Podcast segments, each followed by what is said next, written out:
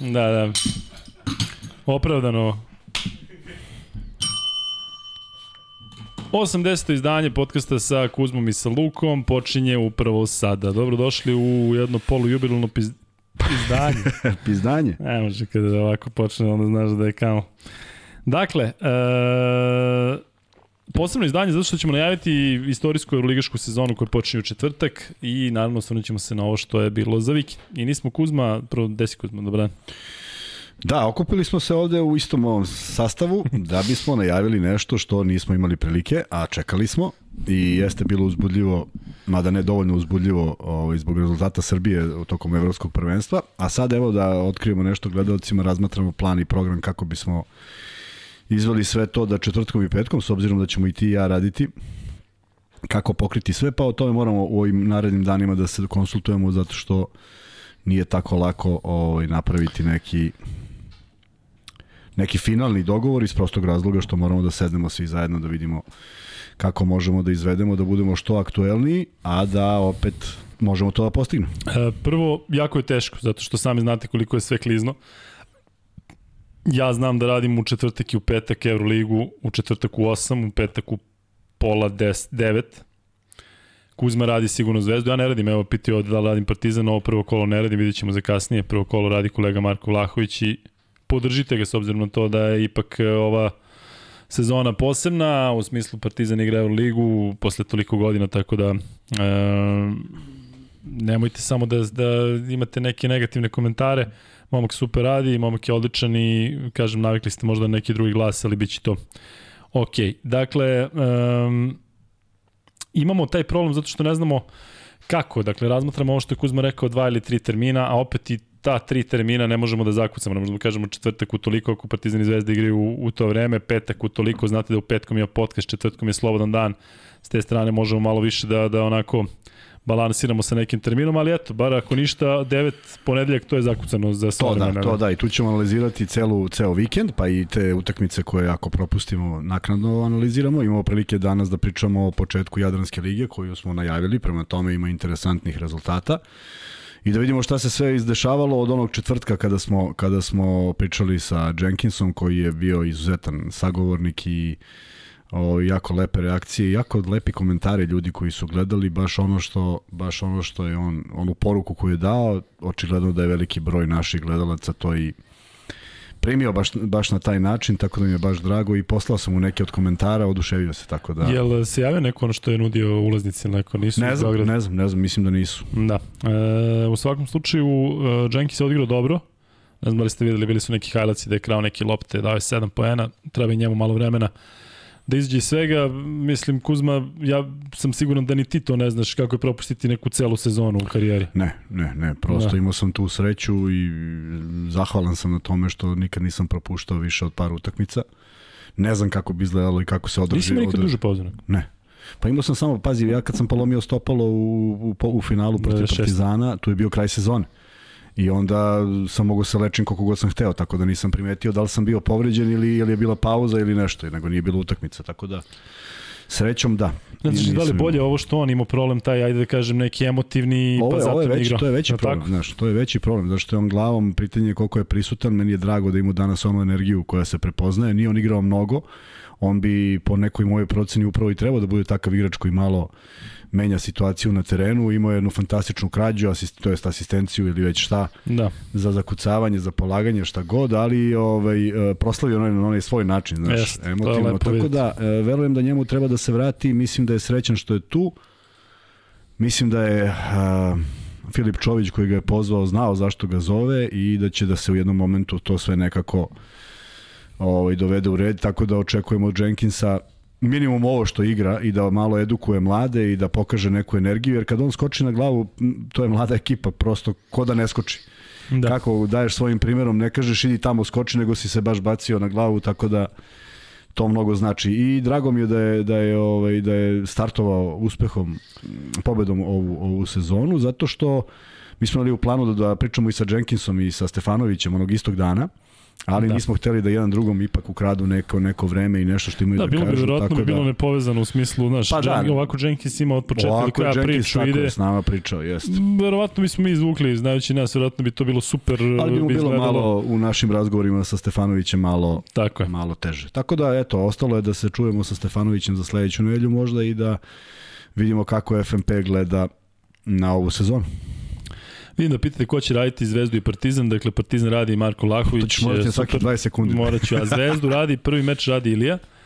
I bit će ovo super sezona, dakle sve će biti u redu, svi za koje pitate, sve će to doći na svoje mesto, tako da samo strpljenja. Ovaj, kažem, istorijska je sezona i sve je podređeno isto i tako da bez brige. Mi Kuzma danas imamo mnogo da pričamo zato što su Zvezda i Partizan počeli u Abi, počinju u Euroligi, treba da malo prođemo i sve klubove koji igraju u Euroligi. E, često vi pitate mene e, da nešto konkretno ubacim sa koleđa ili nešto o svom životu, Kuzmi znate mnogo i sve su to neke anegdote koje se uklapaju sve ono što je bilo što znamo ili što upoznajemo, ali e, moram da kažem da sam odradio jedan podcast sa Đorđem Sarićem, koji je super momak, radi svoj podcast, e, relativno je nov, već su neki kolege gostovali, gostovali su neki košarkaši, nije samo košarkaški podcast i to možete da nađete na internetu i tamo baš, ja mislim da jedno od 3 sata, jedno sat i 45 minuta ja pričam o svemu što smo ovde nešto malo zakačili i taj podcast se zove Comcast podcast, dakle Comcast podcast i ali ako ukucate Lukas Pasovski, pretpostavljam da će to izaći. Bukvalno je momak okačio malo pre ovog našeg e, uključenja, tako da eto, to je jedna stvar. Druga stvar, Vanja, e, onako zahutalo se u pred NBA ligu, pričat ćemo ja i ti kasnije. Mikrofon nemaš, nemaš, a? Stavit će Vanja mikrofon tamo negde oko dva kad budemo završavali. tako da, eto.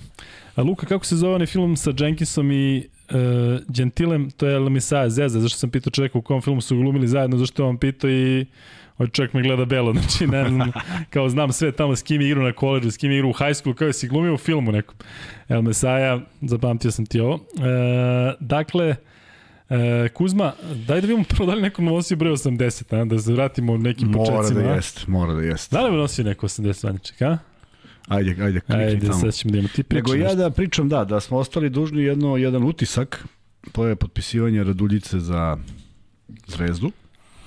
I naravno pitanja da li je reakcija navijača bila primjerena, naravno da nije u smislu da ono što iz iskustva znam i kada sam igrao to nije dolazilo uopšte u neku u neko razmatranje, niti je bilo neka neki problem oko toga, tako da nekako mi ne ide uz, uz e, košarku i profesionalizam tako nešto, ali eto i to se dešava.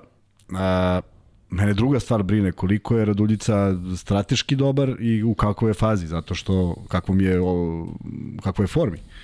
Zašto stvarno ga dugo nisam gledao, znam da je bio u Kini, Kina je ipak jedna priča, ovo je nekako drugačije.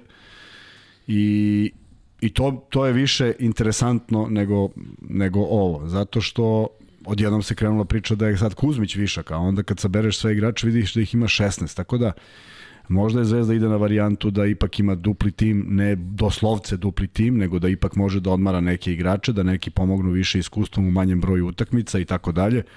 Ako je tako i ako su svi zadovoljni, onda je to sve legitimno, ali kažem, malo me, malo me ovaj, zabrine kada Adams ne igra dobro, onda se pojavi opcija da je odmah već u predsezoni neke, neka potraga za playmakerom, ali doćemo do te utakmice, tako da vidjet ćemo kako će to da izgleda. U sastavu su, deluje, kada pročitate ta imena i da, da vratite film gde su sve igrali, šta su, kako su igrali, to je zaista divno, ali prosto za neke ne mogu da znam u, uopšte u kakvom, u kakvom su formi sada. Da, dakle, ajde samo sa pitanjima ako možemo da budemo u toku sa onim što mi pričamo. Sad još uvek nismo ni zvanično počeli, ali sada kad budemo pričali o ABA ligi, dajte da pričamo o ABA ligi. Kada budemo pričali kasnije o pojedinačno klubovima, dajte malo da se pozabavimo time. Vidim da imate pitanja o igračima pojedinačno i Zvezdi i, o iz Partizana, ali ajde Kuzma još malo na početku da se zadržimo na Raduljici. E, reci mi, nije možda loše to što Zvezda radi sada i što Partizan radi? Vidio sam danas na onom Media Dayu da ima 14 igrača na koje se sigurno računa, to je da imaš uvek dakle, više nego što ti treba za 12 toricu, znajući da će tokom sezone da bude povreda, da će biti problem. A, sve stoji, slažem se i videli smo da su neke ekipe uspele da iznesu tako sezonu. A, ali ja bih volao da je bio plan. Ja bih volao da je Raduljica bio od početka. Možda on i jeste bio od početka, mada nekako mi ne ide baš to sve. Uh, volao bi da je postojalo da je postojao konkretniji plan, jer onda ovako, ovako deluje svima da je sad to nešto ad hoc i sad ajde da tražimo kombinaciju ko, ko se kad skida. I onda smo, na primjer, videli da neke informacije su stigle pod, posle utakmice protiv MZT-a, ko nije bio na klupi i razlozi zašto nisu bili na klupi. Onda se pojavi mali Topić, za kojeg mi je izuzetno drago što je nastupio i najmlađi je strelac Crvene zvezde sa svojih 16 godina, on je 2005, tako je, 2005, znači ne znam da li ima punih, šest, punih 17. I to je divna stvar, zato što je dobio svoju minutažu koju je iskoristio, uh, dečko koji ne, ne odskače svojim fizikalijama kako u savremeno doba karakterišu igrače. Ako nema skočnost, ako nema ne znam šta, taj ne može da prođe. Ja mislim da je pred ovim dečkom ozbiljna, ozbiljna karijera zato što ima mozak koji je nasledio od oca vezan za igru. Uh, i zaista mislim da je da je prava prava stvar što je on tu, a sećaš se da je već bio pozemljen i on je Tako sigurno je, da, će igrati na pozemljici, on će sigurno igrati na pozemljici. Misliš da će ga šlat, slati tamo? Pa znaš šta, u jednom trenutku će doći utakmice kada će biti stvarno, zamisli ti sad ovaj oktobar kad bude krenuo 16 utakmica, znaš, neko će negde ići, neko negde neće ali jedan od njih, ne, ne, ne verujem da će ići na utakmice Evrolige, prosto moraju da budu iskusni igrači, malo da ga ne bace u vatru prerano. MZT je bio protivnik po meri u smislu Novajlije, bez ikakvog pocenjivanja, ukazala se prilika da ga Jovanović drži na parketu, držao ga je dovoljno, čak i previše, onako u smislu uh, za, jedan, za jedan početak.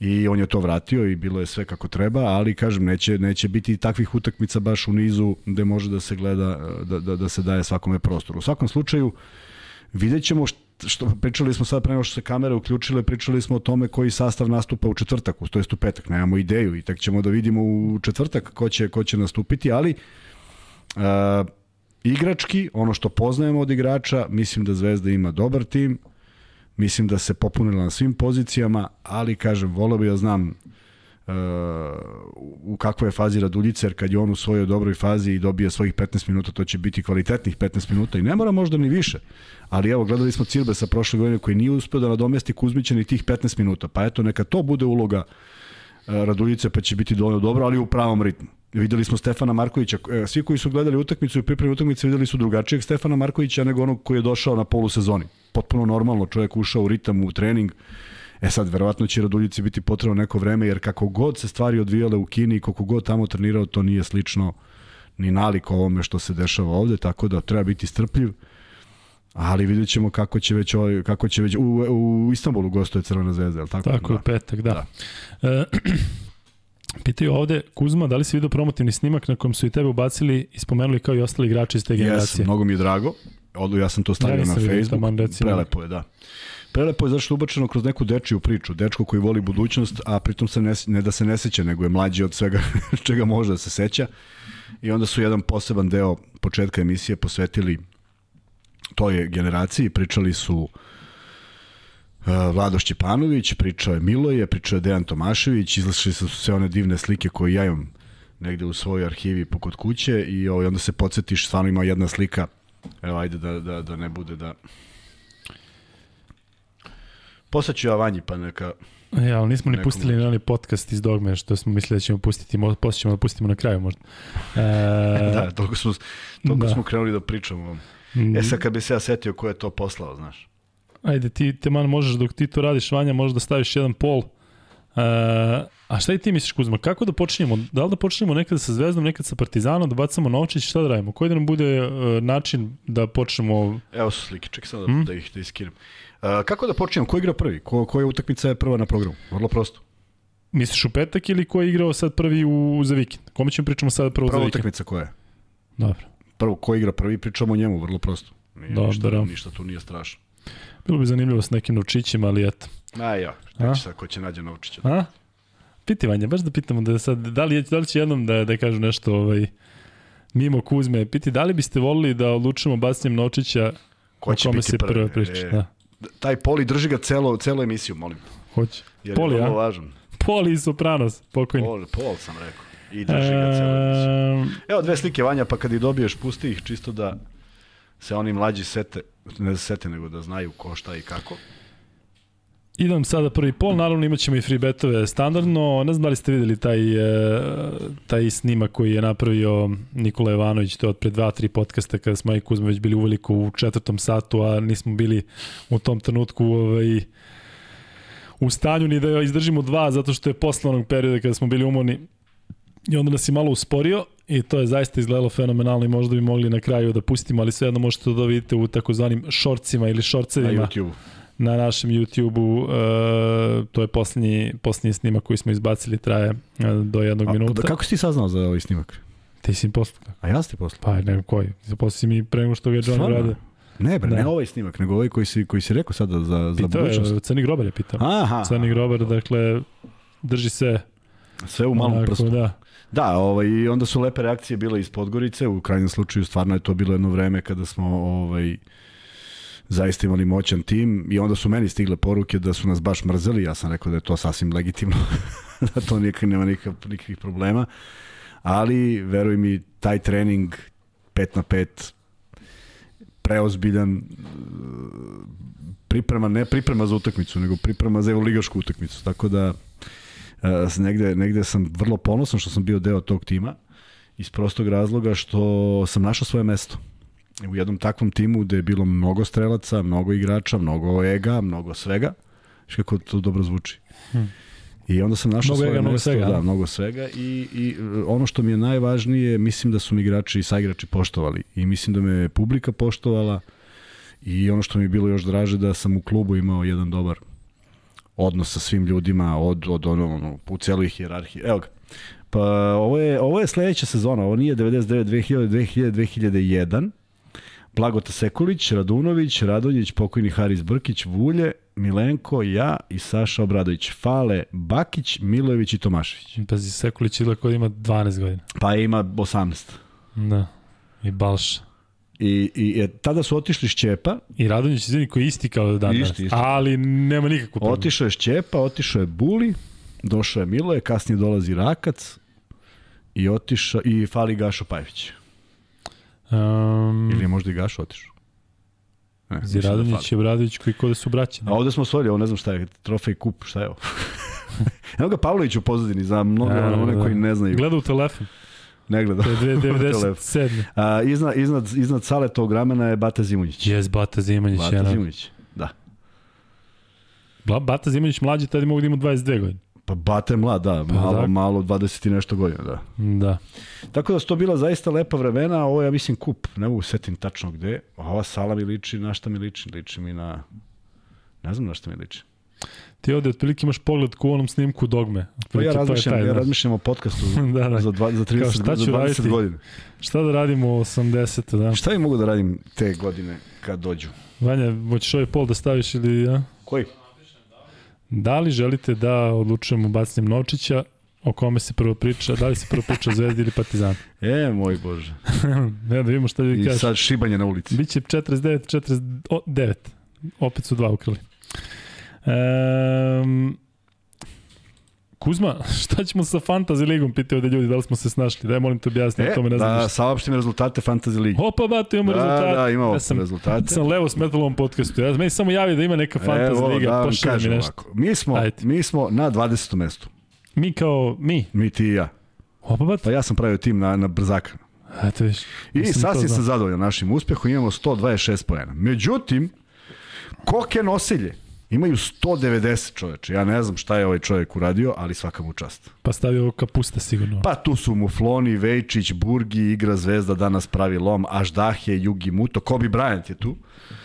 Im Parmature, KK Kikinda Varadin i tako dalje ima tabela. Ono što ja mogu da kažem za našu ekipu, da sam ja stavio Smajlagića, ne iz Partizana, nego onog Svena Smajlagića, računajući da će možda da Posla si mi, da, igra da, ovo je naš tim, jeste. I Đurišića, nadajući se da će u tom gradskom derbiju mladih igrača da igra on, međutim oni su zabeležili nulice. Ovih osam koje sam stavio su, znaš koga sam stavio? Mihajlović. I naravno donao je 31 poen. Donao je 31 poen. Ali čekaj, da... mi smo 20 od koliko? Od 22, od 84. Dobri smo. Ali čekaj, šta je ono drugo? Ono 212 timova ste prijavili? To je za Euroligu? Ali to je, šta je to za Euroligu, taj naš fantasy za Euroligu? Možda ima i više, ovde piše 84, a možda to nije. To govoriš o Abi. Aha. A šta je ono naša fantasy Euroliga? A to ti treba da napravim. Moramo sastavimo IT tim. Ali ono što si stavio kao nemojte te više trenere, ne znam Nemojte šta. više timova da bi bilo interesantnije, nego sad da ispišeš, znaš, u ABA ligi možda staviš 10 timova. Malo je glupo.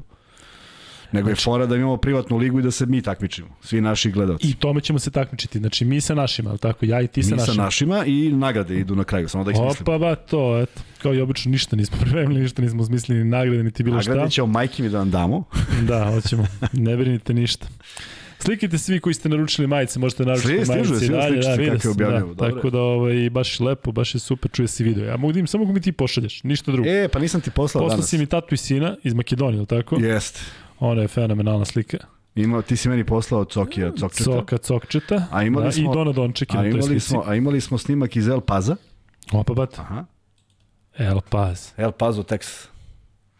El Paso, Ma preći dobro, je, El bre, ti odmah tu, pa El kako Paz, kažem. pazi, ne El Paso, nego El Paz. Je rekao, I- ovo je neki Imamo Ekvador. Aleksandra Belajeva dok vozi i gleda. E, To, e, Aleksandar, nemoj to da radiš. Da.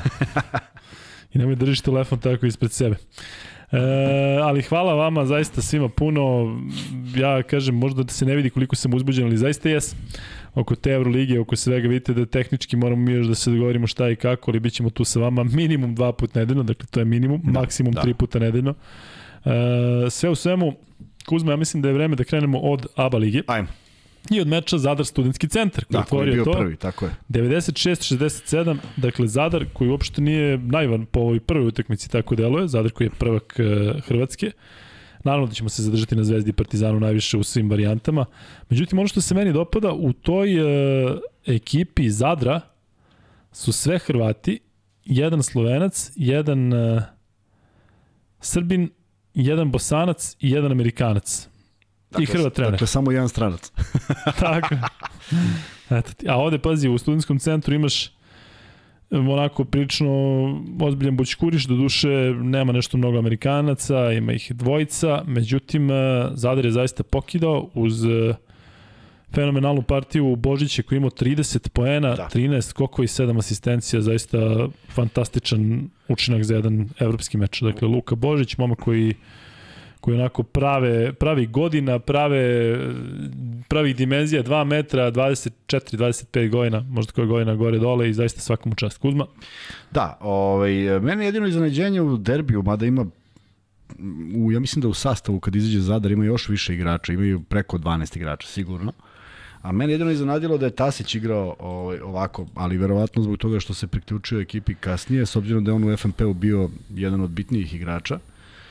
Ovaj, tako da je ovo malo možda o, se više očekivalo od njega, međutim ovde kad pogledamo kako je Zadar odigrao i ono što je kod Zadra ovaj, e, već godinama za nijansu drugačije u pravu si nema stranaca američkih igrača, ali uvek negde krenu sasvim pristojno i onda dolazi do nekog raspada sistema. Ajde da se nadamo da ove godine Zadar bude nešto što možda ne unazad, ali jedna ekipa koja je bila prvak Jugoslavije 85. Gde i odgovornost je to, izvini, oni su prvaci Hrvatski. Tako je, da, nije, tako kao... je, nije nešto što je sada za... Da, Međutim, ajde da kažemo da verujemo da su se sve kockice složile tamo i da to bude jedna, se- jedna sezona drugačija od prethodnih, mada su oni u, u svim sezonama pravili po neko iznenađenje, ako se setiš, to je neverovatno. jeste. I Partizan i Zvezda da, nekako uvijek možda neverovatno, neko, da. tu, ali to je valjda motivacija i Jeste. tako to ide, hvala Bogu. Međutim, ajde da vidimo da Zadar igra ozbiljniju ulogu ove godine, da pojača taj kvalitet, jer deluje, bar po ovoj prvoj utakmici, e, da li su neke highlightse silne sa te utakmice? To je tako lepo izgledalo i kao da su oni već godinama zajedno, a u suštini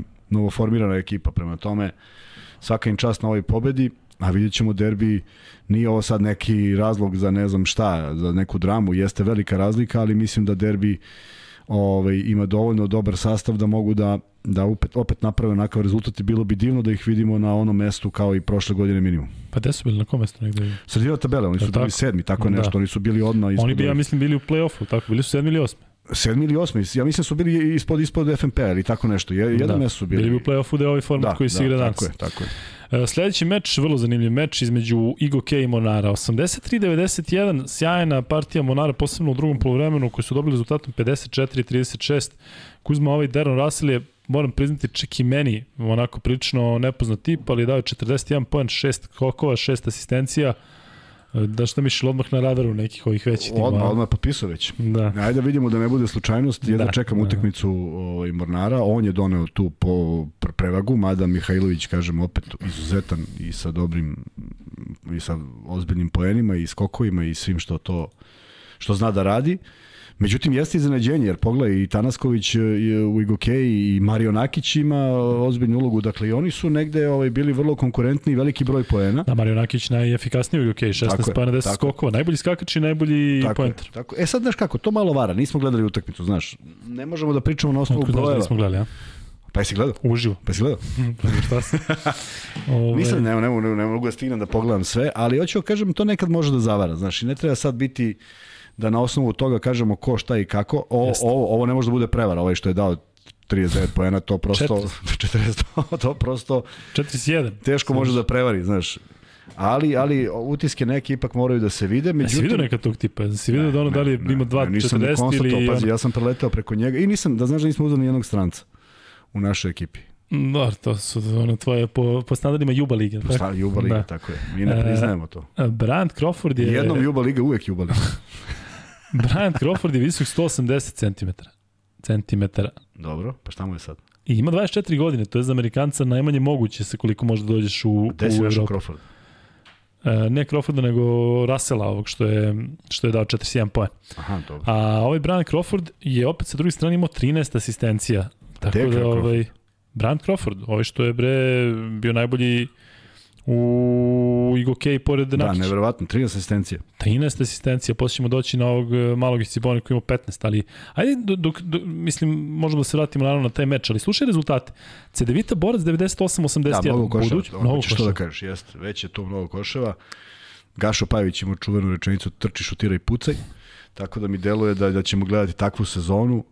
O, ne mogu da kažem da me to baš raduje, ali kažem nisam imao prilike da pogledam utakmice da im da li je to bila da li su to sve bile fantastične partije na početku sezone ili, ili nešto nije funkcionisalo, jer ovo je zaista neverovatan prosek. Ja mislim da je jedna utakmica ispod ovaj, zbira poena kao na ostalim utakmicama. Prema tome, malo je mnogo. I s druge strane, pogledaj Mornar. Mornar je dao 31 jedan poen u četvrtoj četvrtini, zaista neverovatno i, i govori ipak o nekom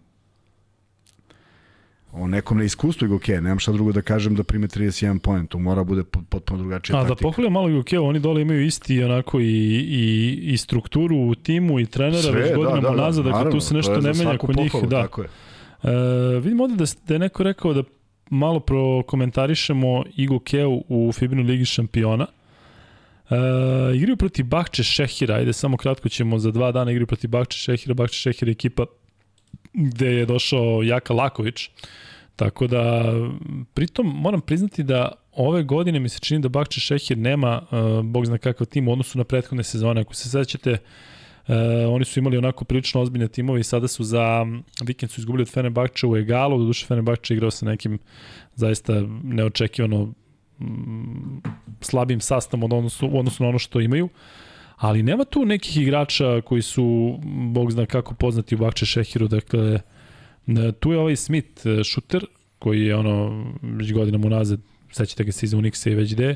Brodzijanski je tu, ovo ostalo su Bucijal je tu, uh, Francuz i ovo ostalo su sve Turci, bar je tako bilo sad u ovom meču koji su igrali sa osam igrača protiv Fenerbahče. Tako da želimo i UK zaista da ima dobru sezonu tako u Evropi. Kuzma, Naravno, smo ih malo i zapostavili zato što nismo pričali o njima Nisam, Ovaj, ali dugo.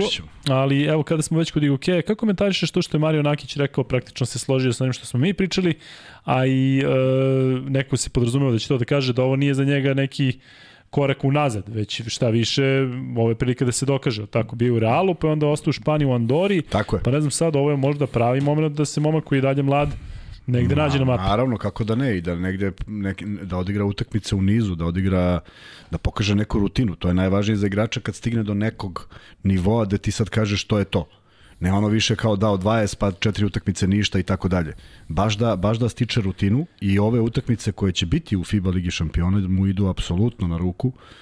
Svaka ta utakmica je novo iskustvo. Naravno neko neko misli da je da je ovaj mnogo zdravije, da je mnogo zdravije, da je mnogo bolje trenirati uh, tokom nedelje zbog razvoja igrača. Ja se s tim ne slažem samo zato što je zato, što su te uh, uh, međunarodne utakmice potpuno drugačije. Znaš u kom smislu? Ti si ovde naviknut na neki igrače ako si godinu dve u ligi, pa igraš sa ovima pa ih manje više znaš. Ono bude nešto novo, bude iznenađenje, bude prilagođavanje na momentalno sa skautingom, sa skautingom ili bez, ulaziš u nešto novo, drugačije, e, prema tome velika škola može da bude, a utakmice e, Lige šampiona nisu toliko česte, nije to kao Euroliga pa da je svake nedelje dva, dve utakmice, prema tome odlična stvar za taj tim.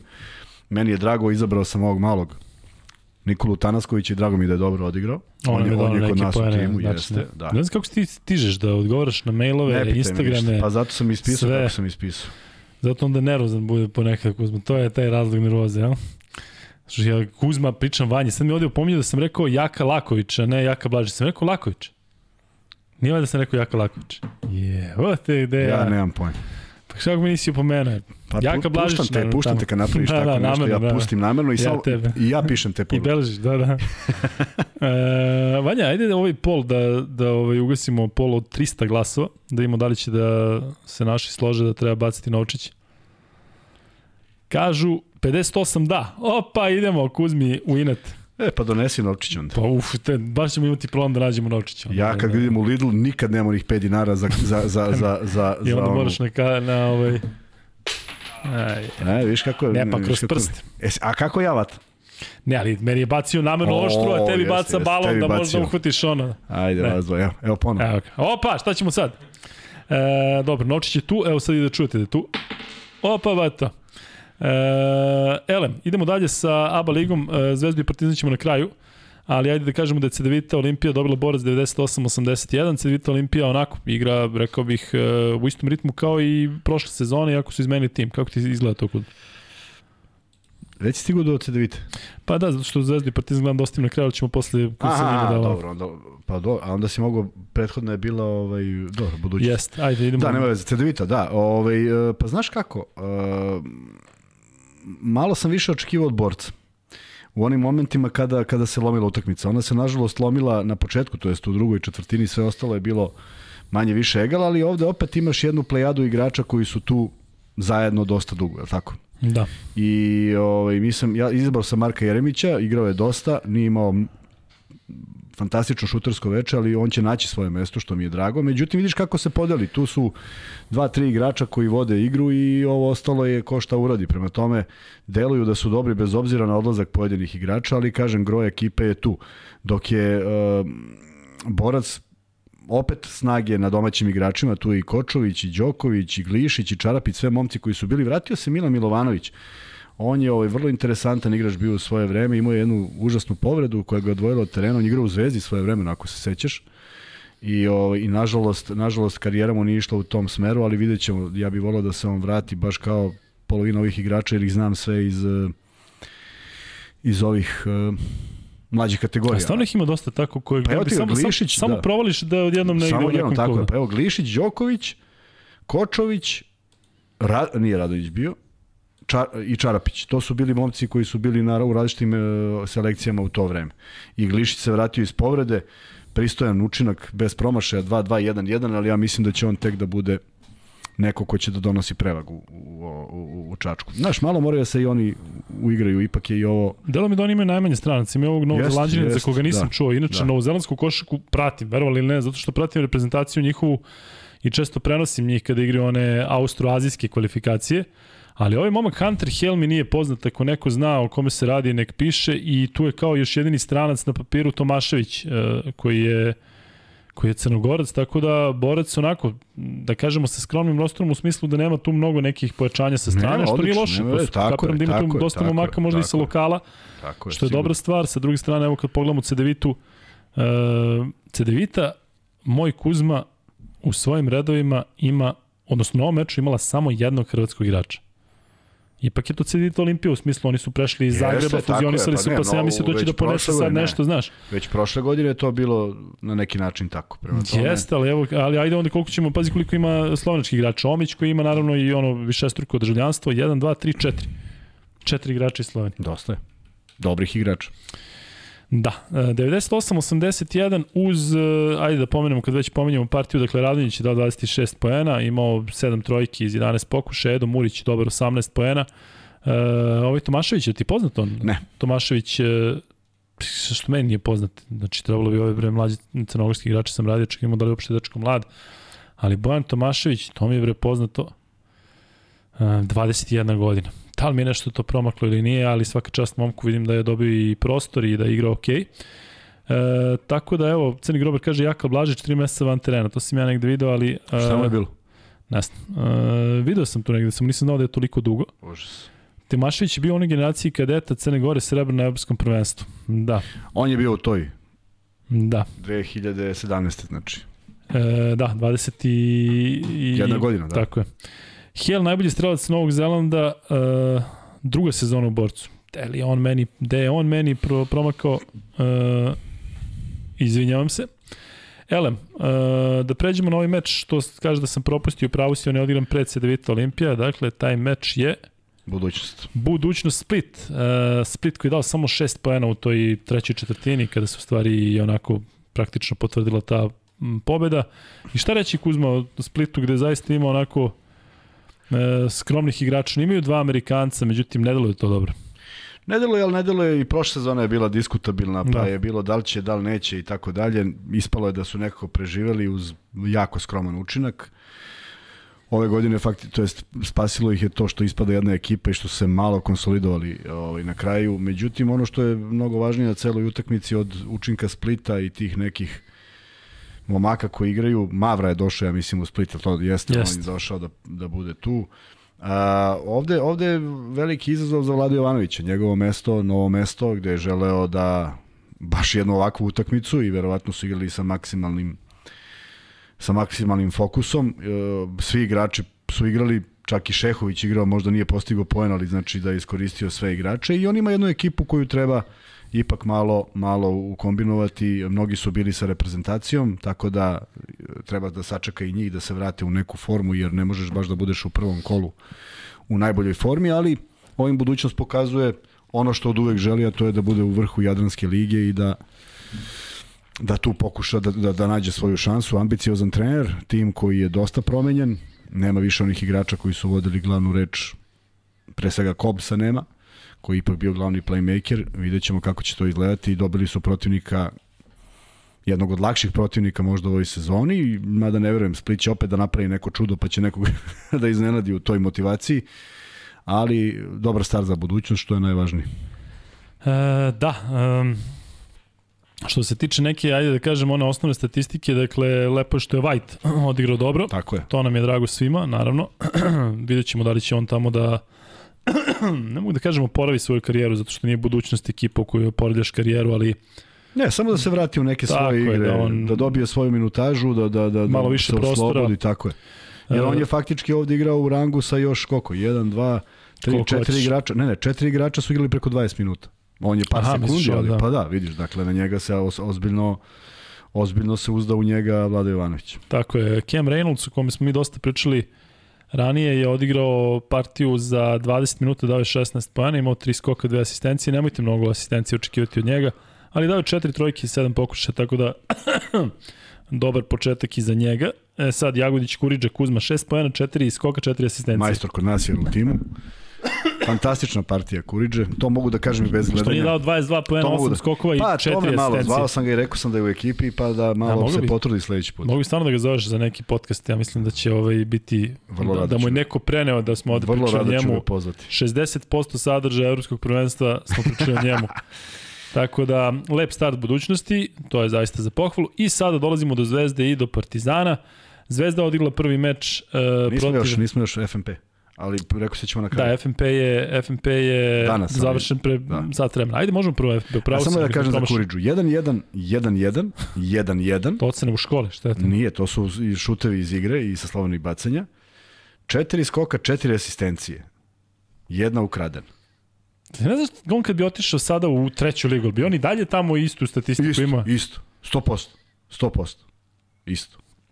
Ne bi on stavljao 40. Pa kako, uopšte, ma nije to, ma joj, on radi svoj posao čovjek, došao bi do posao. Um, Šta si rekao za FMP? Da, ajmo, ajmo FMP, FMP, da. da uh, sudar dve ekipe, neko mi je poslao, neka mi ne zameri što ne mogu setim ko, ali baš je poslao slike strelaca i zastave, zastave pored njih. Dobro. Tako da u ove dve ekipe u listi strelaca njih 10 imena imaš Jenkinsa sa srpskom zastavom i još jednog jedinog igrača. Tako da ne možemo baš da kažemo da je ovo bio sudar mladih igrača Da, evo vidim, iz Bić, Srbije. Da. Kazalon, Branković, Tako Rori, je. Valinskes, Frežer. Izundu. Tako je, svi su bili pomešani, znaš, kogod, kogod je bio, tako da je to malo zeznuto, ali Da kažemo da FNP pobedi 90-76, da je, Valinskas je bio tako je, Valinskas je dao poeni? 14 poena, 14, ali da, i uh, Bić 19 i Fraser 13. Kazalon, Branković 17-16, Rory 15. bio Bić, ne znam koga se seća kada je igrao, prenosili smo ga u Hamburgu, a sve vremena nešto malo i sa Brooklynom se domunđavao, tako da mislim da nije došao iz Hamburga, da je došao iz nekog drugog kluba. U svakom slučaju, uh, šta znam Kuzma, možda nije dobro to što ima toliko stranaca u glavi ti ono kad igra FNP i Mega, Pa nije, da, da. sve znaš kao klinci, u stvari. Ajde, da vidimo E, šta ali je vidi kako. ima ovde sad, um, Euroliga nema ovaj parametar plus minus pojena dok si na parketu i mislim da ga svesno nema. Zato što ne može onda odredi baš da li si ti glavni krivac za loš rezultat, ali dešavalo se da neko ima valorizaciju 36, a u minusu je 15 pojena. Sad, stvarno neko možda kaže, možda je bio sa lošom ekipom na parketu, ali čemu onda služi 36 pojena? Da li me razumeš? E, da li je to merilo, uh, indeks, kao imao je 36, a izgubili 25 razlike i nikad nisu došli u vođstvo, a on je na minus 25 od početka utakmice. I Euroliga je svesno izbacila to i ne znam što, što Jadranska liga to drži, pošto će nekad doći do ozbiljnog paradoksa da ti pomisliš da je neko ko je dao 30 poena i bio možda najzaslužniji, a on plus 1. A onaj što je dao 6 poena, on plus 8. Znaš, malo je to znam da zvuči blesavo i da će neko da kaže da pričam gluposti, ali naravno ne može ekipa Mege koja je u minusu celu utakmicu da ima nekoga u plusu, da se razumemo, jako teško. Ali evo Mušikić je bio pa je imao plus 4. Iako je su gubili celu utakmicu. Koliko dakle, odigrao Mušikić? Odigrao je 11 minuta. Dobro, nije to okej. Ma on je Mislim, divan momak, to on je divan momak Jeste. koji Znaš što mislim da ga malo ovaj, ne shvati ozbiljno, u smislu ne znam zašto neki skauti ga ne vide. Pa, Nije bar nešto bio na radaru na ovom uh, turniru do 18 godina, a zaista je igrao onako Da. prilično zrelo za jednog klinca, tako da kada već govorimo o toj poziciji pleja, uh, ono kada si pominjao Topića, pominjat ćemo ga ho- opet, uh, on je prvenstveno kec, a? da, da, jedan Da. dva može da igra, da. Da. Um, da, bit će zanimljivo pratiti njih. I sada možemo da pređemo na uh, Zvezdu i na Partizan. Prvo na Zvezdu, zato što je Zvezda igrala prva, ali samo da pomenem da ste ovde rekli nekoliko stvari. Dakle, Tomašević je igrao u Zvezdinim, uh, Zvezdinim klincima i posle bio dima, dinamiku, ovaj momak koga, koji kažem da mi je malo pobegao sa radara. E, kažu da obratimo pažnju na e, centra Mege Brankovića, Jel si isp, uspeo da ispratiš Danka, Danka Brankovića, ovog hrvatskog Nisam, centra u Megi? Da, ima mnogo. Samo, ovaj, e, samo obratite pažnju e, na te pojedince, zašto će se neko sigurno istaći, ali kažem i mi ćemo pokušati da da Da ispratimo šta možemo. Tako je, tako je. Tako da e, sve u svemu to je odlična stvar. Muškić je centar, bre. Zašto sam ja mislio Mušicki mali, bre? Meni Mušicki mali Mušikić u glavi. centar, ne znam meni. Mušicki mi je, bre, ovaj... baš pitam šta ti. Pa i opet nešto da mi ispratiš, ne? Pa nisam znao da misliš za njega. Mušicki bre, ovaj što je igrao sa, do 18 godina. E sad, koliko grešim danas mogući da on nije Mušicki. Ali idemo dalje. ovaj, E, Kuzma, vreme za Zvezdu i za Partizan. Krenut ćemo prvo od Zvezdi, pobjeda protiv MZT Skoplja. Kako ti se činio, ajde, da, pošto ćemo ići pojedinačno po igračima, kako ti se činio Vlade Ivanović? Govor tela... Pa ne mogu govor tela, nisam gledao utakmicu, što nemam govor tela, mogu samo da Pa zaključujem. reci sad kad sam te pitao da misle da si gledao. A, pa fenomenalno. Dobro. Meni je impresivno na utakmici pet izgubljenih lopti, što je za svaku pohvalu, bez obzira što je u pitanju MZT, jer mislim da to nije ekipa za pocenjivanje, niti mislim da će bi- bilo ko sa tim stavom proći dobro. Jesu da su, jeste da su se ponovo ubacili u Jadransku ligu, ali i da su puni novih igrača, ali uh, mislim da će oni vremenom biti bolji.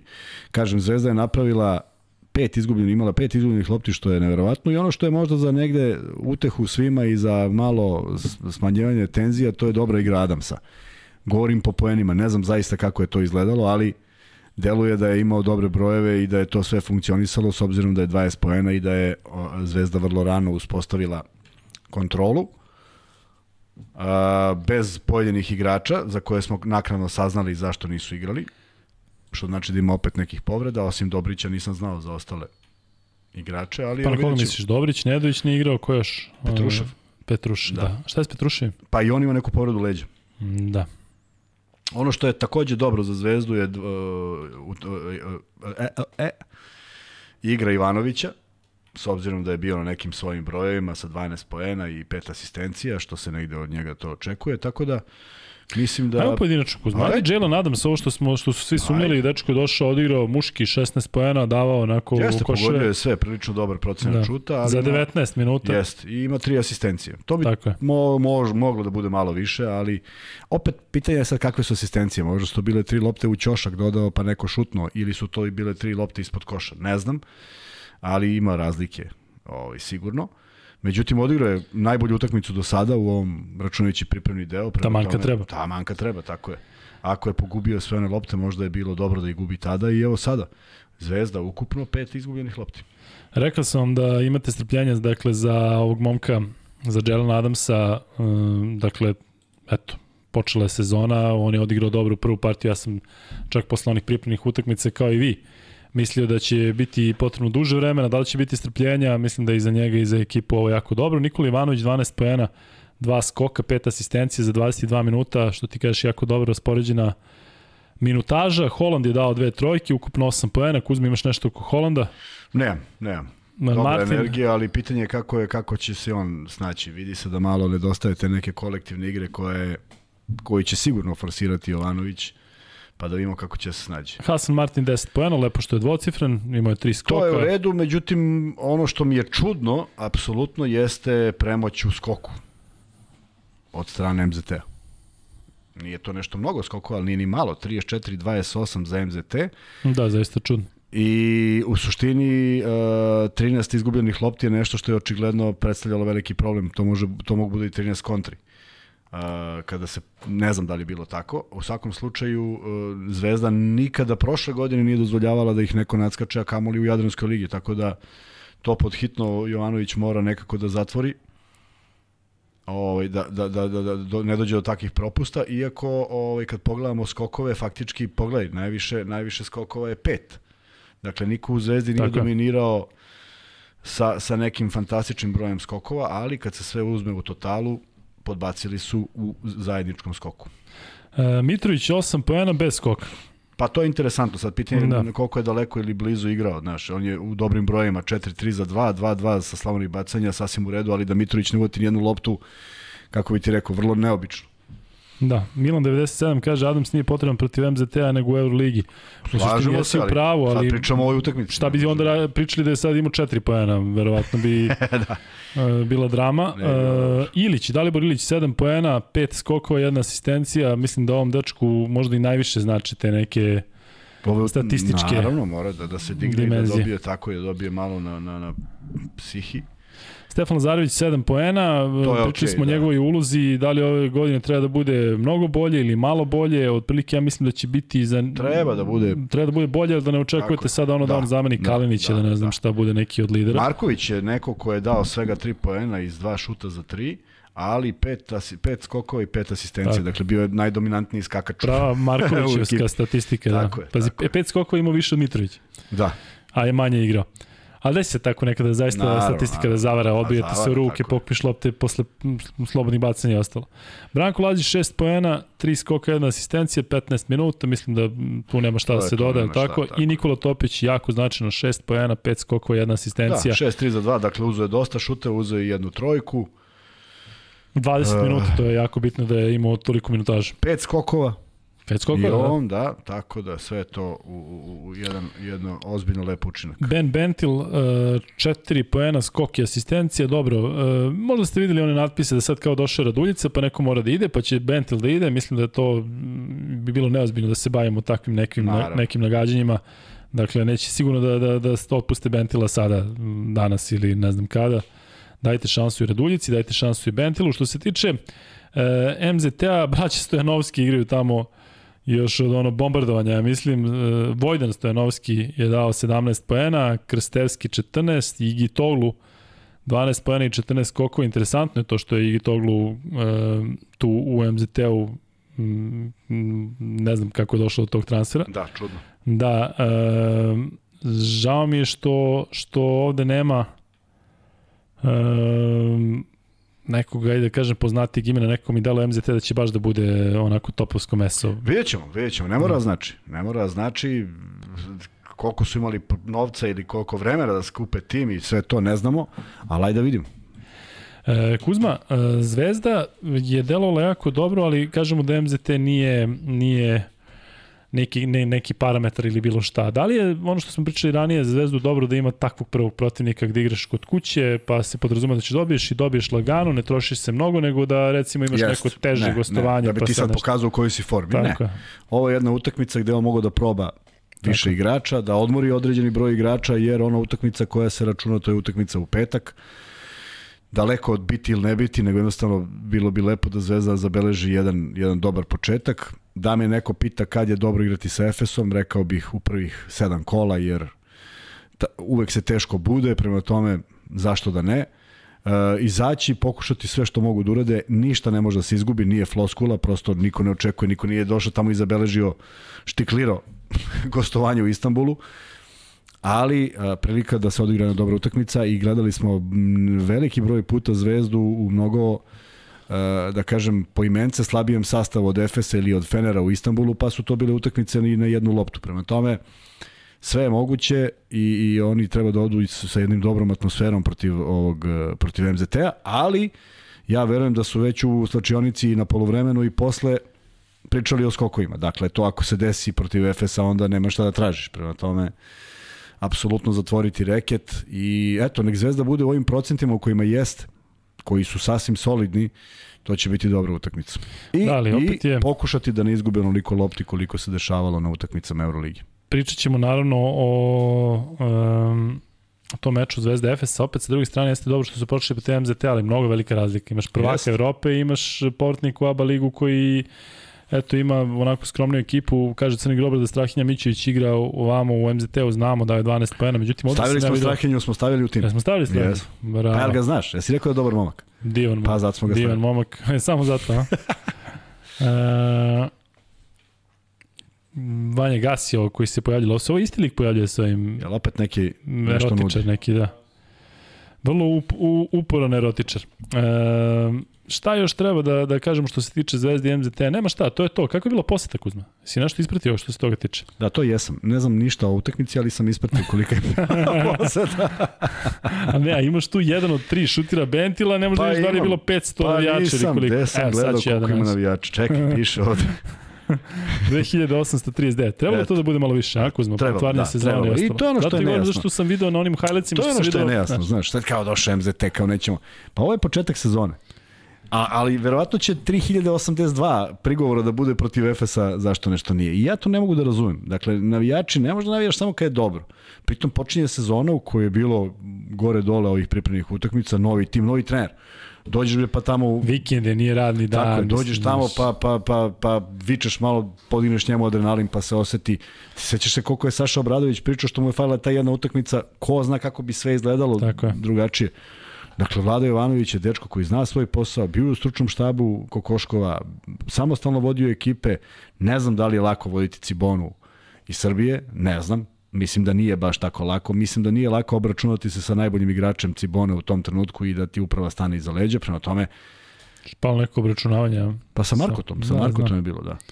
I hoću ti kažem, to je, to je za svaku pohvalu. I sad utakmica protiv MZT i onda neko vaga, je da je bio neko drugi, došli bi.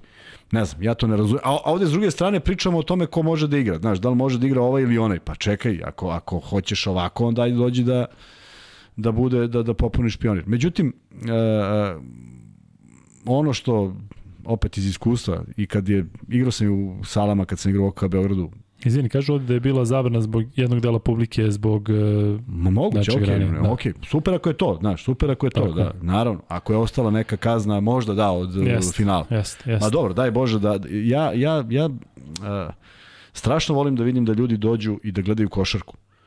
I neka se isprazne, nije, nije sporno, neka se isprazne, ali da daju tu podršku zato što stvarno to ljudima znači, jer mnogo, ljudi, teško im je da shvate, mnogo im više znači nego nama što je značilo. Znaš iz kog razloga? Što su svaki drugi dan na terenu. I sad zamisli igraš tri puta i odjednom četvrti dan nema nikoga. Pa nije ti, znaš, ispada da radiš neki posao koji ne valja. Baš je to podrška. Naše utakmice su bile redke, pa uvek bilo uvek bila puna hala. Ovo je sada jeste da ima mnogo utakmica, ali a, sigurno im znači podrška posle nekoliko gostovanja, a raspored nismo ni spomenuli. Pričat ćemo kad budemo pričali u četvrtak, petak o rasporedu Zvezde i Partizana, to je sačuvaj Bože, 13 utakmica u mesec dana. Kako si lepo rekao, u četvrtak, petak, a? Četvrtak, petak, Može subotu. trosmisleno. Subotu, nedelju. E, ele, što se tiče publike, zaista ajde da podržimo naše klubove kad god treba. Možete misliti kako je to recimo u glavama Amerikanaca kojima su toliko najavljivali to je ludilo, da. Da. gori sve i onda možda u nekom trenutku dođe u polupraznu halu. Tako da mislim da čak njima možda u nekim trenucima i više znači da na tim utakmicama bude, bude jača atmosfera nego u Euroligi. E, vreme da pređemo na Partizan e, koji je pobedio Cibonu na gostovanju rezultatom 81-105. Partizan koji je odigrao nešto slabije prvu četvrtinu, verovatno ste čuli i kako je Obradović rekao da sve je bilo dobro osim tog početka. Cibona je dobila prvu deonicu 26-25, u drugoj 15-33, pa onda 19-24, 21-23. Mislim da je Kuzma ovo slična situacija kao sa Zvezdom, mnogo igrača koji su dobili priliku da se onako razigraju, a opet dobro podeljena minutaža, dakle nekako Um, sigurno da bi drugačije izgledalo da je bila neka egal utakmica. Naravno. Uh, u smislu i minutaže i svega naravno, i naravno. jako dobro raspoređeni poeni u Partizanu. Dakle, evo sada vidimo da nema ni jednog igrača koji je dao više od 14, a toliko su dali i Panter, Trifunović i Vukčević. Ajmo da idemo redom, u stvari prvo da prokomentariš utakmicu kao utakmicu. Opet e, i Partizan igra protiv Cibone, znamo koliko je bilo problema tokom leta, Jeste. dakle nije bilo realno da Cibona ovde ovakvom Partizanu pruži neki bolji otpor. Jeste, ali ja nikad to ne bi podveo pod utakmicu koja može da se odigra tek tako. Ipak Tako dolazi jedan velikan koji jeste imao svojih problema sa talentovanom ekipom. Vidjet ćemo kako će se oni snaći, jeste promenjena dosta, ali takva je situacija. Međutim, i uh, Željko Bradović je odgovorio sa mladom ekipom. Vidimo da je Vukčić igrao skoro 20 minuta, Koprica skoro 20 minuta. To su njihovi vršnjaci koji jesu sigurno talentovani, ali eto, podeljena minutaža fantastično. I ovaj, ono što je najvažnije, svi zdravi.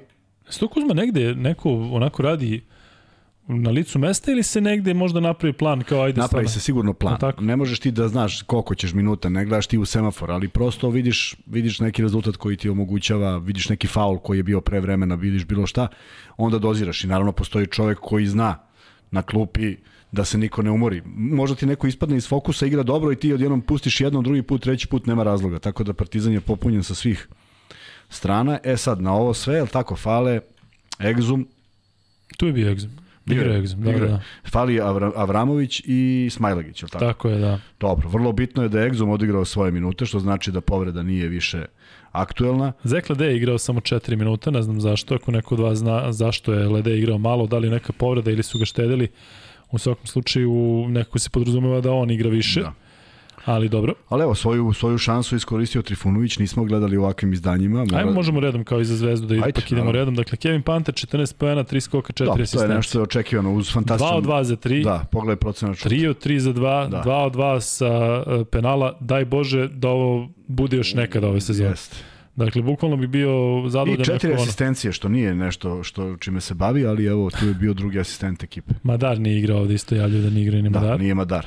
Papa Petro ima jedno fantastično zakucavanje iz lepe akcije. On je neko ko evo, 3-3-2-2-2-2, dakle, ne, ovo je Panter, izvini. E, Papa Petru, Pa Petru 2-2-4-4-1-2, nije Tako je, daleko, nije nevjerovatno, daleko, zaista. dakle prosto svi su, svi su i svoji. 11 pojena. Znaš, to je ono kada... Izvini, Partizan je imao 4, 5, 6, 7 dvocifrenih igrača. Da, da. to ja ne da, da sam da. video ovaj, u Da. nekoj zbiljnoj košaci. A ubeđen sam da su davali poene iz svojih pozicija. To je ono što smo nedavno pričali, kad ti trener namesti kako daš koš i šta je ono što stalno radiš i to uradiš. I ništa ti nekog ne treba da fasciniraš nečim novim. Prosto samo da odradiš ono što radiš već 20 godina i to na identičan način. Tako da... Kuzma, dve stvari u vezi Trifunovića, najveća minutaža 25 minuta i jedan od te trojice koji su dali 14 poena i on identično kao par, uh, Panter, nevjerovatno, 14 poena, 3 skoka, 4 asistencije, jedan i drugi. s tim što je Uroš promašio jednom za dva i jednom, Jednom za za tri, tri. međutim i on 4 od 4 sa penala, zaista fenomenalno. Rekli smo da bi on mogao, možda mogao ove sezone da se istakne zato što se o njemu ne priča mnogo, pričalo se krajem prošle godine ne zbog košarke i rekli smo da bi volili da se da se on onako malo zainati, tako da sve u svemu zaista sve Otvorio je sezonu dobro, da, i Partizan generalno kad pogledaš šut uz, uz Trifunovićevu preciznost i sve ovo što su uradili na toj utakmici, to je zaista fantastično za 3 poena, 40, skoro 50%, 25-12. Tako da, očigledno su u dobroj formi i očigledno spremni čekaju čekaju utakmicu protiv Albe, tako? Da, uh, Luka, ajde komentar Papa Petru, evo sad ćemo doći do njega, ali kažu Luka, da li si video izjavu Pantera da igra za reprezentaciju? Jesi ti video tu? E, sad mi je izašlo, da, i evo sad mi piše... Ovaj, Jel to sad nešto izašlo? jeste. Pa kako da vidimo? A Ovde jedan majstor kaže, pa- niste odgledali ni jednu utakmicu. e, Da. da, Hoćete da objasnimo gde smo bili? Privatno da, i na da, koliko sahrana sam išao ako treba i to ću da objasnim, Ne samo ali to, ajde nego ljudi. i radimo i jurimo. Malo i... ne, nego idemo od hale do hale i gledamo sve utakmice. Što bi voleli. E, znate, na, e, ne? znate na kom ovaj, kanalu radimo? Bravo, Koje su šanse da možemo da imamo jedno i drugo i treće? tako je. Aj malo, ako može nešto ko konkretnije i pametnije, Da, to bi bilo divno. gledat ćemo evroligaške utakmice, evo, Naravno. tako da kažem. Ne, ne, nismo obećali da ćemo gledati 250 utakmica ove godine. Crni grobar, izvini, kaže, Ledej loše ušao u meč i zato nije igrao posle. Dobro. E, I kaže ovde da je tokom e, tokom ovih pripremnih utakmica bio nešto u lošoj formi, jako bitan Ledej. Ajde da kažemo da je on imao 4 minuta i jedan skok. Obradović je za njega rekao da je vrlo zadovoljan šta radi na treningu i koliko se bori i da mu je to već pokazao prvi trening kada je došao u Partizan prošle godine, tako da ajde da se nadamo da nema tu nekih većih oscilacija. Ali eto, kažete da prokomentarišemo Papa Petro, ja zaista mislim da će on biti najveće pojačanje ove sezone za Partizan uz Da, to smo rekli, tako je, to smo rekli na početku. Da, tako da ne treba da nas čudi. All around igrač, Tako je. čovjek koji zna šta treba da radi na terenu. Pametan. Ja mislim da će on imati možda i prosečno najveću minutažu ako bude bilo potrebno. E, Vukčević, 14 pojena. E, ček samo govorimo je... za Pantera ovo, Ajde. kad smo već tu. Pa kaže, Ajde. nikad pre tako nešto nije urađeno, ali bih ja igrao za reprezentaciju. Prihvatio bih poziv, naravno, ako me žele. Srbija ima tradiciju, ukoliko me žele, zašto da ne? Eto. Sad ja tu mogu da prokomentarišem da je lepo što on ima taj Izvini, osjećaj. hvala Draganu Saviću, dok si ti e, to čitao, ovde on sve ispisao. Sve Kakav car. ispisao. Pa zato što je Vasilije Božović poslao ovu sliku pa sa Partizan Beograd News. U čast, e, odnosno Zara Dragana Savića, ja ću još jednom da pročitam da se vidi da ja imam ispred. Nikada pre tako nešto nije urađeno. Ali bih ja igrao, prihvatio bih poziv, naravno ako me žele. Srbija ima tradiciju, poštujem to veoma, taj deo ti nisi imao. Ukoliko, ukoliko me žele, zašto da ne? Tako da, Kuzma, ajde. Neću sad. E, tako da, eto, čuli smo dve verzije. Čuli smo kome se šta više sviđa. Kome se šta više sviđa. Kome se više sviđa, da. E, imali smo prošle nedelje Charlesa Jenkinsa, koji ima svoje razloge, koje ja takođe poštujem.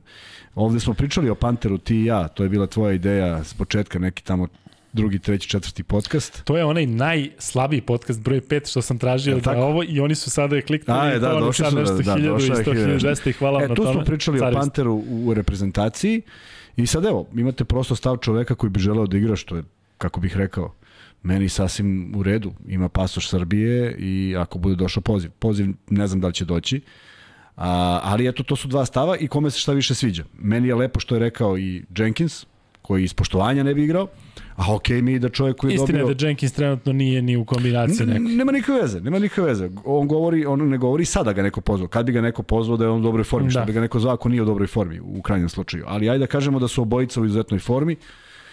Jenkins bi imao verovatno ovaj stav koji je rekao, koji ja poštujem, a poštujem i ovo zato što u krajnjem slučaju Panter je dobio neki pasoš koji njemu omogućava da igra kao domaći igrač širom Evrope. Prema tome, i jedno i drugo mi je, samo je stvar afiniteta kome se šta više sviđa, to neka odluče navijači. Navijači gledalci. Um, slušaj ovaj carski komentar. Nadam se da ćete dovoljno zarađivati od podcasta, da ćete baš to i raditi, ići od utakmice do utakmice, tražiti nekog novog Jokića i promovisati najlepšu igru.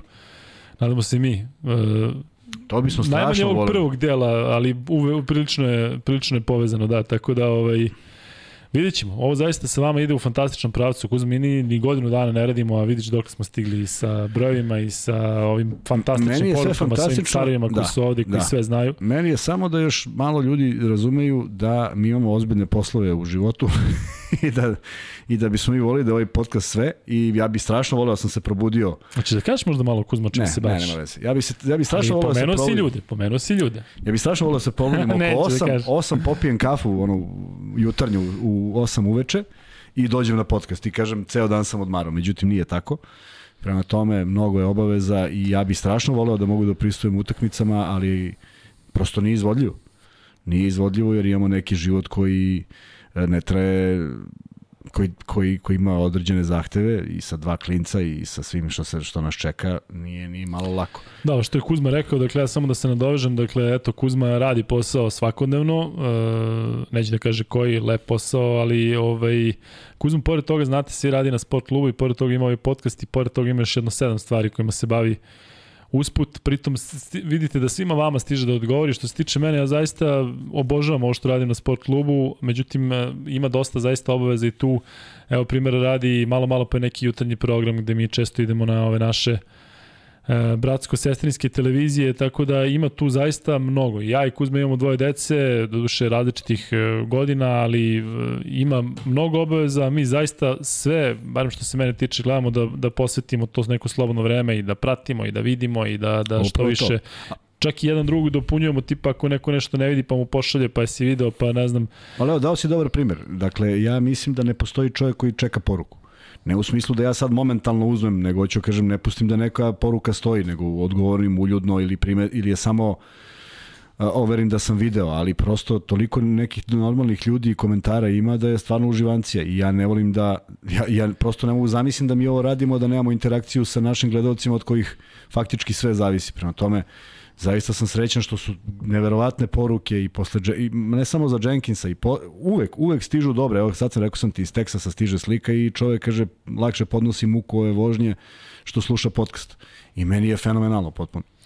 Da, ali ko zna koliko ima još njih koji se jednostavno ne žele da pošalju, a slušaju, to je neverovatno, Moguće, kažem, samo vi moguće. koji šaljete, a toliko vas ima, Da. kažem, niste svesni koliko ja i Kuzma uživamo I ovakvoj bismo da možemo vama. neke stvari i, i često smo pričali ovde, ali one zavise i od financije i od vremena. Prema tome da će Bog pa će biti jednog i drugog. Tako je. E, prelazimo sada na, odnosno nastavljamo da pričamo o stracima u Partizanu, malo smo tu samo zastali. Danilo Aha. Andjušić 10 poena, 4 skoka, 3 asistencije, ono što je meni jako drago što je e, što je dao više od jedne trojke. Dao ih je dve iz pet pokušaja, dakle mislim da je za njega bitno kao jednog šutera da tu Da ima loptu, pogodi tako je. nekoliko I da trojki. ima loptu, tako je. Da I ima lopte najviše šutnih može- trojki ima u Partizanu, dakle pet, dao je dve, sasvim korektno. Sasvim korektno i što je bitno, upravo kao što si rekao za šutera, ovo što je odradio četiri defanzivna skoka, tri asistencije, sve je to taman kako treba. Ajde vi sad možete malo da se uključite porukama. Dakle, recite nam koliko je Dante Exum za ovih 22 minuta, dao je 10 pojena, imao skoko, jedan skok i pet asistencija, koliko je igrao na kecu, a koliko je bio na dvojci? To je ono čemu smo dosta pričali tokom leta, da li će biti klasičan kec ili će možda malo da rotira sa nekim. Sada kada nije bilo Madara, pretpostavljam da je zaista veći deo igrao, igrao na jedinici. E, Lesor, ajde Exum, reci Kuzma, 10 pojena, pet asistencija. Ok. Lesor, Exum, Exum. Exum, da, da, da, pa dobro, s obzirom da ima tu povredu i da je ova prva utakmica. Da. Bitno da nije neka ozbiljnija povreda. Tako je. E, Lesor 10 e, poena, 3 skoka, jedna asistencija. Sve okej. Okay.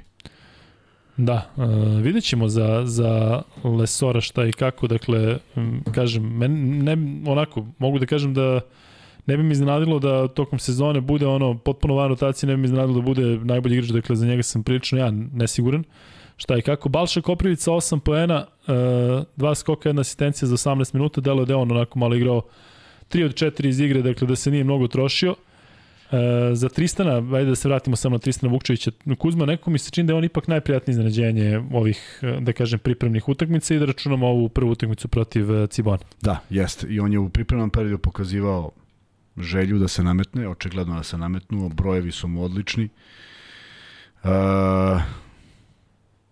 mislim da će imati prostora i mislim da će Obradović to da koristi najbolje moguće. Koliko je to prostora, to sad zavisi od mnogo faktora, ali je dobra stvar da je on od prošle sezone kada je zaista ulazio, jer je došao na pola sezone, zaista ulazio povremeno, Evo ovde već 20 minuta proveo na parketu, prva neka zvanična utakmica koja se računa i ostvari odličan učinak. Prema tome, to je vrlo bitno za jedno samopouzdanje jednog igrača koji tek treba da da krene. U krajnjem slučaju pogledaj koliko je Koprivica za ovu godinu dana, godinu dana iznad na taj način neke psihološke pripreme i koliko mu je drugačije da uđe u utakmicu. Međutim, ono što moram sad da skrenem pažnju, vrlo interesantno, jako mali broj skokova uopšte na utakmici. Jeste. Uh, odnos skokova je 27-24 u korist Partizana. Što je jako malo. A onda pogledaš da su da, da su uh, da je Cibona šutirala skoro 62% za dva i onih 15 trojki su promašili, dakle to su svi skokovi koje su pokupili, tako da nekada, nekada ta preciznost ovaj, uh, smanji da. broj koševa ako se igra kako se igra, ali eto, tu je Partizan dominirao, izgubio ovaj, uh, trku, isto za tri skoka, što je vrlo interesantno. I to su možda dve stvari na koje moraju da ukažu treneri obe ekipe, s tim što je Partizan imao za nijansu više izgubljenih lopti. E... Mislim da je mnogo, 13 lopti za Partizan na ovoj utakmici. Jako puno uh, pitanja. Ajde samo da se vratimo još jednom na strace da to završimo, pa ćemo se onda baviti onim što pitate. Još. Nismo, nismo. Đorđe Kumzman, Đorđe Jovanović. Da, šta je s njim? 7 poena, 10 minuta, momak od 19 godina, najmlađi u Partizanu, njega nismo čak ni da, pominjali da, toliko, da, da. ne verujem da će dobiti neki prostor u, u Euroligi i ovo su prave, je, pravi momenti da, da, da, da, igra jedan Đorđe Ivanović. Pa Đorđe Ivanović isto dao koša kao Naneli. Tako je. Znaš kako mu je dobro. da, ali dobro, naneli 7 poena, 3. E, Đorđevu zaista želimo sve najbolje, želimo mu da igra i da uči od Obradovića, da bude strpljiv i nemamo, nemamo nikakav problem, dakle, što se njega tiče, verujemo potpuno njega, nismo, premalo smo ga možda pominjali, ili okej. Okay. Um, 7 poena naneli, 3 skoka i 5 asistencija za 16 minuta. Odličan debi za Partizan zvanični. Ako Odlično. 7 poena, ne mora više. Ne mora naneli daje 16 je, to je proligaška utakmica, došla Cibona, čoveče, nije došao neko sa strane, prema tome svaka čast. Gregor Glas bez poena za 6,5 minuta polako, dakle Glas će biti ok, samo da ovaj da se uđe u neku formu, tako da eto To je to što se tiče i Ledej, naravno, bez pojena za 4 minuta. Ali meni se ovo u suštini sviđa da Partizan ima toliko opcija, pa mora neko da, da igra slabije, tako? Ne može, ne može da je 20, Naravno, 20 rotacija pa da neko... Koliko si rekao, šest igrača? Sedam, sedam igrača sedam igrača. pa čekaj. I, I osmi, osam, 9 i 10 ne, najbolje da ih je 12 dvoci, dvocifrenih i onda nemaš nikakav problem za pobedu. 10. strelac Partizane naneli sa 7 poena. 7 poena, pa da. I to njih dvojica što imaju. Prema tome, dobra, dobra uvertira. Uh, gledat ćemo ih protiv jedne ekipe koja će igrati sličnu košarku, s obzirom da Partizan opet najavljuje igru na veliki broj poena. Tako deluje. Još kad uđu ovi brzanjci koje nedostoje Avramović, Madar, to će sigurno još biti za nijansu brža košarka. Otuda ide taj, taj broj izgubljenih lopti, zato što nekada stvarno ne možeš da ispratiš, ali a, mislim da bi tu Partizan stvarno opet morao da, da svede to na neki manji broj, bit će im svakako lakše i dobiju samopouzdanje sa kojim mnogo lakše igraju. A može da bude brzo, ali da bude i pametno. E, idemo sada malo na vaše komentare i na pitanja. Kuzma Gospodski profi odrađuje Instagram. Hvala mu. Šta ste mislili Eto, da, hvala. da, da Kuzma, ovaj, ste sumnjili u Kuzmu? Da. Ovaj podcast i Lab 76 se ne propuštiva. A ne znam e, kako to, neko mi ne ide da neko prati košarku i automotosport, a?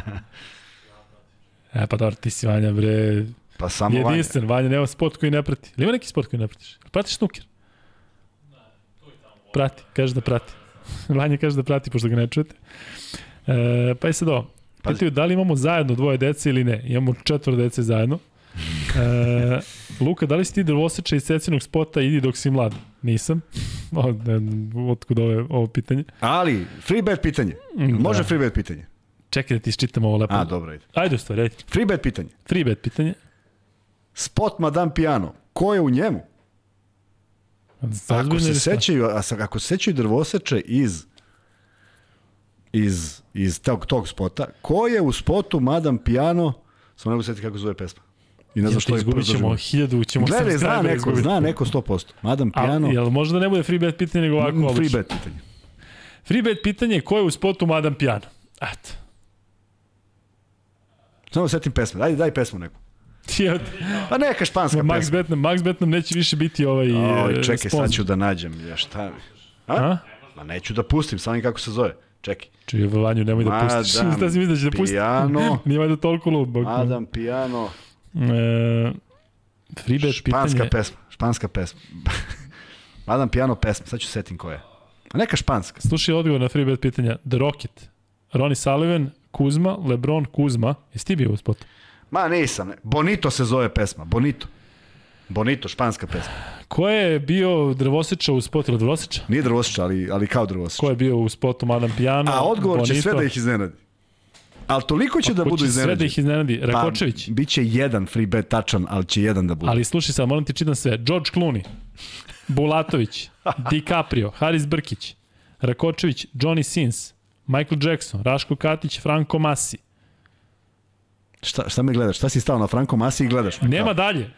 Fran, Frano Lasić, Nekaj, nek idu dalje. Branislav Ratkovic. Ma da, nema. Znači, onaj, niko ne. onaj italijan, ne znam sad kako se zove, Nije. garant na njega misli. Nije. Misliš u cecinom spotu? Ne. Ne u cecinu. E, Luka Čitibre komentare prethodne, hoću samo da me ovaj... Madam Piano. Erik Iglesias, Ma nije, bre. Jeste naš Bonito, čovek, bre. Šarenac, Ma naš čovek, kakav šaren. Gasol, Saša Danilović, Srđan Erce, Fernando Alonso, Igor E. Kokoško, E, ko je to rekao? Igor Kokoško. Ili jeste? Da. Lazare, pošalji, molim te, Bravo, znači, i Lazare. da samo ostavimo ovaj free bet iza nas i sve. Lazar Ćujić je napisao da Igor Kokoško bio u spotu Madame Piano Bonito. Tako je. Daj A šta je radio? Ne znam. A nešto hodno, Nešto mlatio, košenje. pa da. Ja, i gde nađe to, gde se toga seti, Pa pa da. ti si rekao drvoseča u cecinom spotu. Dobro, e, dakle, Lazar Ćujić, je li Ćujić Lazar slao? Čujke, Ranije. nije. Da. E, Lazare pošalji Dejan Davidovac, Darko Miličić i Nikola Mudrić, Muta, Muta Nikolić, pa i sad ovo. Tupak, Dejan Musli, Lukas Pasovski, Milan Dozet, Kokoškov. Evo, Darko Punović isto rekao Kokoškov, Pa, rekao ali je prvi kasno. je Ćujić, Čule, čuje. Ćuja je odgovorio tačno, a svi su mislili da si ti. E, Ko je mislio sam ja, niko nije rekao sam ja. Kuzma, Kuzma, Kuzma, sto puta. A, to nisi pročitao, pa što mi nisi rekao? Egzum na kecu, ali Tanak u napadu. Kreacija veliko nula, jedan od onih njegovih ulaza. Pa to je ono što sam pričao. Meni on deluje kao da treba da bude malo 2-1, da pomogne, ali sve. Tako da, ajde da sačekamo, znaju šta rade sigurno u Partizanu, ali ja njega ne vidim da tokom sezone on igra veći deo na kecu. Idemo dalje. Egzum je skinuo skoro 10 kg i mislim da je sad spreman. Igrao je na play ali su mu pomagali Pantri Ivanović. Dobro. E, znaš kako, ako Bulut ne komentariše, znam koliko ona, dobro. E, Egzum kad trči tverkuje. Dobro.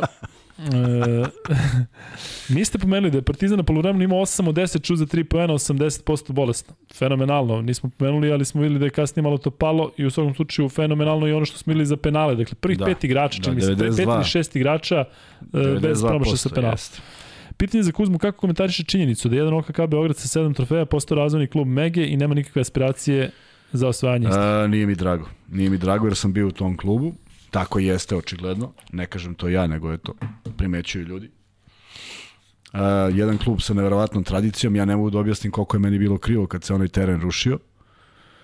I onda su nam objasnili da će to bude hala i onda stvarno jeste hala, ali ko je nađe, može dođe kod nas u podcast i nam objasni free kako je našao. Free Free bet. bet. pitanje. Nađite halu u hali. Tako da je sve to ispalo nakaradno, to što je trebalo da se gradi godinu dana. Ono što si mi pokazao kad smo se Jest, vozili, pa si rekao jest. ovde desne strane. Jeste, to je trebalo da se gradi godinu dana. Rok gradnje je bio decembar 92. A 91. je srušen Koraćeva avlija koja je imala sve svoje mane, bio je beton, bilo su četiri koša, dva na jednom malom terenu, dva na velikom, bare kada su kada padne kiša izbegavaš, ideš criss cross malo, znaš. Ovaj crossover kako se ovo zove, omladina što kaže i tako igraš utakmicu. I to je onda srušeno sa idejom da to bude sala. I nastalo je sve samo ne sala koja je sad primljena na primjer pre 5 6 7 8 godina. Ali mislim da nikad neće moći da bude upotrebljiva za, za, za nešto veće zato što prosto nema požarne izlaze i nema ništa. Prosto je ubačena u jedan objekat kojem, kojem sala ne pripada. Ali eto, to mi žao mi je zato što ovaj, stvarno je taj kup 92. Nažalost, bio sam povređen, nismo ga osvojili, ali to je bio jedan potpuni šok za sistem kada je kada je OKK Beograd pobedio Partizan u Sremskoj Mitrovici i to je trebao da bude neki neki boost. Mi smo već 94. ispali iz lige i od tada ne znam, ne znam da li ima išta smisleno da se desilo. Kad je, je li vodio Vladi Đurović posle toga još jednom? Ma to su se Kime smenjivali. je vodio, Jeste, tako? Bilo je tu svega i svačega, ali to je, znaš, možda su bili u onoj ligi 8 puta 4 i od tog momenta nećem se su igrali nešto, nešto bitno. Da. Što mi je žao, zato što četiri godine sam proveo tamo, igrao sa odličnim igračima, zapamtio igrače, ja sam ti pokazao ko je sede onaj dan kada smo bili Jeste. u kafani Kosmaj. Zoki Radović, Aleksa Milošević, Vlada Jokanović. Ja znam da to mnogim ljudima ne znači ništa, ali to su ljudi koji su mogli da daju koliko hoćeš pojena zajedno. I bili su strahoviti igrači jer je liga bila jača I eto, to su bili neki moji uzori u to vreme i ja sam mnogo srećan što sam naleteo na što, je, što su u klub došli Zoran Radović, Slobodan Nikolić i Predrag Bogosavljev, što je pokojni Rajko Žić bio trener. Znaš, gledao si neke velikane za koje si do tada mahao zastavicama, tako da bilo je to jedno lepo iskustvo i uvek mi je krivo što OKK Beograd nije na nekom ozbiljnom nivou. A muči me samo jedna stvar. Jedan od redkih klubova koji u prefiksu ima omladinski. Znači, mogu bi da koncipiraš klub zaista do 22 godine, razvojni, ali ne razvojni Perin ili Žikin, nego razvojni, tvoj razvojni. Ti si uložio neka sredstva, imaš sad tu salu, ti cepaš sa igračima, angažovao si se i oni potpisuju ugore i dalje idu negde gde treba. I baj zaista da bude to. Mislim da bi moglo da bude isplativo.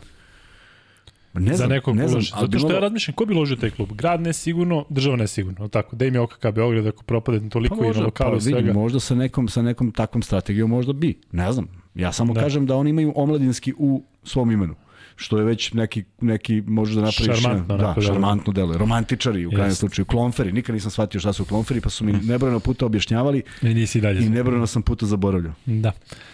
E... Nešto su zakivali, ali ne znam šta, nešto na cipelama. Vanja zna šta su klonferi, tako? Kako da ne, Vanja čuo sad za tu reč. E, Petrović iz Partizana deluje da je dobar potencijal za pleja. E, ima nevjerovatnu brzinu i odlični asistent. Ajde sačekamo. E, Partizan bazira igru bez pleja, što mi se iskreno ne sviđa, ali najveći problem je centar, nisu ni Balšan ni Lesor ostavili nikakav utisak protiv e, slabašne Cibone. Pa dobro, ni ne treba protiv Cibone da neko ostavi utisak. Izvinjavam se. E, istakao se Vukčević. Evo ga, Igor Kokoško, jeste. Izgleda kao onaj Javier Bardem. Izgleda kao Bonito, bre. Da. Pa pesma je Bonito. Kako ide pesma? Zapaj. Bonito. Ma te znam kako izgleda pesma. A znaš da sam ga čuo, u prvi mak sam mislio da je stvarno, kaže Bonito. A zar nije Bonito ja te quiero, nije? Bonito, ja, ja te, quiero. Ne, bonito, ne, nero, sento ako izgubimo, te. Ako izgubimo na Madame Ček, ček sad kad si me sad već. Na... Je to ozbiljno ili šta? Možemo da recitujemo. Šta? Možemo šta da recitujemo. Šta će Madame Piano da nas tuži? Hoće. Novo, ako, novo, novu sprdnju Ako ovi pogode, ako ovi pogode šta smo otpevali? ne, ja pazi, a ne mogu da udarim na ono što je Kuzma otpevao, zato što ono je nešto... Ako YouTube pogodi šta smo pevali svaka Tako da. Ništa, ako nas ne vidite u četvrtak, to je zbog Madame Piano i Madame zbog Piano Kokoško i zbog Kuzme koji nas je uvalio sve ovo. Nećemo pričati više o Madame Piano i o ja pesmi. Ja mislim da je kriv... Kako je odgovorio? On je kriv. Čuj, čujke. čujke je kriv. Da. E, ovako. Kako komentarišete petorku Partizana u posljednjoj četvrtini? Glas, posle Egzum, Jovanović, Trifa, Vukčević, Balša. Neću Super. ništa komentarišem, hoću samo da konstatujem da ne igranje... Kaže čovjek da komentariš. Pa ne, neću, prvo ću zašto smo ostali tamo pa smo se šalili sa Bonitom. Uh, prvo pitanje je kako je Partizan imao pre, bez playmakera? Pa fale dva, fale dva. Ovo je možda i bilo iznuđeno, kako fale Avramović i Madar, pa možda i nije bila baš neka opcija da se igra, ali prosto... Ali dobro što ima tu uh, Exum, tako Panter... Je, tako je, tako je, to je. Pa videli smo i na reprezentaciji kad ne igra Vasa Micić, pa je da. bila zamena. Dakle, to može da upali, ali ne verujem da je to bio plan. Tako da verujem da će Partizan igrati sa playmakerom, a što se tiče ove petorke, znaš, napraviš dobru zalihu i onda, e, i onda je tu velika razlika uh, priprema tih momaka. Dakle, oni su se sad vjerojatno pojavili na parketu prvi put. Na koga misliš konkretno? Pa ovih pet koji su završili utakmicu. Dobro. Ja ne verujem da su oni na treningu bili zajedno u petorci, slažeš? Da, ali mislim da je ovde akcent na tome što su naši. Slažem se, nego ću kažem, oni su bačeni u tom trenutku sa jednom velikom odgovornošću. Dakle, niko njima nije, nije dao, rekao, aj sad vi tu igrajte nešto, je tako? Dakle, to je ona prava stvar. Kad ti daš šansu, a on shvati da je utakmica nešto gde treba da pokaže ozbiljnost, ne da pokaže neku neko ludilo, odgovornost. I to je ono što je razlikuje igrače koji uđu. Zašto ja pričam o malom Topiću? Zašto mi deluje odgovorno dete? Zašto, zašto Balša Koprivica igra dobro i sve bolje? Zato što radi ono što mu se kaže i ne izmišlja nešto deseto. Prema tome, divno je vidjeti tako igrače koji znaju to da iskoriste.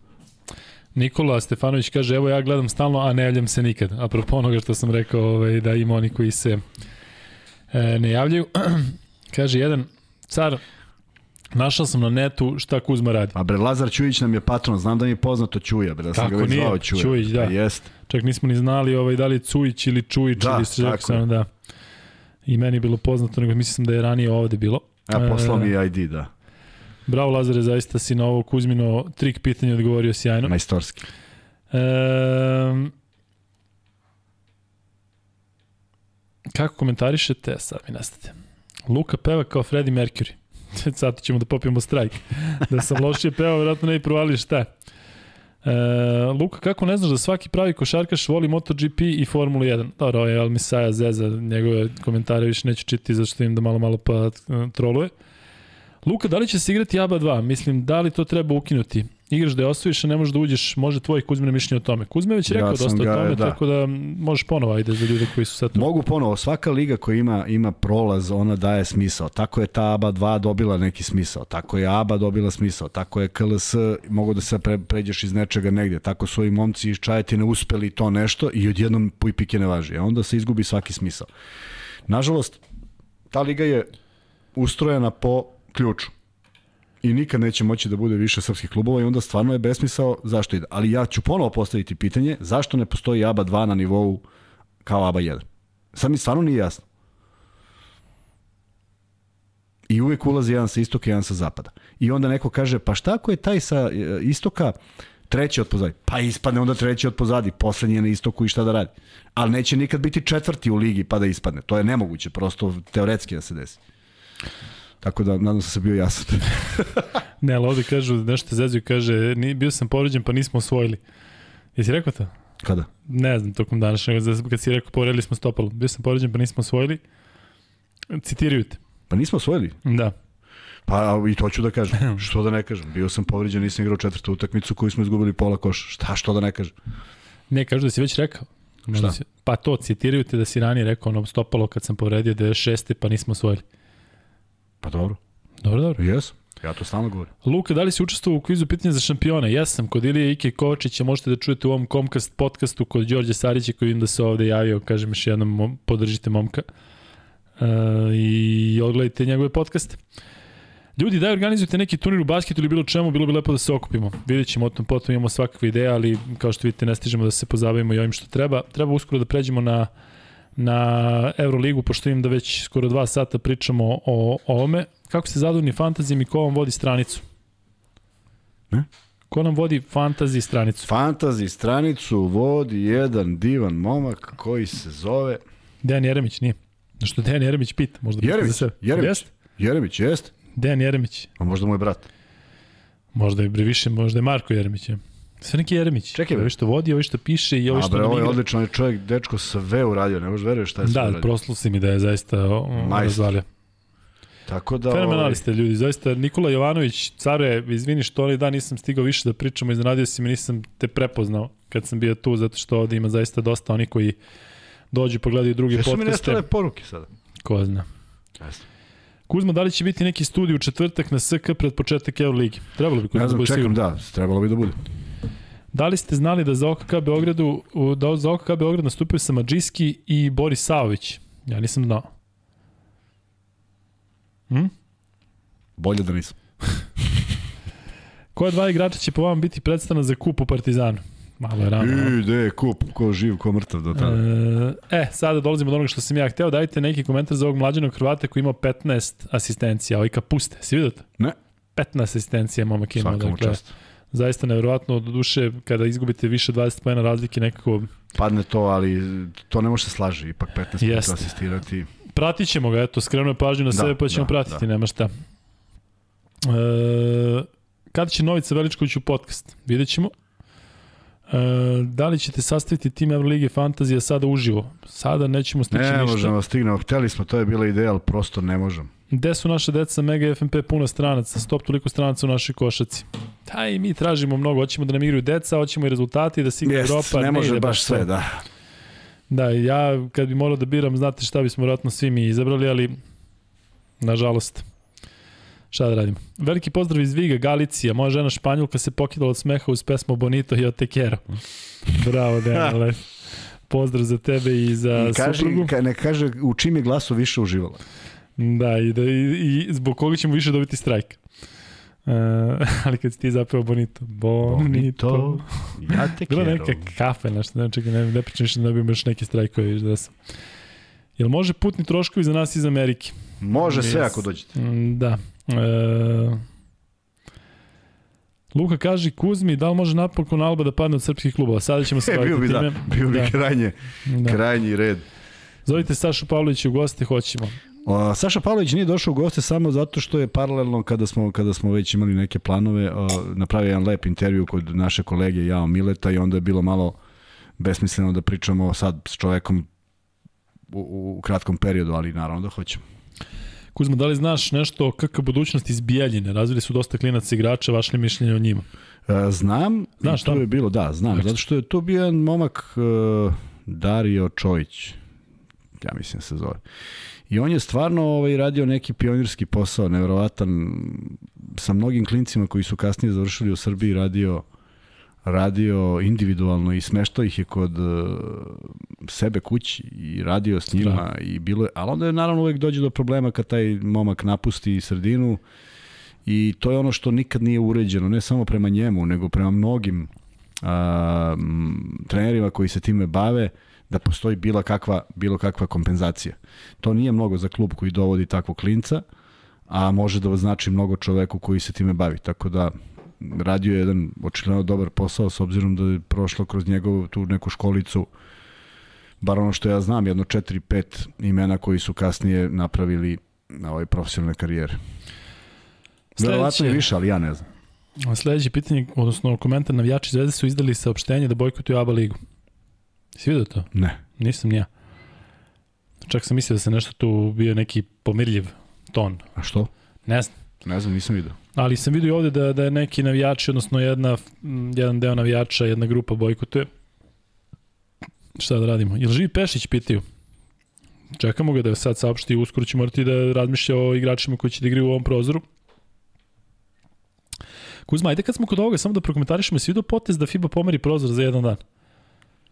Pomerilo? Da, pomerili su za jedan dan i sad se čeka kao da Euroliga isto pomeri za jedan dan pa da mogu Euroligaši da igraju u, Fibino ovo Fibine To je odlično. To je zaista dobro i FIBA načinila će prvi korak. desi, da. Neko mi se činilo da su možda oni u nekim trenucima bili onako i više zadrti, ako grešim, ovaj, e, izvinjavam se, ali onako, znate da na toj relaciji je bilo dosta problema i evo, svakim čast što su povukli taj potez, čekamo Euroligu i da svi zajedno uživamo u, u tome da nijedan košarkaš nema jedan dan odmora tokom, tokom svog života. E, Stefan Jović potpisuje za zvezdu sutra ili preko sutra. To opet bilo A, neka... e, dobro, ako, kažu, ako tako kažu, javit će sutra, preko sutra. Neverovatno. Ali ja im jednu Čekam još poruku, stvar. da, Ja imam da je bilo neki izvezanje, ja još čekam poruku da Stefan odgovori. Ja Kaži. se sad vraćam na Bonita. Sunce ti Slušaj žara, sad daj da prekidamo ovo. Slušaj da ovo, piše Rile. Šta kažeš? Kaže. Bonito ja pisu. Rile. Igor u spotu. I kaže, ispred meseca drhti veo plav, snove ljulja noć, tera zaborav. Vetar, strajk, ka, vetar ka, kaja se, spušta na talase. Kaja se, spušta na talase. A?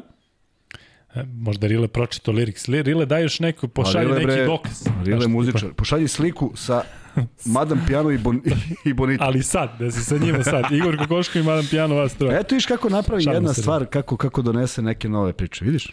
Mislim da smo a izgubili ti- jedno 6 miliona ovih korisnika i preplatilaca bilo i svega. hiljadu, sad je jedan, Da ne sad je Rile. free bet, da ne sad je ostao Rile. Je, free, I Madam Pijano ono traže da vidi. Ali nestale su Madam Pijano i sad će se Ceca Slavković.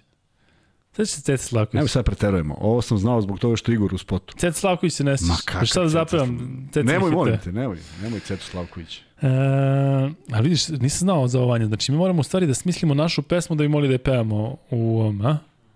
A neku američku, ako bi pevali, hoće isto strajk da, da, da... Ja stvarno znaš da pevam. Pa nemo šta nego ću da pevam. Ma da Kako pevam sad svaki pevam? Ne možemo da... Luka Kuzma, dođite u Beočin na jednu utakmicu ove sezone. Klub napada prvu srpsku ligu, vraća se KK Beočin na, stare, na staze stare slave. Tako sam napisao danas, posle pobjede. Kogod da uređuje stranicu kako Beočin. A pratiš? Mhm. Ekstra. Doći ćemo, stvarno ćemo doći. Hoćemo. Ja, ima halu u Beočinu da igra. Znaš kakav je hala? Nemoj zesti. Mm. Sad ne znam da se zezam. Ne, nego razmišljam šta se možemo sa tom halom, ono da uđemo da šutimo možemo da neke šutiramo, trojke. možemo da igramo, možemo da okupimo sve. Pozdrav iz Bukurešta, TG Borovica zauvek u srcu. U, dobro, do, do, Pitali ste ranije za Borovicu kako bilo igrati protiv njih i ostalo. A, Kratko molim. Ja znaš da ovaj kratko molim, Molim kao moramo spam. Ovaj zaista smo se sreli samo dva puta. Nismo se Izvini. susreli u plej-ofu.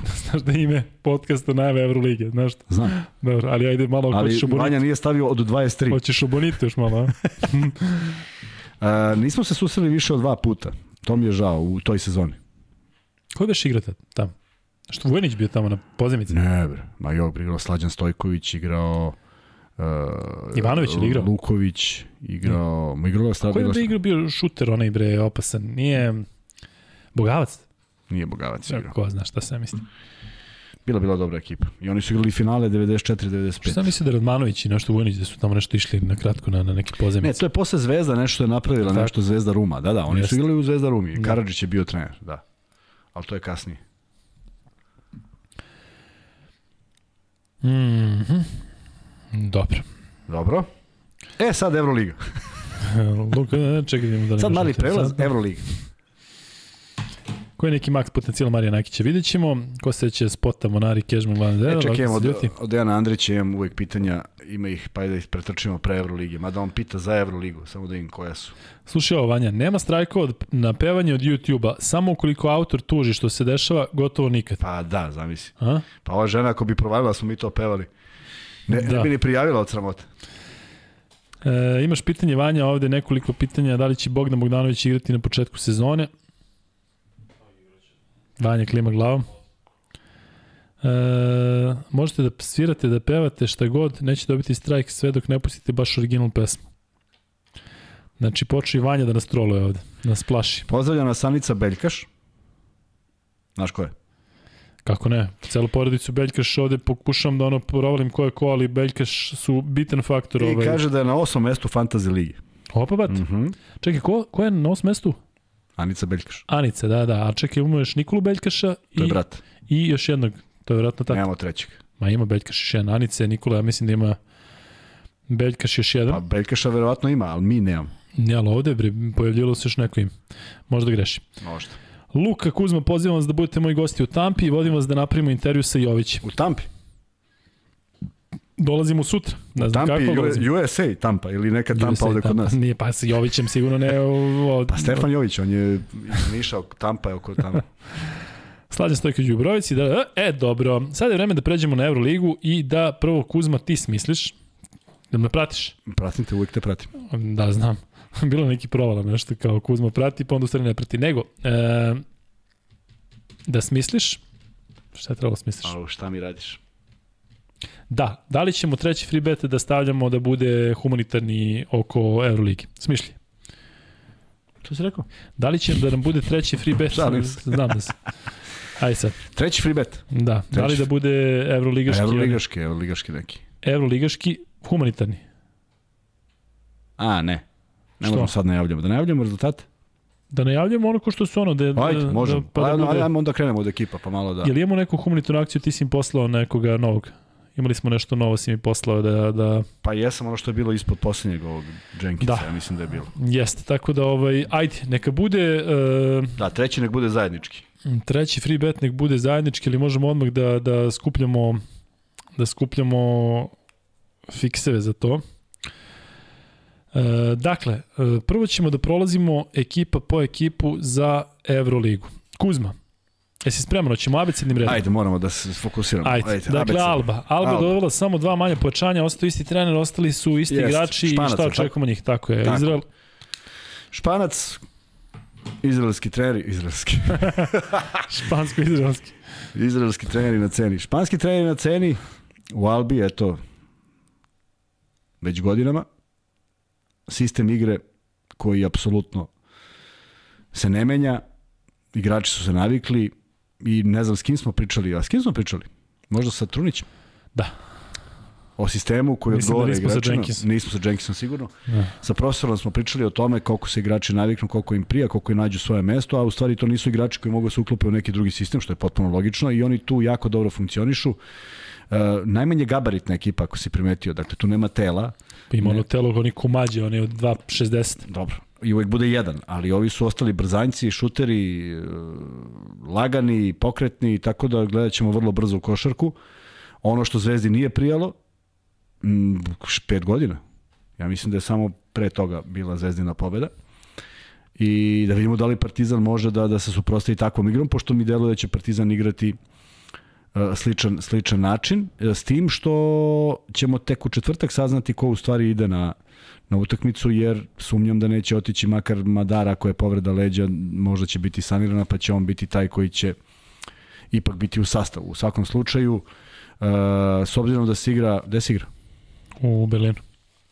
S obzirom da se igra u Berlinu, Uh, i, po, i po onome što je Alba uradila, ne vidim da je veliki favorit, ali jeste s obzirom na domaćem terenu, međutim Partizan može da odigra jednu dobru utakmicu Da pričamo, ove... pričamo o tom meču Aha, i da, posebno. Da, Idemo sada da, da, da, igrači. igrači. Pa Sikma je neko, ovde, Sikma je čovjek, da, Lo, se sve vrti. Jest. Erikson se tako oporavio, je, dakle, stara ekipa, Jalen Smith, hrvatski reprezentativac. Tako. Dobro se to sve uklopilo. Pa li može to da bude bolje nego prošle godine? Ne. Isti igrači, ne, ja mislim, opet ja mislim da to daje određene rezultate do, do određene faze. I to je realno nemoguće da, da Albu vidimo blizu da, ja, mislim da, da, ja mislim da, da je da. teško, da. Znači, zovemo čoveka Izrael, on je Izrael Gonzalez. Ove, dobro. E, novi igrači, idemo redom. Dakle, Anadolu Efes, jesi spreman, Kuzma? Spreman mu, ja sam Amat Mabaje, Ante Žižić, Vil Klajborn, Akile Polonara, novi igrači. E, naravno, ostala je ona, ta udarna bekovska kombinacija Micić Larkin, ostao je Elijah Bryant koji je došao prošle godine tokom sezone, igrali su sada za vikend e, u prvenstvu, dakle Efes meni uh, Kuzma nije favorit da treći put dođe do, do titula, zato što su otišli neki, ajde da kažem, bitni igrači poput Singletona, uh, kako tebi to izgleda sa Efesom? Sa Efesom izgleda da su zasluženo preživjeli prošle godine, ali baš je bilo preživljavanje. Jedna od najuzbudljivijih, ujedno i košarkaški vrlo ružnih utakmica finala. Uh, videlo se nešto da, da, da nije to ta energija i videlo se kroz celu sezonu, ipak su smogli snage i pre svega zahvaljujući Miciću, pa i Plajsu, ne mogu to da, da, da, da zaboravim kako je rešavao te neke šuteve sa polu distance i mislim da je on jedno vreme i držao rezultat.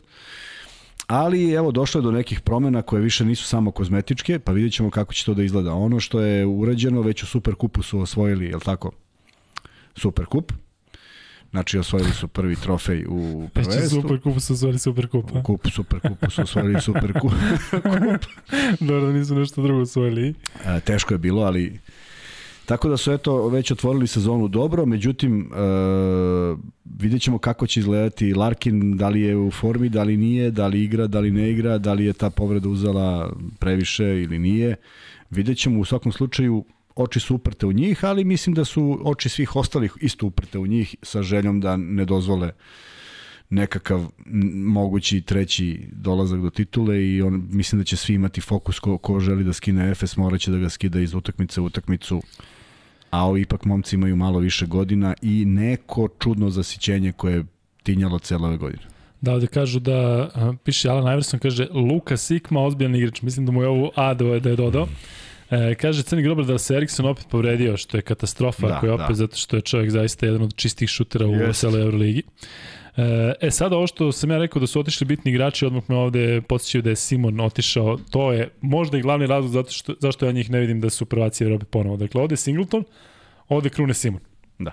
Dakle, svaka čast i ovim pojačanjima, Polnara je jest. pouzdan igrač, Naravno, e, nisam, imaju... nisam nešto oduševljen. On može da odigra stvarno fantastično, ali ne znam. A baš, Clyburn baš kao da... pojačanje? Šta ćemo s njim? A Clyburn sa ovim svim loptama koje treba distribuirati, vidjet da. ćemo da. kako će da izgleda. Meni, meni, meni Micić deluje kao igrač koji može da funkcioniše sa tim Larkinom i da se oni nadopunjuju kad se jedan umori, a sad treći predstavlja ozbiljan problem. Jer... Je li Clyburn tu opcija broj 3? Pa je. Za napad? Pa tako mi deluje. Pa dobro imaš Ugelađu Bryanta, imaš ti tu... On, on, je, on je dečko koji je fenomenalan i oni su svi sporedna uloga. Oni ulaze u svoje epizode, ba, ba, ba, ba, ba, ba. Boboa može da 15 pojena za 4 minuta, bez problema. Ali ovo je neko ko od koga zavisi mnogo toga. I prvo ima telo, i ima fizionomiju, i ima i kliker, i ima sve i mislim da bi on trebao da bude jedan od glavnih poluga. E sad, onda tu neko mora da trpi, a vidjet ćemo ko. Uh, Plaj se nametnuo kao čovjek, ja mislim da će mu Ataman davati i ove godine tu slobodu da, šutira za tri, što daje jednu veliku širinu ovaj, reketu i pozicijama da svi mogu da igraju jedan na jedan, ali oni su ipak godinu dana stariji, a već prošle godine se osetilo da to malo remeti tu ekipu. Bubo A ostaje u FSU, ovde pitaju da li ostaje, vidim da je igrao sada za vikend. E, Simon u CDVita junior ekipi, da, ali mislim da će on tokom sezone sigurno da nešto napreduje u CDVitu ili slično, tako da biće interesantno da pratimo njega. E, kaže Ataman da Larkina nema 8 sedmica. E, Biće to, to ozbiljna da, stvar. Ovamo da. doćemo do Barcelone, nekoliko bitnih igrača ne igra na startu sezone. E, Anderson je otišao iz Efesa i Morman je otišao iz Efesa, ali ajde sa Mormanom ćemo i da nastavimo zato što je on došao u Monako, jedan je od pojačanja u narodnoj ekipi. Da. U Monaku su još došli John Brown, nesuđeno pojačanje Zvezde i Partizana, što smo vjerojatno samo mi ovde forsirali, Elio Kobo, Jordan Lloyd, Jerome Blossomgi, Matthew Strazel i Joan Makundo, koga ja iskreno ne poznam toliko, ali Kuzma ovde je toliko novih igrača, da li to Saša Bradović može da uklopi u tim? Ostali su James, ostaje Motejunas, ostaje oni Donta Hall. Sa Jamesom ne možeš nikoga da uklopiš u tim. To pa je vidiš da grešimo, mi malo malo pa se ogrešimo. To ja mislim da ne, ne, ne, ne ogrešim se, prosto igra čovek, samo što su oni sada u toliko jakom sastavu i prošle godine su. Ja, ti, ja tvrdim da nije bilo onog malog, kako se zove mali playmaker? Uh, Paris Lee, je li tako? Ne. On je donosio tu promenu i tu neku sigurnost u odbrani i, i u krajnjem slučaju i poenima. Tako da, naravno da na jednog igrača tako kad napraviš dobar tim, a Monako jeste imao dobar tim. A mislim da će Okobo da bude sada taj koji kontroliše... e, ajde da vidimo ovog... šta će da se desi, da. Međutim, nagomilavanje igrača, ovde sam i pročito neka imena silna, to kada će biti 14-15 igrača u svakom timu. Tako da, malo se došlo u jednu fazu trošenja novca, verovatno opravdano, iz prostog razloga što niko ne može da izdrži više sezonu u istom ritmu. Koliko je to dobro, mislim da nije, zato što od svih tih koji će biti višak na pojedinim utakmicama možeš sastaviš dve ekipe iz same Evrolige, dve kvalitetne ekipe, ali takav je trend i ja verujem da će oni pronaći još neki model za još neku utakmicu da ubace ako mogu, da bude 180 utakmica kad je bilo moguće i da, da, da, da kladionice ovaj, samo vrte utakmice i to je to valjda, ne znam. Saša Bradović mislim da je tu najbitnija karika, da njih sve poveže u neki tim koji, koji ima smisla. Jeste, sad on je, on je neko ko je procenio da je i našao zajednički jezik sa Jamesom, ali sad dolaze neke nove glave, neki novi ljudi. Ali ako se sećaš, Mike James uvek drugu sezonu ima problematično u svakom klubu. Sa bilo kim, vidjet ćemo. Dakle, da, da dođe do nekog Tako u glavi. Vidjet ćemo, jer sad imaš nova imena gde treba Tako ipak da napraviš nešto novo i u krajnjem slučaju ovaj, nije lag zadatak da, da, da koordinišeš sve to. Gde ih vidiš? Ili ih vidiš u play-offu? Vidim ih apsolutno u play-offu, da. Dobro. E, prelazimo na Armani, koji je meni ove sezone možda i ozbiljniji nego ikad. Slušaj kakve su pojačanje. Johannes Voigtman, Billy Baron, Naz Mitro Long, Stefano Tonut, Brandon Davis, Kevin Pengos, Deshaun Thomas. Dakle, sve ostalo, je ostalo neko? ostalo je koliko Ostali su i onih 12. Pazi ovo, italijani, Meli, Ricci, Biliga, Baldasso, Alviti, Datome. Ostao Heinz, ostao Shelon Shields, Ostao ni Devon Hall, ne znam što su njega zadržali. To je 20 igrača. Meli, dakle, Ricci, pa stvarno je jedno 18 igrača. Oni kad zaborave jednog neće znati da nije, da nije ušao u to. u samu kući. Ove, ovaj, Jovo, gde je Jova? Biće de, de Jeste Tivić, ja. E, šta kažeš za, za pojačanje, šta kažeš za ambicije, šta kažeš za e, domet? E, vidi, ja sad verovatno negde ću da pogrešim, zato što su mnoge ekipe koncipirane tako, ali ja to ne volim. Ja ne volim sva ta imena koja si ti naveo u jednoj ekipi. To je meni... Ne, ne, ne znam. Ali neko mi deluje da ovo nisu oni privatnici klasični koji ono, dakle Baron jeste neko ko puno šutira, ali kad dođemo do Makabi vidjet ćeš tamo su svi pa, ovi MVP potencijalni kažem, MVP-evi. To kažem, neko će o, ozbiljno da promaši. Da. To kad tako će dovesti 10 glava. Neko će se podrediti, neko će imati dobru ulogu, neko ne. Ali onda tu za zavisi kolika je dužina ugovora, na koliko su godina potpisali, ko je miran u glavi pa ga baš briga za, za poene pa će radi nešto drugo. Ali sve jedno, pogledaj koliko si imena nabrojao, to je neverovatan broj. I da li da, sad da. svi prave duple timove? Pa ako je to, onda Ne znam, ja mislio taman Zvezda i Partizan došli do, znaš, ono, kao da imaju još dva igrača u sastavu, ovi su otišli na šest. Zvezda kad bude došla i Partizan do šest, ovi će dobro na 12 mnogo je to igrača, mnogo je naporno i svi su procenili da je to jedino kako mogu da izdrže sezonu. Znaš šta je tu onako, Mesina i dalje trener, ali neko tu zavisi od ovog Armanija koji tu uloži lovu, on u jednom trenutku ako bude sedeo kod kuće rekao je neću više da uložim u basket, to se gasi momentalno. Ali istog sekunda. Pa tako da. se ugasio, tako da. se ugasio čak ne Benetton, Benetton se batrgao, Saša Đorđević je bio tamo pa je pokušavao na sve Just. moguće načine, ali ona je odbojkaški klub. Kako zove, isto marka nekog odela, kako zove, majice. Sisli, Sisli. Sisli. Uh, koliko košta Verona, Sisli? Tako? Pa da, umro, umro je neko tamo, deda ili već neko, da. I bilo je pitanje koliko to košta godišnje? Oni rekli 6 miliona. I samo bilo ovako.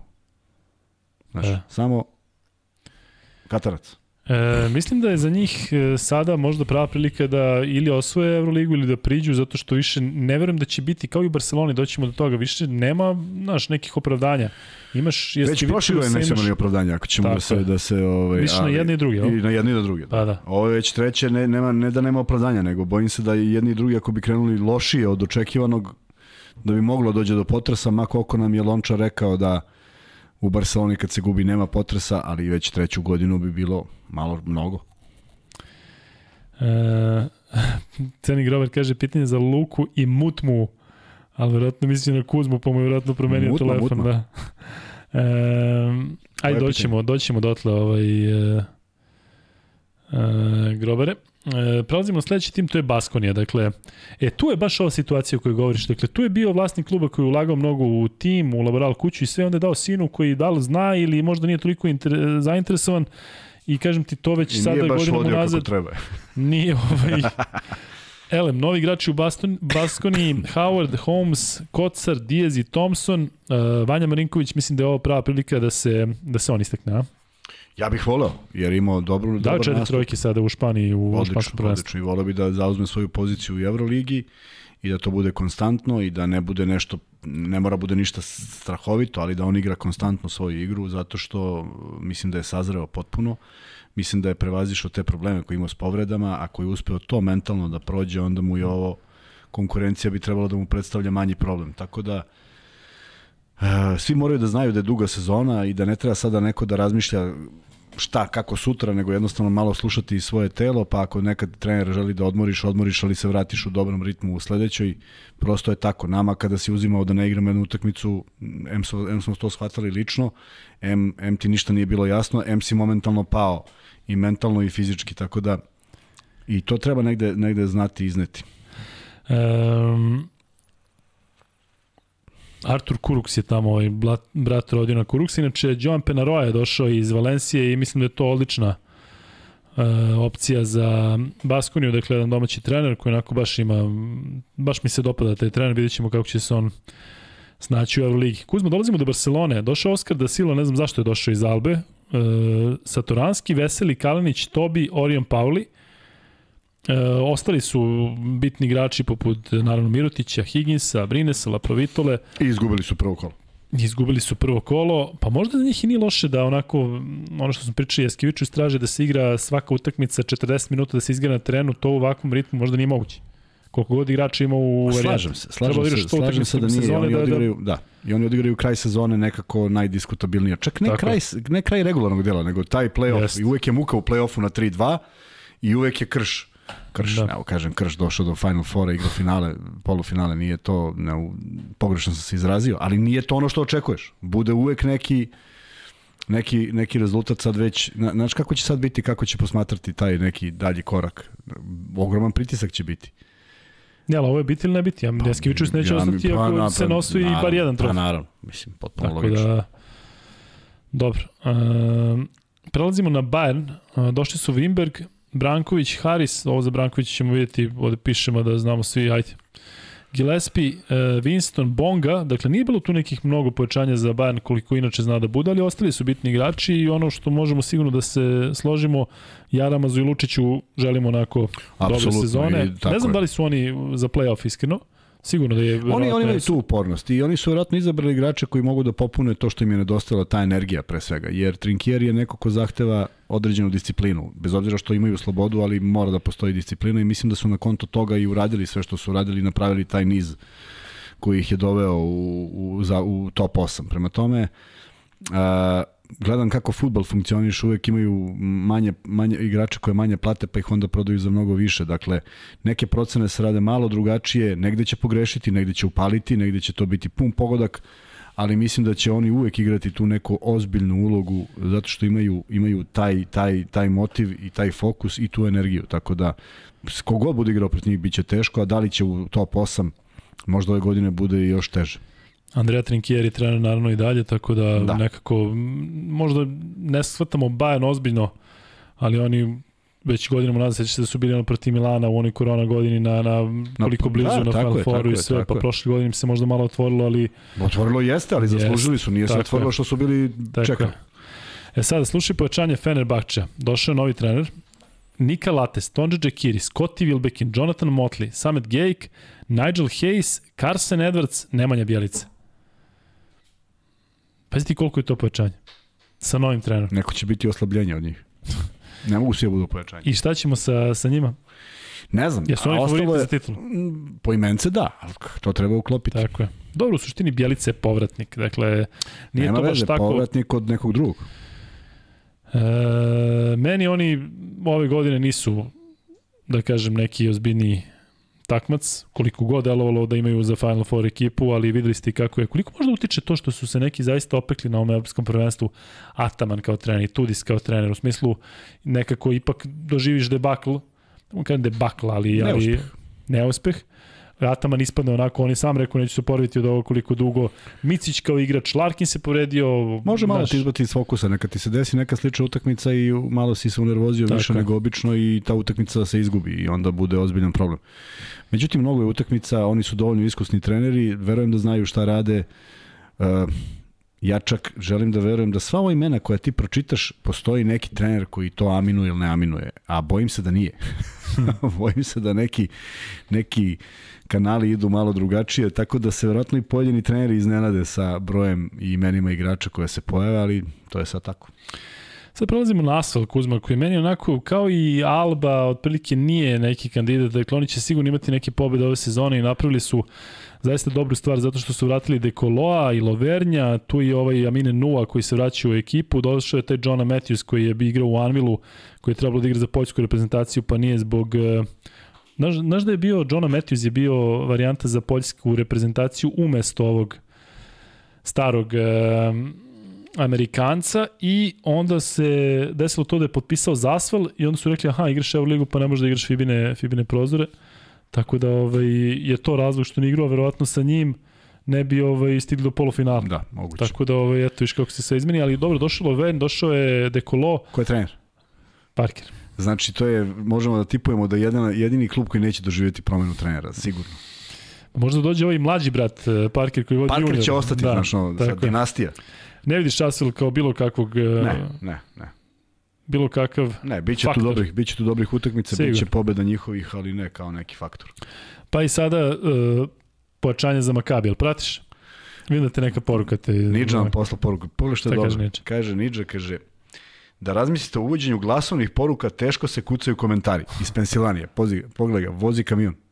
Carski, ali nije to naš Nidža, to je Nidža Stakić. To je Nidža Stakić, koja vezi ima, koji nam, ne pa može svaki Nidža da bude naš. Ivanović. I vidi nas na ekranu, čoveče. Carski. Samo ću morati slikam pa da okačim, ali ne mogu sad. Da. Izvinite, ne mogu nešto sad. za vas. Mislit ćemo nešto za vas tamo kad se približimo stotom podcastu na neke interesantne načine da Za te voice kad se message. približimo stotom podcastu, kako smo Tako je. krenuli. Slušaj pojačanja uh, Makabija. Gerald Martin, Opa, Josh Nibo. Gerald Martin je ozbiljan iz Sidneja. i Sidneja. Sidneja. Ozbiljan, sigurno. Uh, što da? Igra u NBA ligi. Sećaš ti Ivanja Gerald Martina? Memphis i to, a? No da, Pa pre tri godine. 67. Onako, debeljuca. Je li on najbolje ime tu, molim te? Nije. E, onda preskoči. Josh Nibo, Wade Baldwin, Lorenzo Brown, Rafi Menko, Austin Hollins, Daron Hilliard, Guy Pnini, Bonzi Colson, Alex Poitras. Oni su dobili 11 igrača. Ali niko nije ostao. Ostali su uh, Roman Sorkin, John Di Bartolomeo, Jay Cohen i Ifta, Ifta. Ja ne znam što taj čovjek igra, znači ne, ništa mi nije jasno, ali dobro. Uh, Oded Kataš je trener. Novi trener, novi igrači, što ti kažeš, neko će morati da bude oslobljenja, ali zaista ovde će neko morati da ide tokom sezona.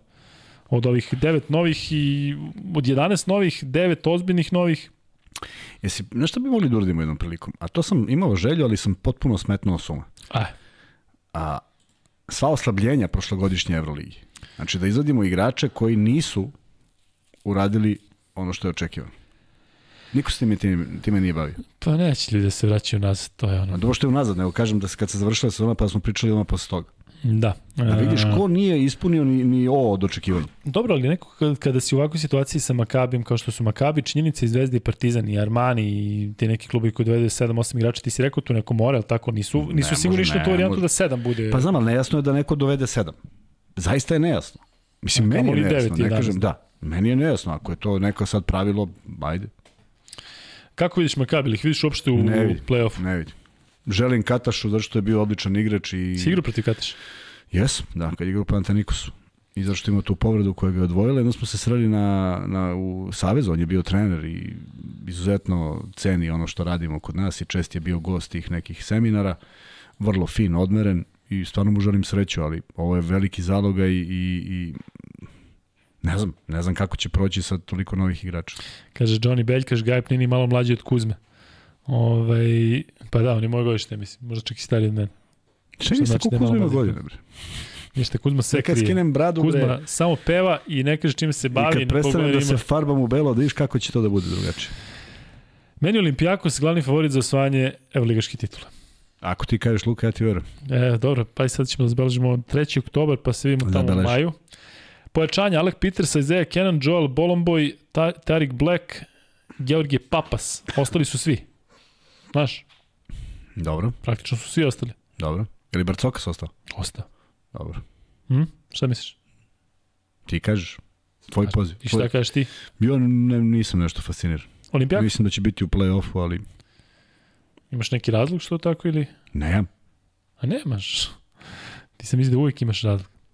David Blad doveden kao stručni savjetnik u Makabi. Da, pa jeste, dobro, tu je šta da radimo. Kaže Crni Grobar, bio je Matthews opcija za Fener prošle sezone, pa su dobili onog Starksa iz UK.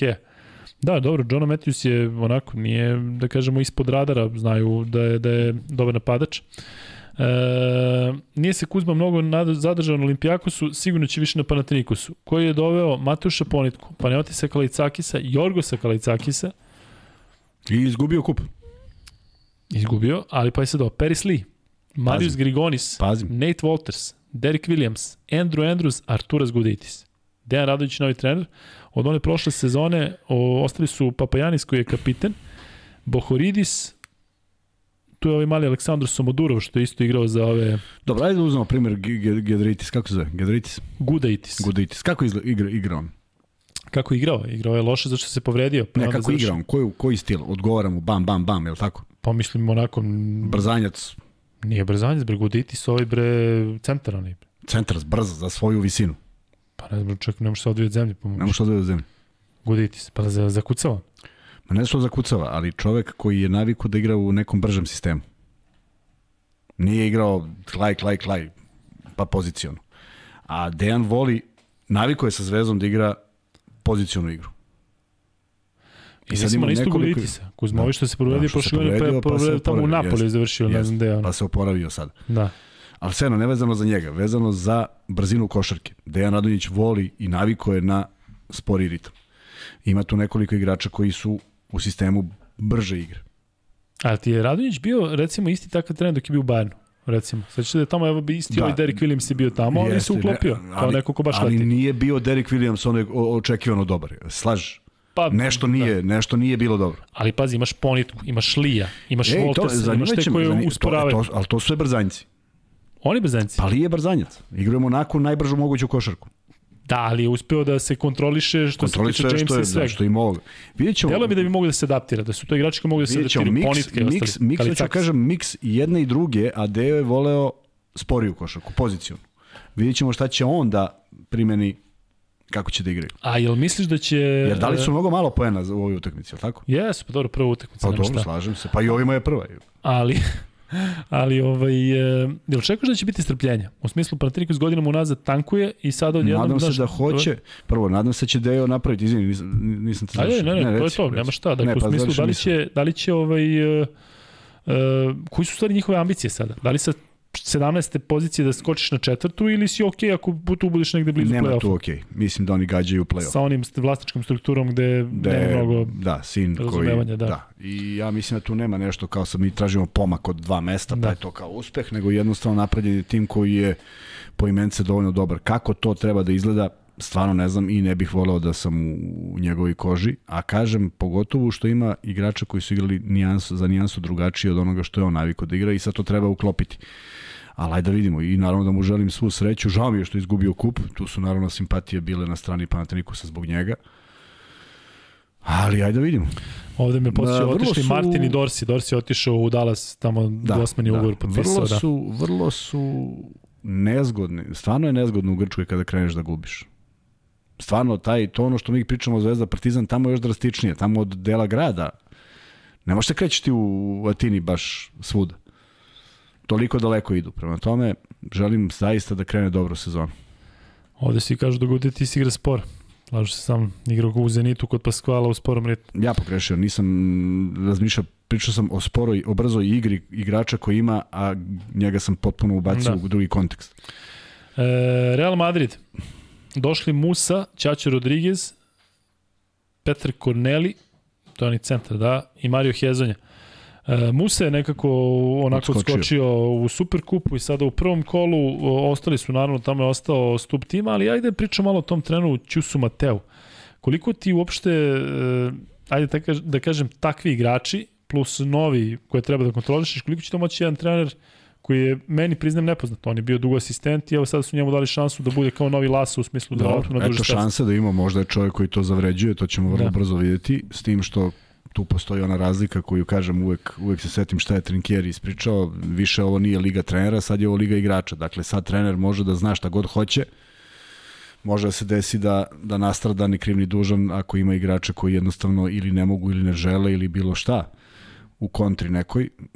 Ja mu želim svu sreću zato što znam koliko je teško doći na to mesto.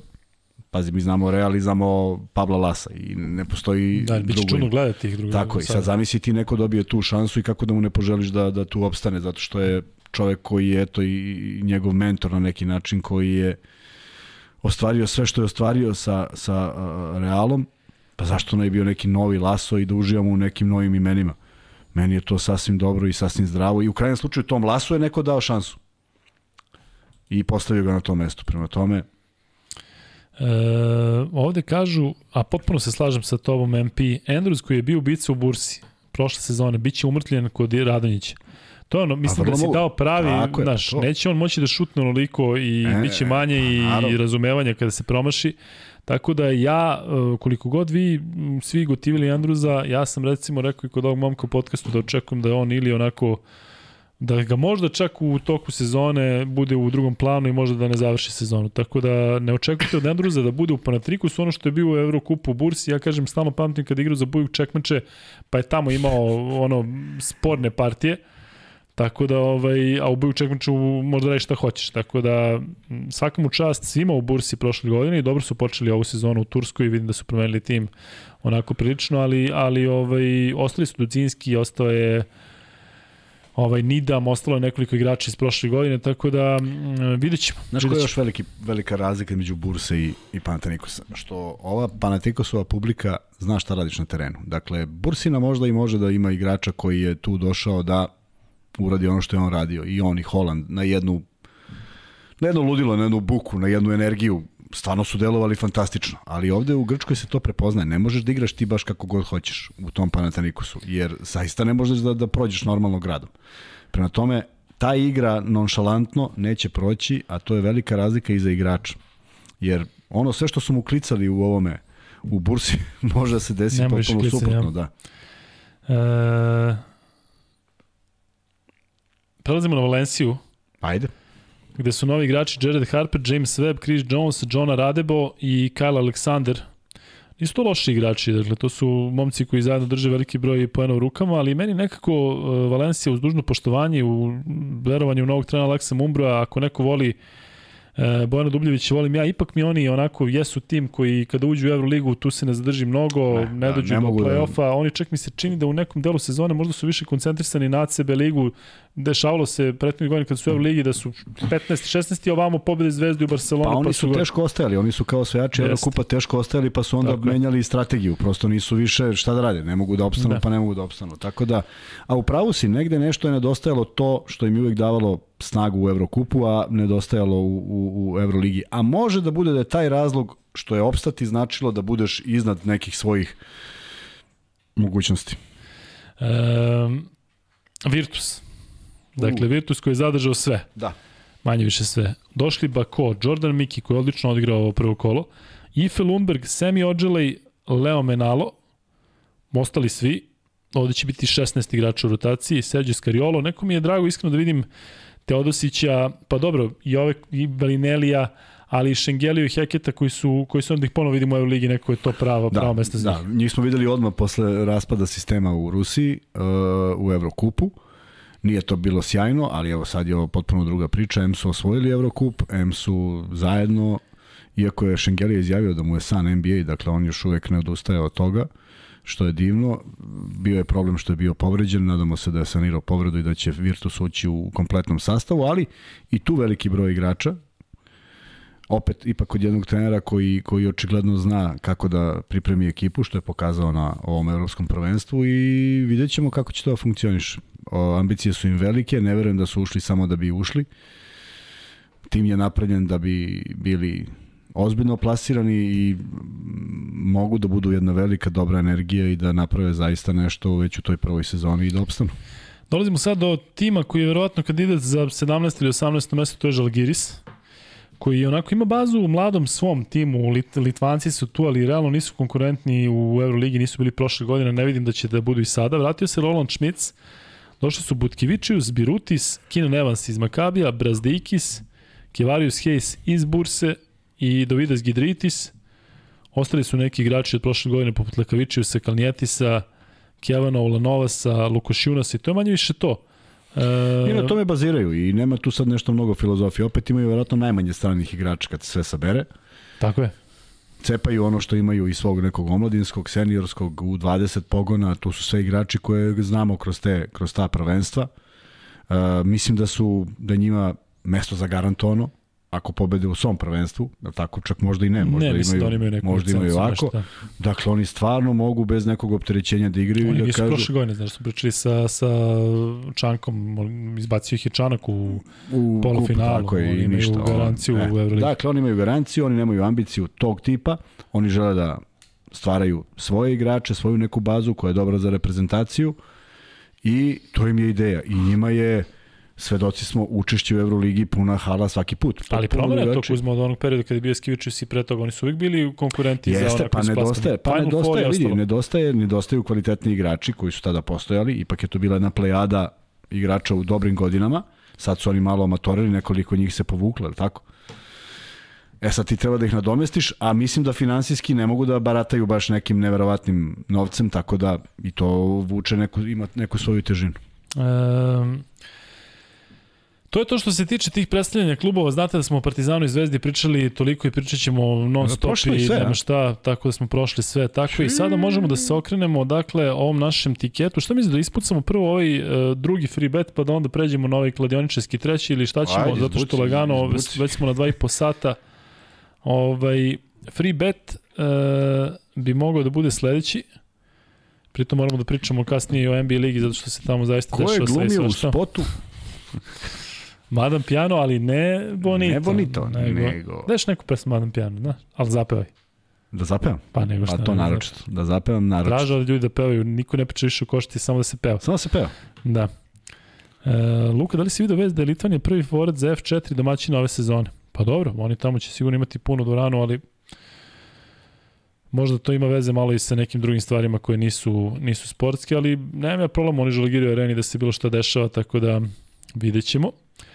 Što se tiče drugog free beta, ajde da se vratimo uh, na ABA ligu, pošto će treći free bet biti uh, sigurno, naravno, ovo zajedničko klađenje što se tiče Euroligije. Ajde taj drugi free bet da bude ovako.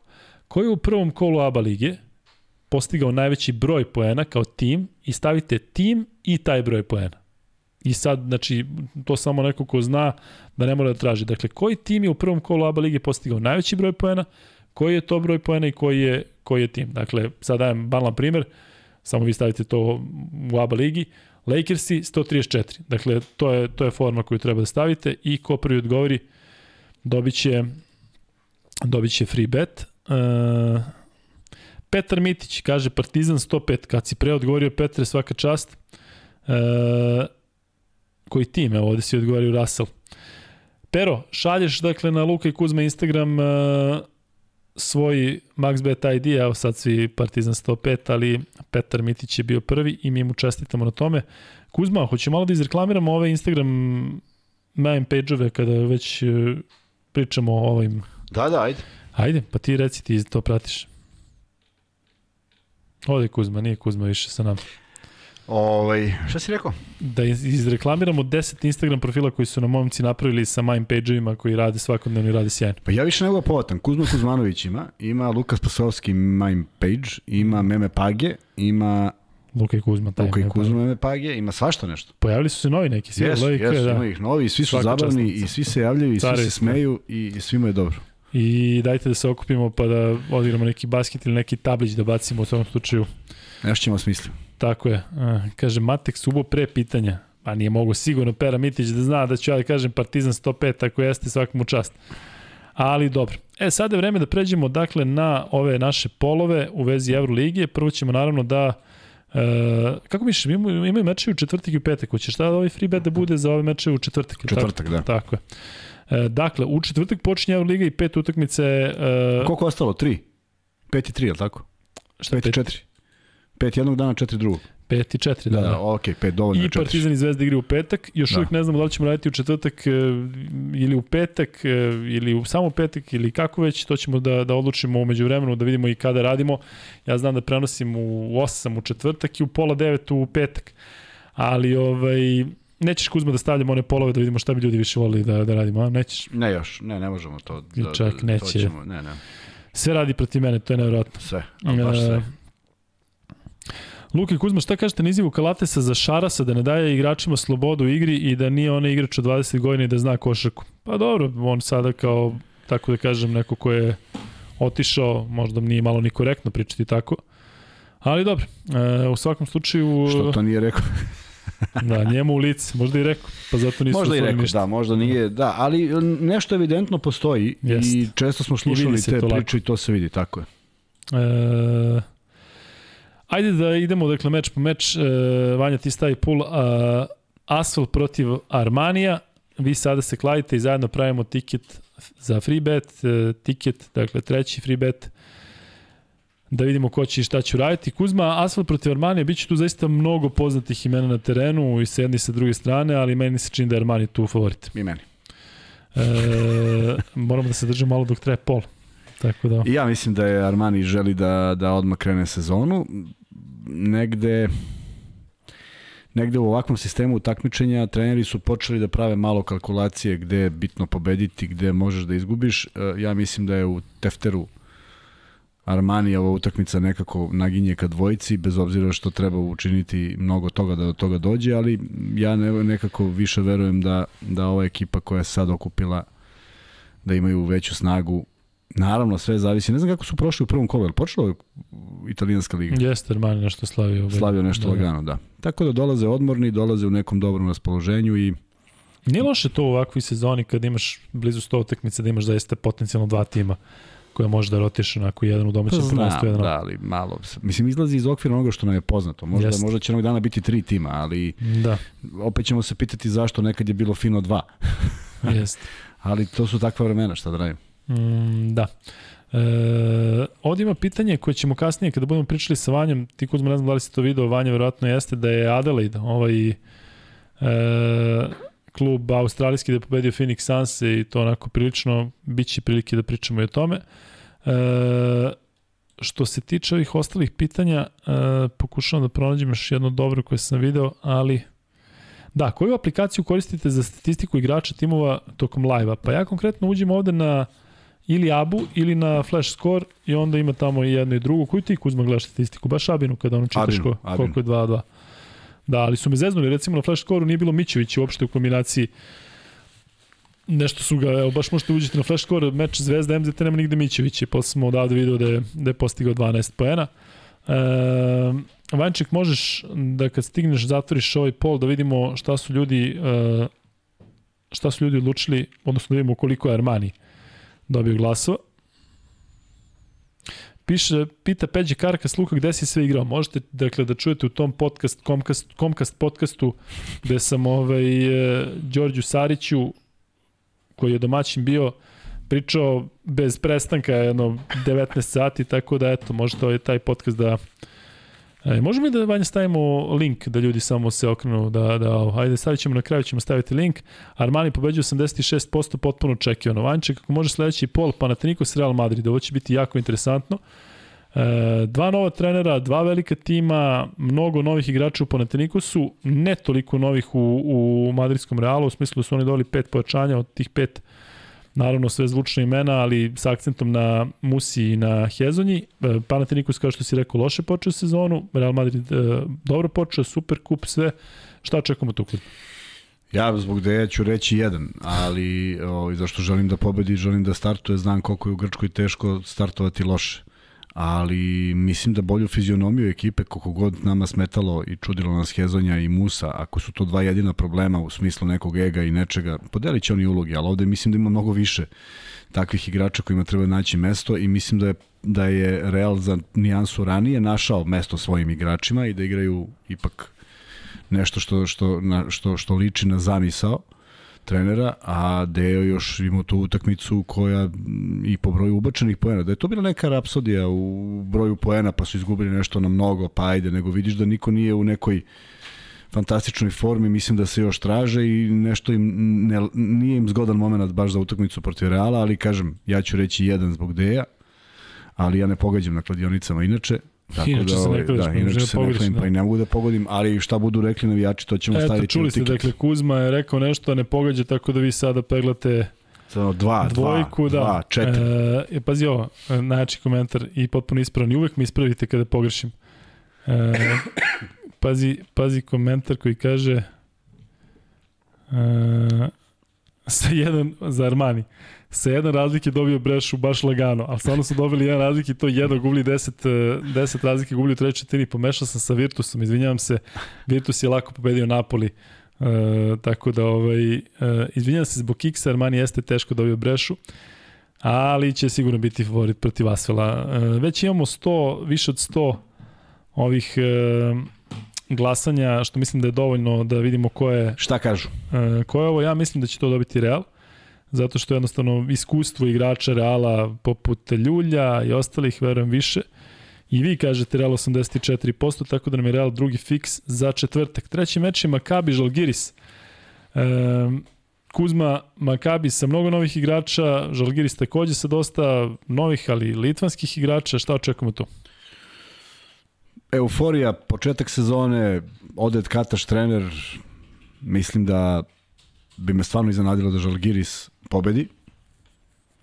Uh, ne zato što ne verujem da, da imaju kompaktan tim, nego zato što će ovo biti jedna euforija u pravom smislu Hoće, reči. Tamo u Menoram i Tači Mareni kada nije kad bilo krene, da... Jest, jest. I to kad krene, tu krene šizofrenija i onda te nosi i, i, i mislim da bi se stvarno iznenadio iako volim kako, i, i, kako koncepciju pravi Žalgiris i kako igra i koliko je bazira na svojim igračima, ali prosto za otvaranje sezone protiv jednog projekta koji mora da uspe. Ja mislim da je toliko para uloženo da da su svi svesni, verovatno i ovi koji putuju dole iz Litvanije su, su svesni šta ih čeka. A, voleo bi da iznenadi Žalgiris, voleo bi košarkaški, ali mislim da, da su male šanse. Slušaj, ovo ispravljanje. Virtus gubio 20 razlike od Napolija, jeste 33-13, ali su na kraju dobili ono prilično ubedljivo, tako da naši ovi znaju sve i baš mi je drago da je tako. Uh, Dejan Andrić kaže, moja pitanja su kod Kuzme. Jesu, jesu, Dejane, evo ga, idemo. Uh, Vanček, smo stavili ovaj pol poslednji, nismo, a? Jesmo. Evo sad smo stavili.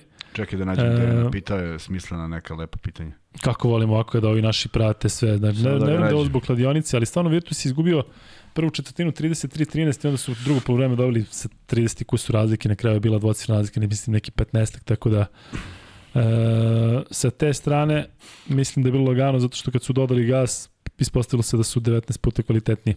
Dejan pita da li će e, ova sezona biti napadačka ili odbrambena, šta mislimo da li će biti više utakmica sa velikim brojem pojena ili manje. Ja mislim da će biti sve više. I meni se čini i Evropsko prvenstvo i ABA liga kako Tako počela je, i nekako ide u tom pravcu. Kako počela da. u tom pravcu, ogroman broj ofanziv, ofanzivnih igrača koji dolazi u svaku ekipu je nemerljiv u odnosu na ono što su neki defanzivni zadaci. Ali samo kad si tu, recimo, ti Zvezda deluje mnogo drugačije u odnosu na Radinić deluje, tim. Deluje mi. Deluje. Pa Zvezda je dobila prvu četvrtinu 13-9 i onda su svaku sledeću nešto... Dali po 20 i nešto, pa da. da. Deluje i bit će drugačije sigurno. U krajem slučaju to zaista nisu, pa nema veze, pa to je od trenera. Ko je po vama, ko je po nama najjači defanzivno napadački, ja zaista ne mogu sad pričam u ovom trenutku, nismo imali nijednu utakmicu. Mislim, stvarno je nagađanje, ali vidjet ćemo posle dva kola o čemu možemo da pričamo. Mada, e, ja mislim da, na primer, Armani ima strahovit potencijal defanzivni i, i ofanzivni. Strahovit. I oni su igrali jednu izuzetno čvrstu igru, a igrali su dovoljno dobro napadački da su uvek ubacivali više poena, više od 80 Ovaj, uh, mislim da će Fener igrati, da će Efes igrati lošiju odbranu nego što je igrao, mislim, iz prostog razloga što su igrači malo stariji, a nisu dovedeni neki igrači koji će napraviti težak neki backup u svemu tome. Ali kažem, sad kad bi ja sam morao od svih 19 klubova, 18 klubova ne bi se baš ovaj, setio svih, ali mislim da će biti napadački, mislim da će defanziva biti u drugom planu, mislim da će biti to ba, odbrana bazirana na, na, bez nekih mnogo taktičkih zamisli, Ja čak ni ne vidim, sad izvini, koje tri kluba, jer da nabrojiš tri kluba koji će da igraju defanzivno. Pa, znači, bar sad igra pa defanzivno Eskiliću. Pa, pa oni igraju, trenom, oni igraju dosta, da. Ali, ali sa ipak... Da. Ali ja bih volio vidim malo više strategije i taktike. Bojim se da ćemo vidjeti jednosmerne odbrane, tu će opet biti Skariola, neko koji će možda pobeđivati na osnovu toga. Ne vidim da su neki treneri ubacivali nešto drugo prošle sezone da kažeš uhuhu da. kako je ovo izgledalo a mislim da to nedostaje malo. Tako da vidjet ćemo šta je. I na to se nadovezuje treće pitanje, da li će neki trener biti koji će promeniti malo sve u Evropi u smislu nekim novinama, vidjet ćemo. Penjeroje, evo ja sad kažem eto, iz Baskonije. Eto, Luka kaže Penjeroje i to je to. E, Penjero je prošle godine u Valenciji imao jedan jako lep stav na nekim utakmicama u smislu da je onako bodrio igrače. Sveća se Penjero koji je jurio tamo u Podgorici sudije da ih bije u tunelu. A, se to je taj, aha, to je taj. On je sada u Baskoni. E, našao baš tamo da ide. Ovaj, ali čudno se stvari dešavaju Morači. Sećaš onog momenta kada je onaj... Ne pitaj me za Kada je bila tuča um, uh, koja je igrao turski tim. Podsjetite me kad su se tukli sami Mehija i EJ Roland su nasrnuli pa je došao navijač, pa je ne znam, zakačio jednog, pa su onda ovi počeli da, da mlataju rukama. Sećaš toga? Ne, slabo. Ali onda se pojavila kao snimak gde neki duh je na tribinama, onako ima nešto, trči neki duh. Ne, nisi vidio to? Moram ti pronađem to. Eno ga Vanček tamo nešto ovaj, sprema neku ne, nešto sprema Vanček, a u stvari sprema samo da pričamo o NBA ligi. Ali možemo Vanček da zatvorimo ovaj pol, gde ćemo vidjeti sigurno da je Makabi favorit i to veliki. E, 83%, dakle za sada nismo imali ni jedan neizvestan meč, da vidimo da li će se to promeniti sada. Verovatno hoće, imaćemo veći egal zato što igraju Bayern i Fenerbahče. E, Kuzma, šta očekujemo tu? Fenerbahče sa potpuno novim timom i Bayern je ipak zadržao onako, Jest. da kažem, najbitnije igrače u smislu svega. Znaš, pričao sam to i sa ovim momkom e, tokom nedelje. Nekako prethodnih godina Bayern je imao onako neke, da kažem, teške momente Zato što ako se sećaš prošle godine, Weiler Beb pao nešto katastrofalno, pa se poredio, Zipser imao moždani udar, Dakle, tu je onako košaka jedno vreme bilo potpuno u drugom planu. Jeste, svašta je nešto bilo u drugom planu i oni su sve to uspeli da urade jednu fantastičnu stvar. I ne zaboravite, za one koji su zaboravili, imali su pet, tri utakmice u pet dana, ponedjak, sreda, petak. I to su izgurali i pobedili Real u Madridu. I zasluženo otišli dalje. E sad, njihova motivacija ja mislim da je mnogo veća nego motivacija igrača Fenera, ne zato što su bolji ili lepši ili pametniji, nego zato što je prvo kolo domaća publika, otvaranje sezone, a inače Bayernu ne ide neko vreme u domaćem prvenstvu, tako da je vrlo bitno da opet vrate to neko samopouzdanje i mislim da nije izvesna utakmica u smislu da će to biti sad neka, neko ludilo od razlike, ali nekako prednost dajem Bayernu motivisan, željan triumfa nad uh, Fenerom, Fener sa novim trenerom koji zna posao, uh, koji je ipak izašao iz nekog svog okruženja, pa i on sada mora da upozna te nove igrače da im nađe mesto. Tako da sve te neke sitnice su prednost Bajerna koji ipak to nije promenio. U krajnjem slučaju Trinkier je bio sa ekipom koliko god ekipe da je imao, bio je sa ekipom sve vreme, a i Tudis to nije. Prema tome vidjet ćemo da li se to odražava na, na igru. Mislim da je Bayern blagi favorit. E, da, ovde je pitanje jednako interesantno, Kuzma, koje nema veze sada sa ovim o čemu smo pričali, ali eto, možemo da ubacimo malo. Da li je, s kim je Madame Piano pevala? S kim je pevala? Bio je neki duet, bio je neki pa Pavarotti, ja? Pa kako nije? E, ali ne, stvarno neki Bocelli nešto je bilo.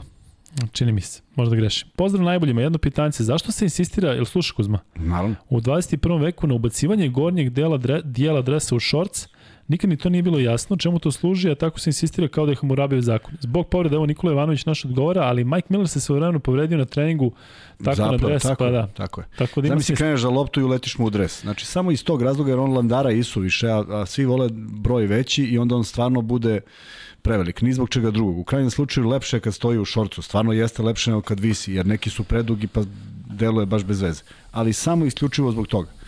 Dakle, možeš da zakačiš prst i da ga polomiš bez problema ako, ako se uplete u dres. Dešavalo se, kažem, evo da. dao sam primjer, Da, tako da, da, da, da, jeste, ali bilo je, pritom je. neki igrači su onako navikli, baš sam prenosio sada ponovo ove Sydney Kingse i Dejan Vasiljević, on konstantno igra ovaj naš sa, sa, sa onako dresom i on je dao neki četiri trojke ili pet trojki za redom, Znaš protiv koga? Protiv onih, e, onog levuđa što ga ti voliš. Znaš nešto što ispaljuje sve.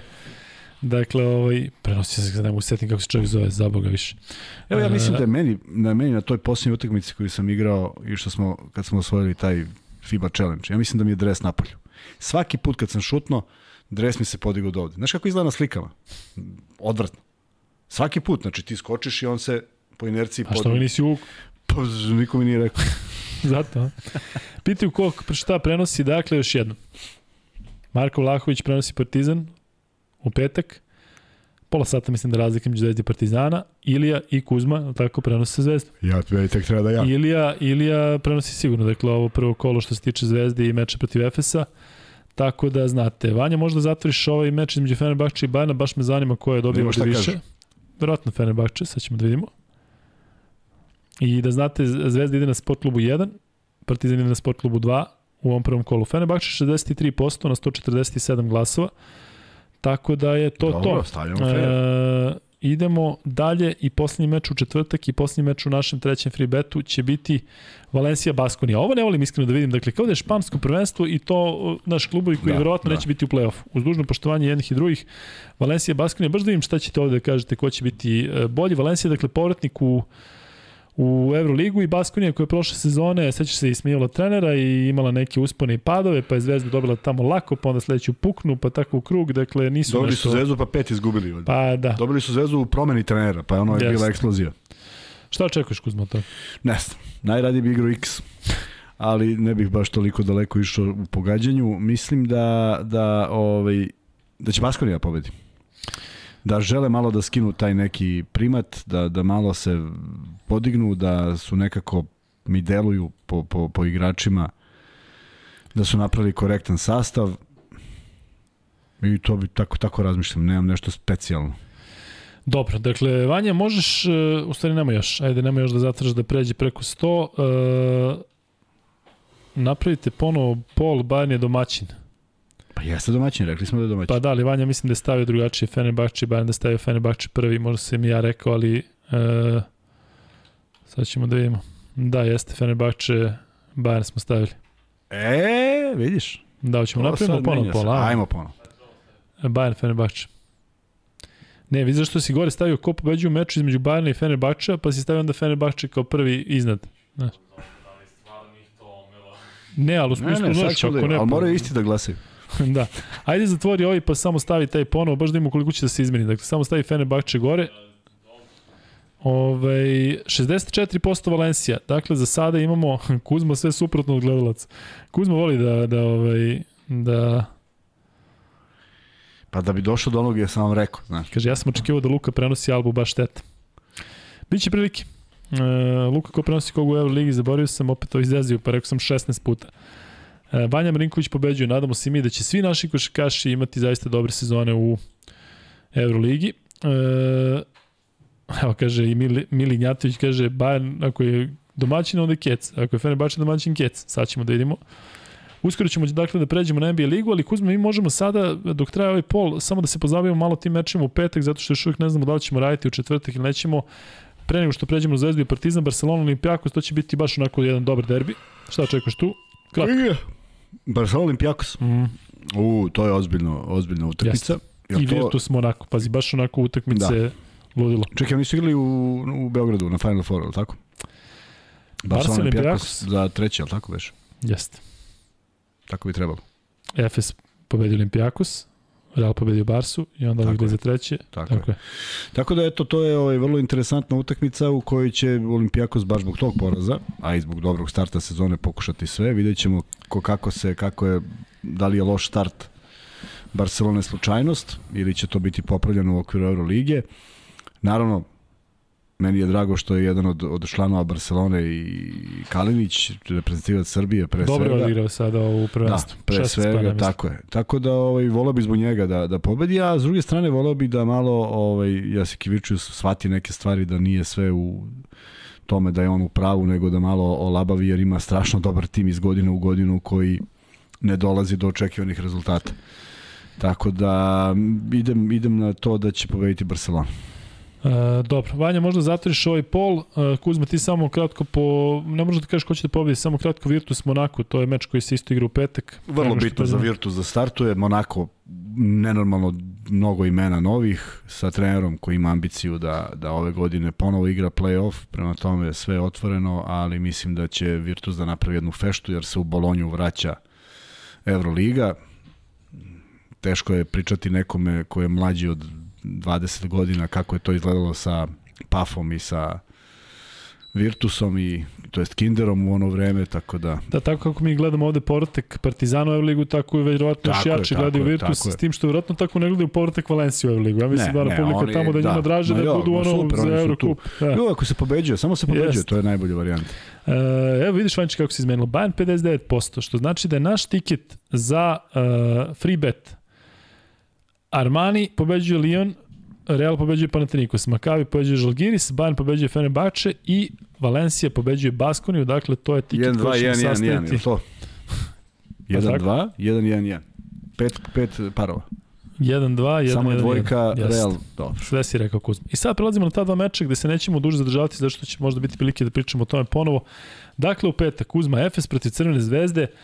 E, prošle godine sećaš se onog teškog, teškog poraza Tako Zvezde je. tamo, dakle da je prvak Evrope bio na kolanima i onda Kalinić promašao bacanje, Vasa Misić sam dobio utakmicu, nekako Zvezda i Efes godinama, pa onda Zvezda pobedi Efes onako na kraju sezone. Tako je. Sećaš se, tako da nekako se razvilo ozbiljno rivalstvo između ovih tima. I šteta je što Zvezda nije makar jednom tu napravila neki break, to dovede onda malo poremeti ekipu, eto jedan taj poraz pa te odvede u nekom potpuno Jest. drugom pravcu. Ovako, ovako preživeli su, preživio Fener te godine isto nešto pola koša pa je bio početak sezone.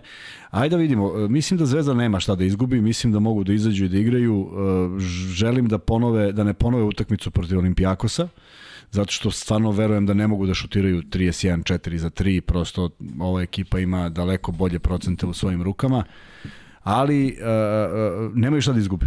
Ta utakmica treba bude jedno nadigravanje i da se proba šta ova zvezda može na tom nivou da se vidi da li je dobro igrati brzo, sporo, srednje, ovako, onako, šta su neke mogućnosti, šta su opcije i, i, i za to iskoristiti utakmicu. Gledati kao obaveznu neku pobedu, to bi bilo zaista veliko iznenađenje, ne zbog sastava, nego zato što prosto dolazimo u priču da, da igra Zvezda sa prvakom Evrope i ići na neku na neko razmišljanje sem velikog iznenađenja, sve ostalo je potpuno besmisleno. Tako da, želo bi dobru utakmicu, jer Zvezdi svaka utakmica ta može da znači i zbog nekog imidža i zbog nekog e, rasta samopouzdanja i svega, tako da ako, kad god odigraju dobru utakmicu, a prošle godine je bilo mnogo dobrih utakmica koje su izgubljene, to je plus za ekipu i ja to tako gledam. Mislim da je bitno samo da Zvezda tamo ne izgubi mnogo, zato što to debi Vlado Ivanović, da to ne bude onako da krenu u kontrapravcu, nekom tako, naš. O, znali smo, tako svi su znali da, sve, ništa ne valja. Ovako, jedna konkurentna utakmica, koliko god je to moguće, da pokažu zube, da probaju sve, da ne respektuju protivnika previše i sad je rovit. Ja mislim da su oni sad, sad najrovitiji, pa Možda. Oti, o, slabo je odigrao FS sada u prvenstvu, dakle prilično nešto tanko je bilo zaše neki tim Nema veze, slabi. potpuno, potpuno sve jedno.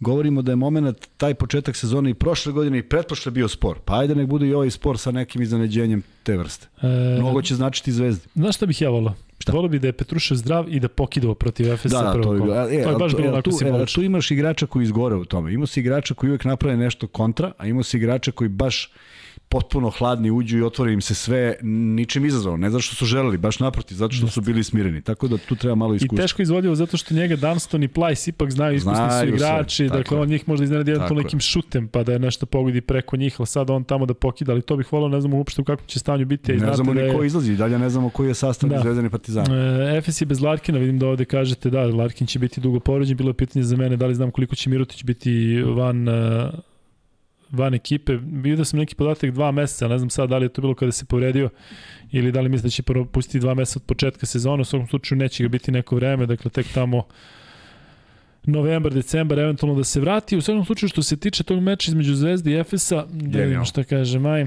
Genijal. Ko je Majm? Neko pomena Luku i Kuzmu u drugom podcastu. da vidi ko puca. Mm. Coka, cokče, čuki, čuki, čuka. Čukić, čiča. Genijalno. Ovo je baš genijalno. čast Mime Gag. Eto, Mime Gag se zove. To je novi ili stari? Novi. Sjajno. E, Biće zanimljivo ako u četvrtak imamo podcast da vidimo šta kažu gledalci, da li će biti, ako napravimo neki pol Efes zvezda, da vidimo ovaj, šta će reći i da li koliko će biti e, koji će odnos biti ako stavimo za kladionicu. Kuzma, da ti pitam ovako, onako, Privatno. Pa poluprivatno. Koliko se raduješ novoj sezoni e, Zvezde u Ligi, ovako iz ugla stručnog konsultanta, dakle na sport klubu, ti nedostaje malo kabina, jel vidiš možda neke šanse za top 8 veće nego ranije? Ne, ne Sve razmišljam. svemu ti ova nekako sezona drugačija od Ne, prethodnih? nikad ne razmišljam o tome. Prosto pokušavam da prenesem ono što je na terenu, neko svoje razmišljanje, neki svoj osjećaj kao bivšeg igrača, ne kao trener. Ne volim da se mešam u trenerski posao i meni to apsolutno prija i vidim da prija velikom broju ljudi koji razumeju šta se dešava na terenu, što bi trebalo da bude neka naša neki naš zadatak. Ja se radujem svakoj utakmici zato što su to utakmice koje znače, koji drže klub u najboljoj ligi u Evropi koja postoji, koja e, ne može da bude osvojena tek tako, ne možemo da se prisjećamo šta je bilo. Evo mi pričamo, mi pričamo o različitosti Evrolige danas i od prošle sezone da imaju svi podupliran uh, roster, ne od onome šta je bilo pre 5 ili 10 godina. Prema tome, ovaj, želim da gledamo dobru košarku, želim da gledamo dobre utakmice, želim da gledam naše igrače pre svega koje ću uvek zaštititi. Nema veze za koji klub igraju, koju god utakmicu da radim, nikad nisam pričao, niti želim da... Nešto su da... ti zamerili da si nekada kao bio previše pozitivan kada je išlo negativno, tako? Pa jeste, da, ali kako to izgleda? Evo, ja stvarno nikad nisam dobio odgovor od nekog kako to treba izgleda. Jel treba kažem, vidi ovaj nema pojma? Pa ne može, to nije, nisam, nije to moj manir. Prvo, to je moj kolega. Drugo, znam koliko im znači sve to i vraćamo se na ono koliko znači poraz igračima, koliko nekome ko sedi kod kuće uz kokice i pivo. Nije isto doživjeti poraz. Prema tome, ovima je sigurno teže. I jednostavno niko to meni nije sugerisao. Ja sam se osetio da, da, da tako hoću da radim i, i od uvek sam pričao ako neko promaši sve živo i skoči dva puta, ja kažem evo najvažnija dva skoka u napadu, to mene ne košta ništa i zaista mislim da su to bitni momenti i meni je drago da ako do tih ljudi čuje da ih je neko podržao, a možda će neki navijači zaista i podržati to u tom trenutku, Ja mislim da je tim ljudima potrebna podrška, ne, ne kritika. kritika A voliš da skreneš pažnju na te neke stvari koje ljudi realno ne vide, tako neki Tako detalj u tako odbrani ili to- nešto da... Znaš, to je, to je vrlo bitno, zato što stalno se desi da ispada neko iz odbrana. Na primjer, nekoliko puta su govorili kako Kuzmić kasnije, uopšte nisu bile Kuzmićeve greške. I onda ljudi kad, znaš, pogledaju, vidi tu sliku i stvarno tako deluje, uopšte nije do toga. I naravno, mnogo, mnogo sam više zaštitim domaće igrače iz razloga što, što nekog odnosa prema njima, a s druge strane, ovi koji dođu, oni su dovedeni da igraju glavnu ulogu. I zato sam ja stalno spominjao čoveka koji je meni čak i vrlo simpatičan kao igrač, Holden, koji me je uvek fascinirao rotacijom sa čoveka koji šutira. Najbolji šuter, ali, ali nepogrešivo ga ostavi. To su činjenice. Dakle, ja nisam to radio sada bi nešto pričao njemu, a ovome neću. Znaš, jednostavno- Holden. Ma ne bre, Volden, ne Holden. Volden, Corey da. Volden. Volden, Kakav da. Holden? Znači, uvek nepogrešivo rotira sa najboljeg šutera i tak, tako igra i nikomu nije objasnio i možda ne može da razume. Ali oni su tu da donesu rezultat. E, kad si tu da doneseš rezultat, onda imaš i neku veću odgovornost, ja to tako vidim. I kažem, mnogo ljudi je prišlo za sve ove godine i mnogo više onih koji su imali nešto mudro i pametno i šaljivo da kažu nego što je neko imao nešto protiv. E, čitao sam, pisali su mi, to, to mi je bilo potpuno neverovatno, napiše mi neku privatnu poruku, jeli majmune izgubila zvezda, znaš. Jebote, majke mi. E, ja ne znam, ja ne znam da li sam nekog oslovio majmunom u životu, jel. Znaš, Mislim ti kad vidiš to kako... Ne, ali baš pogledaš i baš mi je čudno, jer ne znam uopšte kako da reagujem. I onda shvatim da po slici taj dečko ima 17-18 godina. Jeli znaš, mislim, to mi je nejasno, potpuno. Znaš, plačeš kod kuće i tako dalje. Međutim, toga je bilo u mnogo manje i naravno, i, i, i ja uopšte nisam mogao da ustanovim, ja uopšte nisam mogao da ustanovim i nikad nisam ustanovio šta je, šta je mogla zasmeta navijaču Partizana kad ja radim Partizan. To mi nije bilo jasno. Pa da se smet, zasmetavalo, mada tad nije bilo toliko ovih. Nije bilo ovoliko, ali je zasmetalo je, ali nikad nisam razumeo šta. A valjda samo zato što sam igrao u Zvezdi. Ne zato što ja pričam nešto, nego zato što je to Uvijek će nemoguće. biti toga, ja mislim Pa, tako da ja viš sa Raduljicom sada šta Pa, se priča, vidim, e, ali ja FNP-u stvarno, i e, stvarno vraćam film. Potpisivanje nas iz Beočina i dvojica iz Beo banke da dolazimo u Zvezdu. Stvarno mislite da nas neko pitao za koga navio? Da. Pa, ko-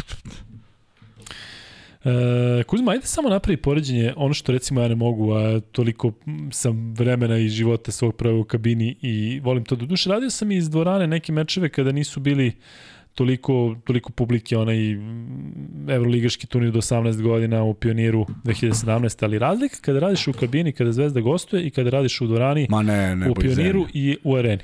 Nebo i zemlje. Pa ne, ne, ne, nema, nemaš isti osjećaj uopšte. U kabini prvo, prvo lepo je raditi s Darkom koji izlomi pola inventara tamo kad Zvezda odigra loše i to mi je uvek fascinantno. Ja mislim da se on jede više od bilo koga drugog.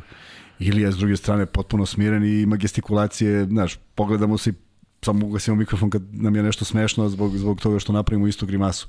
Ali nije isti doživlje, naravno, i ovde te pokrene i ovde je vrlo bitno šta je dobro na tim, na, kada si u, u, u hali, cela fora je što vidiš stvari koje ne vidi ni kamera. I ti možda preneseš nešto potpuno 15. i to mi je u stvari ono što mi najviše, na, najdraže, da možemo da prenesemo nešto što se ne vidi. Pa tek onda kasnije se pojavi a ti si već donao. I meni je veliko zadovoljstvo što radim kad radim s ljudima koji to sve vide. Dakle, ja ne moram nekog da cimnem, nego prosto gledamo iste stvari i pričamo o istim stvarima. Uh, ima ljudi koji više vole kako Ilija prenosi, ima više ljudi kako prenosi, vo, kako vole, vole Darka kako prenosi. Meni je zadovoljstvo i s jednim i s drugim, zato što znam da radim sa ljudima koji to izuzetno dobro rade. Laki je neko ko s kim sam prošle godine radio, koji je odličan uh, čovek koji se sprema za svaku tu utakmicu i ako negde i pogreši, znajte da se Laki ozbiljno sprema za to i da je to samo više trema nego nego bilo šta drugo. Da, tako velika da, odgovornost. Jeste, onako puno dvorani. Tako je. A evo ove godine smo radili 3-4 studija zajedno i sve je funkcionisalo kao da radimo godinama unazad. Tako Prema tome, to su sve ljudi koji znaju svoj posao, spremaju se za svoj posao, nekom to ide lakše, nekom teže, ali to je stvar afiniteta, ali kažem, utakmica je jedno, ono u kabini je drugo, izolovan si, zvuk ti krv dolazi kroz slušalice, vidiš isto što vidi i gledalac, nemaš nikakvu, nikakvu sa strane priču i naravno da je onako ne mogu da kažem da ikada pričamo da samo da se završi. Ima to svoju draž, ali ovo je ipak nešto posebno. Arena i pionir, kratko. Razlika? Pionir. Pionir zašto je meni pionir u sećanju zbog svega što sam ja prošao i zbog činjenice da je to toliko intimna atmosfera da ti stvarno se osjećaš da, da si na, na rukohvat. E, kad je bila, kad je bila, bio Saša Obradović sa album u Pioniru, ja sam stvarno mislio u toj četvrtoj četvrtini kad su, kad više niko nije čuo. Sašu više niko nije čuo. Nijedan igrač nije mogao da razazna šta se dešava. Ja sam zaista mislio da se blago da vibrira ona hala, koliko su koliko je navijača bilo, koliko su skakali, a opet spektakl u areni, zašto? Zato što smo na sredini Drugačije su pozicije. Da. Ovde smo bili sa ćoška, sad smo iza, a tamo smo na sredini i imaš potpuni pregled svega areni, šta se dešava u areni. Da, ja, i mnogo je lep ambijent. Jeste, ne, ne, za Final Four smo bili iza. I iza, tako da. A ovde je bila centralna loža je naša i ti vidiš ono sve na dlanu, vidiš gde ko sedi, znaš, sve, sve možda bukačiš. Da.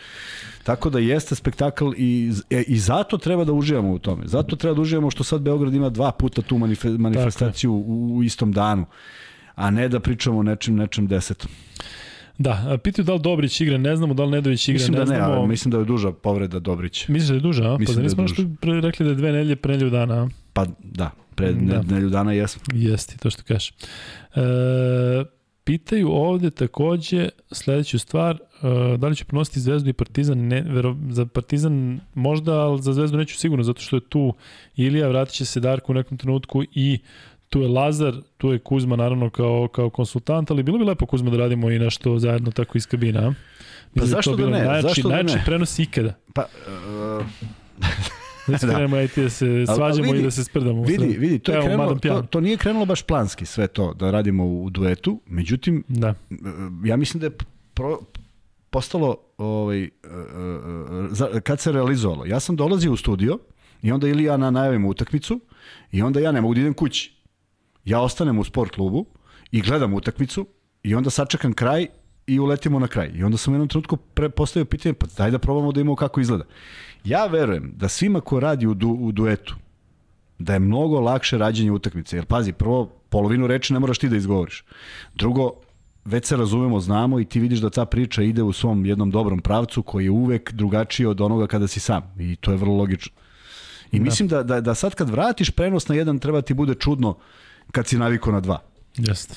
Da, i uvijek je lakše raditi dvoje, recimo, lakše, samo kad smo NBA ligu radili, pa i NHL kad smo radili, neko je dinamičnije, brže prođe vreme, tako da za te utakmice zahtevne uvijek je ovaj možda bolje da je dvoje. E, pitate Kuzma da li si igrao Euroligu? Jesi, koliko beše? Tri sezone, ili tako? Tri sezone, da. Da, i sve sa budućnosti. Da, budućnosti. Da. E, Nikola me ovde brani od nekog, ne znam od koga, ali hvala ti Nikola. E, nisam video da je neko napao. Vidim da ovde samo su lepi komentari, da ovde se smeju na ovo što su ti slali te neke poruke, taj neko što, što je vređao kada smo se smeli malo pre i svi. E, kažu ovde da je... E, da, malo skačemo sa teme na temu, ali moramo da privodimo kraju, tako da nemojte se ljuti, ali neke komentare moramo da, da preskočimo. I Kuzma, ajde da sada uh, da sada uh, završimo sa ovom utakmicom Alba Partizan, idealan protivnik, je li tako? Složit ćemo se za Partizan Ne mislim da je idealan, bolje, ne, bolje da je neko drugi. Bolje da je neko slabi ili da je neko jači? Bolje da nije Alba taj tip, taj tip uh, utakmice. Jedna je ekipa koja igra u istom sistemu. Nisu doveli mnogo novih igrača. Tako Znaju se, razumeju se, eto, sretna okolnost ispada da je neko povređen, što ja se nikad ne radujem kad neko fali u ekipi. Naravno ali ovaj mogla da bude za nijansu bolje. Čudi me da su obe ekipe na gostovanju, to je ono što mi je ovaj Neverovatno meni da se da se prepliću Zvezda da. i Partizan. Ko je to mogao da stavi? Ne, zar nije logično jedni četvrtak, drugi A, petak i tako cepa i do do kraja sezone, ali A znaju pritom koliko tako, se gleda. Tako, i šta će se dešavati? Hoće biti u isto vreme, malte ne ovde. Mislim, malo besmisleno, ali ali voleo bi da Partizan dobio nekoga za nijansu, voleo bi na primjer Valenciju da je dobio. Baskoniju da je dobio. Tako ne, neku utakmicu, jer ovi su mi nekako ostavili utisak izuzetno nezgodne ekipe. Uh, mislim da Partizan ne da ima čime da im se suprostavi, nego mislim da bi trebalo da, da, da, da igraju svoju igru i da pokuša da, da nametnu takav ritam da Alba mora da se, da se ovaj, adaptira ali mislim da Partizan po ovome što ubacuje u prošle sezoni, što je ubacio u ovoj sezoni, da može da ovaj, da, da, da dođe do pobede i da bude jedna dobra utakmica. Je smokivanje, čulo se nešto neki... A? To nas prisluškuju. A, to Vanček šalje neke poruke, treba da završamo. Sad ćemo. Uh, uh, zar ne misliš, Kuzma, da je za Partizan onako jako dobra stvar što će u Berlinu sigurno da bude nekoliko hiljada navijača Partizana. Mene ovo počeće na Evrokup u Hamburgu prošle da, godine, da, dakle da. neka atmosfera. A znaš da Alba ima navijače koji su uglavnom ono stariji da ne, znaš, ono, matorci koji 45 godina, matorci. Jeste, nisu to, ali da. tipa ono, ima starih ljudi koji, koji su tu više da se zabave, tako da nije ono, nije neka atmosfera sada paklena pa ne znam šta da, da te pojede. Nije, i bit će tamo navijača Partizana sigurno kao i uvek što ih bude, ali ovaj ali to je jedna, jedan, jedan deo priče, fokus, jedna, jedno iskustvo koje su mogli da gledaju kod komšija, negativno, ja mislim da je Zvezda sve ekipe pobedila sem Albe, je tako, u Euroligi. Mislim da ni sa kim nema negativan skor, ne negativan, nego ima pobedu, makar jednu. Uh, kako je Alba startovala ovu sezonu? U nemačkom prvenstvu? Mm -hmm. Nisam ispratio. Svakako je ekipa koja je nezgodna, koja Što ima trenera koji je tu, nasledio se sistem igre koji je sličan. Rekao smo, profesor Trunić je ispričao, španski treneri su na ceni, oni to jako dobro koriste i neće Partizanu biti lako, a opet može utakmica da ode u nekom drugom pravcu. Međutim, zaista bih volao da vidim da Sikma ne zadaje te probleme, jer koliko god smatra da je on dobar igrač, nije neko ko je nezaustavljiv, a nekako mi deluje da sve te utakmice kad dođe u Beograd on reši. Prema tome, ne bi baš morao sutra, to jest ne bi morao onda rešao u petak. Alba pobedila Bamberg 90-80 u da, ovom kolu sada, vidiš, a pre pa toga da. su dobili uh, Hamburg od kuće A, to je bilo nešto jedva na dva pojena. Tako, tako 81, da, da, 78. Da, da, to je bila malo Prati muka, Kuzma, jest. nema šta. Da, da, da. Znaš šta bih volao? Volao bih da, da jedan i drugi tim startuju pobedom, a zadovoljit ću se i jednim triumfom našeg kluba. Može, dakle, može. Super bi bilo dakle, da pobede jedni i drugi, uh, ali kažem da jedan dobije i da tako počnemo, samo da ne bude ono 0-1, 0-1, ne zbog bilo kakve nervoze ili bilo čega, ali ovako bi bilo baš lepo. Ima ovde predloga Kuzma da radimo derbi zajedno na Euroligi. Bilo bi lepo, ali malo teže. Da Slušaj šta kaže Marko Jeremić. Šta kaže Marko? Pozdrav Luka, evo informacije za fantasy. Trenutno imamo 86 u ABI, 163 u Euroligi i 33 u Eurocupu. Marko Jeremić, stari, si zato stavio Marka Jeremića u... u ovaj... Možda su rođaci pa ko velim da stavim. Da, možda isti Marko Jeremić, nije, a? možda. E, dobro, e, sada ćemo lagano da pređemo na NBA ligu, što znači da se Vanček sprema za e, druženje sa mikrofonom nakon dugo vremena. To znači da Kuzma može malo da odmori.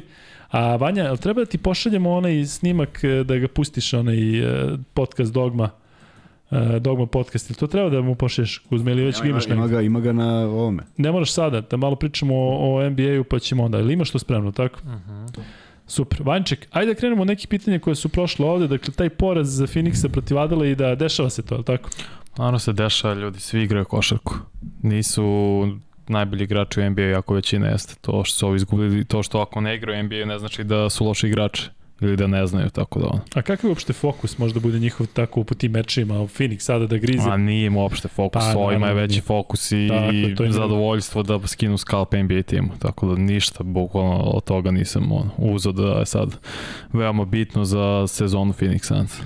E, druga stvar ovo oko Embida i dobijanje američkog pasoša, ali misliš da to menja nešto sada što se tiče francuske Misliš reprezentacije? francuskog pasoša? Dobio je američki pre dva dana, si vidio to? Ne, stvarno? Dobio je američki pasoš i sada da to nešto menja, a? Ne, verujem da išta, znači mislim da će igrati za Francusku, da ako im je već dao reč. A meni žao što ne, oni, zamisli oni s jakom u kameru. Da, to, kako je bilo izgledalo. top. To je bilo baš Dakle, top. Kamerun bi, Kamerun bi kidao. E, treće pitanje, e, Vanček je moje sada ovo što se pojavilo da Westbrook kao je na izlaznim vratima Lakersa. Koliko jeste, koliko nije. Ne znam koliko je pouzdan on lik koji je javio. Mislim da je neka atletik je javio. Dakle, neko ko je Pa da, da je okej. da, da, da, s- sve spremno za ko Buddy Hield i Turner za Westbrooka i pika iz 2027. prva runda i 2029. Kaže da dosta timova ono, priželjkuju te pikove zato što misle da će Lakersi biti mnogo loši i da će ti bi- pikovi biti visoki. Pa to je realno to. Pa nije realno, mislim to je za 5, to je 7 godina, mislim ko zna šta će se desiti. Ali znaš da je Hem rekao kao računao na Westbrooka, da se nešto sada promenilo Da, da, pa O- dobro, možda on to ovako rekao, da, zato što je morao to da kaže. Da. Ne, ne znači skoro ništa, tako da ćemo vidjeti. E, pita Vuk Grbić, ko ima način roster po papiru po vama, ako ne gledamo povrede, Clippers i Boston ili Brooklyn? Ovo sa Bostonom sa, sa, u tokom delo je baš loše. Da, potpisali su Blake Griffina. Jesu, da, ali ne To znam šta on može uopšte da uradi sad. Pa dobro, igro je dobro Blake. Bude rezervni igrač sedmi osmi, tako u rotaciji, što da ne. Misliš da može? Može sigurno, Da. mislim da može. A mi, o, Clippersi mislim da su baš ozbiljna tim. Jesu, ako je Kawhi 100% Da, spreman. i Paul George, mislim da su oni Šta mnogo je sa. Volome? Znaš dokle stigla sa njim? Da li Pa- će onda igra, a? Igrać, igrać sigurno, mislim će ili će biti startni play ili će biti šesti igrač. Oni ili Reggie Jackson će se menjati u toj rotaciji. mora Reggie da bude prvi, ne može John Wall sad jedan da se vrati da Reggie istisne. Mislim da će iznenaviti John Wall dosta ljudi.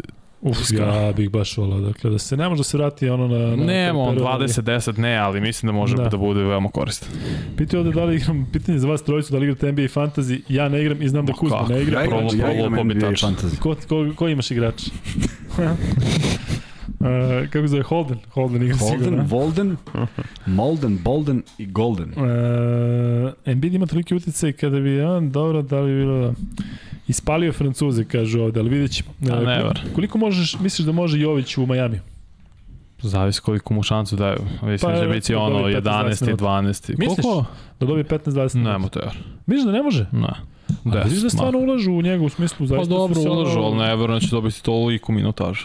Miami ipak, o- mislim, tim koji se bori za titul. Jesi vidio Hero ugovor 130 minuta, pa dobro. četiri godina? Zasluženo.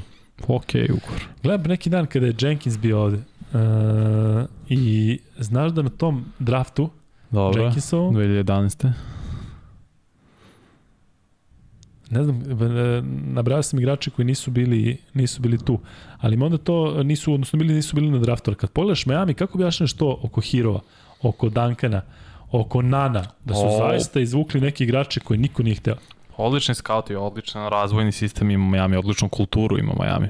Predvođen Pat Riley pre svih. Ali malo publika tu je problematična, a? Kako mi se publikum? Pa u Miami. smislu da, da, da, znaš da je bilo ono priče da su izlaze ranije, da nisu tu, da nije puna dvorana, nikad se igraju bitne utakmice i Pa ostalo. nije, sad je bilo poslednjih godina, čini mi se, ali Da. to od Miami ti kao LA. Jel Mislim, imaš igra? zanimanja. Pite Kuzma da li još igra Lonzo Mourning igra, ali za uši pa oko bandere.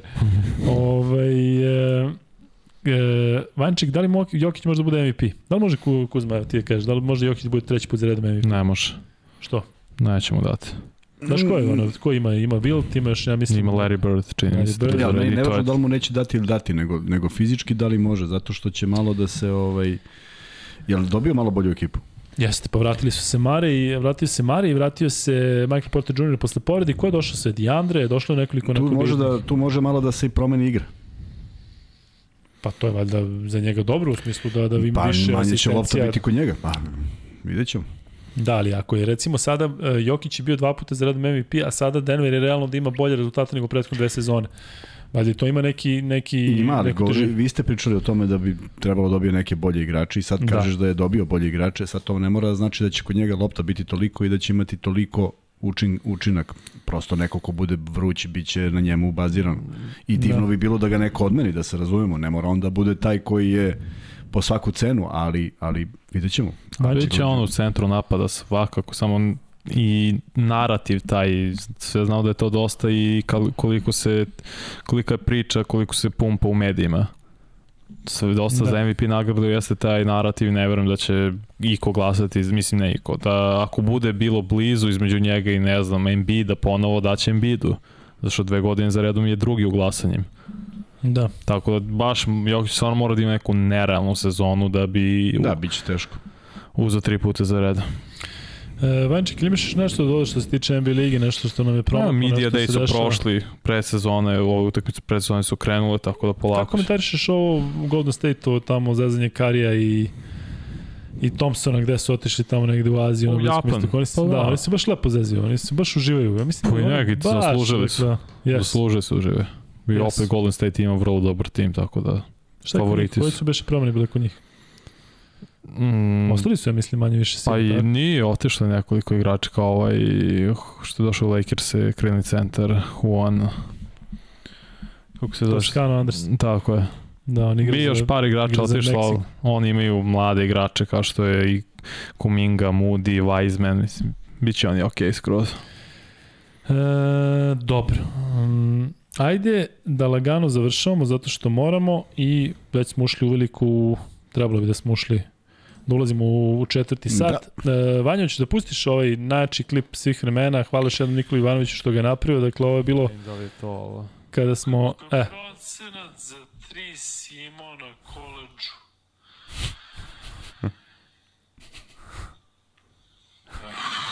Je malo se nečemo? Teško, pri, teško pričati o sebi, Vidi jer očike. ne može se naći. Vidimo Ne na oči. da se nađe. Znaš ko, seti Ali- se, seti se koji. Sme. Ne. A slušaj, 10, 67%. Pa sad ko pijanica ispred samiške, pa sad. Jednom Ne. ću vam snimiti kako šutiram trojke samo da malo dođem u red. Pa kad pogodim 100 za redom, Da, to je taj legendarni klip Pa koji kad- možete vidjeti na našem, uh, na našem ovom uh, Pa kad pogodim sto kanalu. komada je. Pa ti si onda rekao 100, rekao 100. Ali uzdah je način, dakle. Da, da. Teško pijanstvo. Da, ovaj, e, još jedno da kažem da sam e, da sam pričao o tim college danima i o sranjima da izvinete koje sam pravio. E, pričao sam u podcastu koji se zove Comcast kod Đorđe Sarić i zato molim vas nemojte tražiti da mnogo o tome trošimo vreme ovde zato što su mnogo i zanimljivije te Kuzmine priče i sve u svemu um, sve u svemu to je dakle ono što možete vidjeti. Kuzma, ja ću tebi sada postavim jedno nekarakteristično pitanje Ajde. za tebe, ali Crni grobar ovde evo pominje nešto oko uh, Jugoslovenskog sportskog društva Partizan. Pratiš ovo što se dešava na nivou u, unutar Partizana kao kluba, futbal, A, JSD i ostalo? Nisam pratio, nisam pratio nešto podrobno. Meni je u startu žao što se tako nešto dešava, jer ne volim takve podele. A onda je izašao neki, neko saopštenje da su jedni i drugi pobednici nečega. Ja mislim da tu generalno svi gube. I, ovaj, I onda sam pročitao da sad Partizan hoće da istupi iz Ma da, Jugoslovenskog sportskog društva, sve to je onako jedna, jedna mučna situacija koja, ne znam, verovatno postoje neki ljudi kojima to sve ide u prilog, ali meni nije jasno i žao mi je što do toga dolazi i eto ja samo nešto iz svog iskustva kad sam jednom bio na 75 godina, da li je 70 ili 75 godina zvezde. Ja ne mogu ti objasnim osjećaj kada su tamo bili Pižon i Savić. I ti shvatiš da si u tako nečemu, jer ja sam zbog njih počeo da navijam za zvezdu zato što sam njih gledao uh, 80-ih kad su igrali futbal. I to ne treba rušiti, to ne treba ruinirati, to treba gajiti jer uh, Partizan i Zvezda imaju zaista nenormalno veliki broj uspešnih sportista u svim sportovima, tako da mi je sva ta podela potpuno nejasno. Meni je žao što tih podala ima bre svuda još. Ne, Kad imaš u jednom svuda, pa klubu, naravno, da li je moguće da nema? to kod nas bre ima na svim Jeste, mojim, jeste, razumeš? jeste. Pa ja i ti smo isto to povukli, pa malo malo pa se nešto svađamo. Ja, to je neverovatno, da, dakle. To je, to je čudo kako se ti svađa. A što si me iznervirao pred ovaj podcast, pa nisam znao, pa Vanja ne donosi pa zvonce, tako i- to ništa. Pa tako si loše i krenuo. Vanček, ti je stavi ovaj link, do danas. ovo što sam rekao najgori, a? ovo peti i ovaj. E, stavi molim to ovaj link za, za molim i moma koji je radio ovaj podcast, dakle da ljudi koji hoće da eto ne spavaju noćas pa da slušaju kako ja pričam o svemu i Stavi svačemu, linka, ja sam ga pustio na priču, da znaš. Još pre nego si došao. pa kad si car. Pa eto, hvala ti. E, dobro, Vanja, ovde nas samo podsjećaju da je najveća promena u Golden State-u to što se Weizman vratio i zaista igra dobro u ovim utakmicama i to mi jako drago. Pričao je ovde o njemu i Milović koliko će značiti šta će značiti, tako da sve u svemu Jeste, to je dobra stvar. je otišao i imaš par igrača, ali nije mi fokus trenutno ne bio kad budem radili pravo ono, priprema za NBA, tad će se odraditi po svakom timu i sve će se proći kakve su bile promene u međusezoni i sve to tako da ono, ima vremena do tada. Vanček, jesi spreman da ja i ti odradimo jedan onako dobar NBA scouting pred početak Naravno. sezone, a? Biće, da, Šta da. li će Kuzma da radi tih E, možete u 2 sati četvrtak, 45? Ne, Kuzma će biti ovde sedeći da što ja ne biste u sedim. A, četvrtak to da radili? dobace, da. Ja ću prebacujem kameru na sebe. Može. Tako je. A, Ovaj, samo da kažemo gledalcima da još ne znamo da li ćemo biti u 9, u stvari nećemo sigurno biti u 9 u četvrtak. Nećemo zašto ja radim meč u 8, a kako Tako je. prenosim 8, tako da u To 9 ćemo nećemo nakon sigurno. da javimo, a onda ćemo da javimo i plan za čet... šta ide posle četvrtka, da li možemo i četvrtak i petak. Iz prostog razloga što S tim načinom očekujem, možda se nađe. a? E, se nađe. E, S obzirom da a, nije samo da najavimo utakmicu u četvrtak, jer oba kluba igraju u petak i potpuno bi bilo logično da nešto kažemo i posle toga, tako da tražimo rešenja da vidimo da li možemo četvrtak i petak opet da, da uradimo u, Morat ćemo oprezno da se Kuzma ne iznervira nešto je ovde nastala neka pometnja pred podcast Kuzma kaže i četvrtak i petak, ne ma samo petak, ma samo kad tebi čovjek ne četvrtak. može da objasni ništa. Jesi mi objasnio, ajde, koje je onda zaključ? Ma neću ne smiješ da da kažeš, a, dobro. E, dakle, e, slušaj samo Ajde. platiš? Pratim, naravno. Da li znate da je jedini podcast do sada kada Kuzma nije spomenuo BFC Beočan bio onaj prošli 79 sa Đenkom? Je li tako? Je li moguće? to? Pa je nevjerovatno. Ko to piše? Nenad Koji je KG, majstor? Nenad Stvarno, KG. a Nenade, ti si takav car da ja sada da nešto se pitam da ti dao i free To sam i- propustio samo da ne bude da svaki put pričam Tako je. I sad će 148. će biti sledeći kada ne budemo pričati. Da, uh, Vanja, ajde samo stavi za kraj, stavi pol jedan izrezanja, da li ljudi vole više kada se priča Juba ligi ili NBA ligi. I evo, vi možete da odgovarate lagano uh, na to dok se mi odjavljamo. Dakle, uh, još nekoliko informacija za kraj. Još jednom ovo što je Kuzma rekao, dakle, tražimo rešenje za četvrtak i petak ili četvrtak ili petak. Dakle, najverovatnije ćemo Kuzma raditi u petak posle utakmica, to ima smisla. Ja, tu treba da vidimo kada. Da, zato što pre nas ima Je podcast 99 yardi. 99 yardi, za koji se nadamo da će trajati sa njim 99 minuta i onda mi ulećemo i razvaljamo. Još ne znamo kada je na sport klubu studio. Znamo, dakle, samo da ja prenosim u 8 u četvrtak i u pola 9 u petak. Dakle, tražimo rešenje, pratite nas na Instagramu, pratite ovaj naš uh, kanal gde ćemo vjerojatno da izađemo sa nekim, izaćemo sigurno sa nekim informacijama blago vremeno. Dakle, uh, Tražimo najbolje rešenje i to je to. Zapratite nas na Instagram stranicama, imate varijantu da kupite majice, možete da postanete patroni, možete da nas podržite na milion načina. Ako ništa, značilo nam da udarite bar neki like, zato što kao što smo rekli milion puta, to povećava neki algoritam, dostupni smo u većem broju ljudi. Sve u svemu, uh, tu smo, dakle, pri kraju što se tiče ovog 80. izdanja. U narodnom periodu Kuzma, Uh, imamo dakle dogovor sa Stefanovićem da dođe u nekom trenutku i Vidjet mislim- možda već ponedeljak. Već Što se ponedeljak, zahuktava, oni su pobedili Megu, pa da pričamo malo s njim, jer kažem, nismo ga pozvali samo iz jednog razloga da ne bude gužva i da pričamo da neko mora da pauzira. U ovom našem slučaju to bi bio Jenkins, pošto bi najmanje razumeo, a mislim da je njegova priča bila izuzetna, tako da je bilo divno biti s njim tih dva i po sata. Tako da Stefanović negde da pričamo malo o ABA ligi i ipak nečemu što je iza njega, a to je prošla sezona koja je bila poprilično uspešna, a mislim da nije dobio neku dovoljno veliku pažnju u svemu tome, a verujem da je odradio odličan posao prema tome. Nadam se da će u ponedjeljak biti naš gost.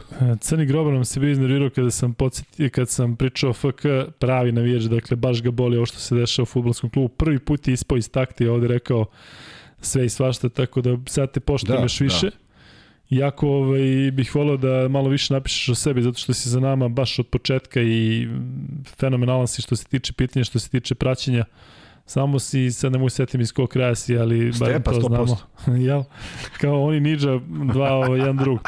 Piti ovde da gost bude Mića Berić i Terej do Zore. Hoće Mića da nam dođe ponovo ili se iznervirao? Mića, ja mislim da je ovo jedva čeka da dođe. Mm, tako da ovaj, znate da su ga prošli put nešto pričali, pisali sve i svašta. Prošli put se nešto, jer su da. izvlačili iz konteksta šta je rekao, naravno Da. bombastičnije nego što jeste. Čovek, ako želi, ko želi da vidi pravu stvar, pogleda podcast i shvati da ništa nije rekao spektakularno, nego čovek priča ovde kao naš, kao naš nije gost, nego kao da je domaći ovde, prema Pa tome s njim najmanje problema i najmanje što smo želeli da on ima bilo kakav problem, ali valjda ljudi vole da nađu problem. I to je ono što sam ovaj...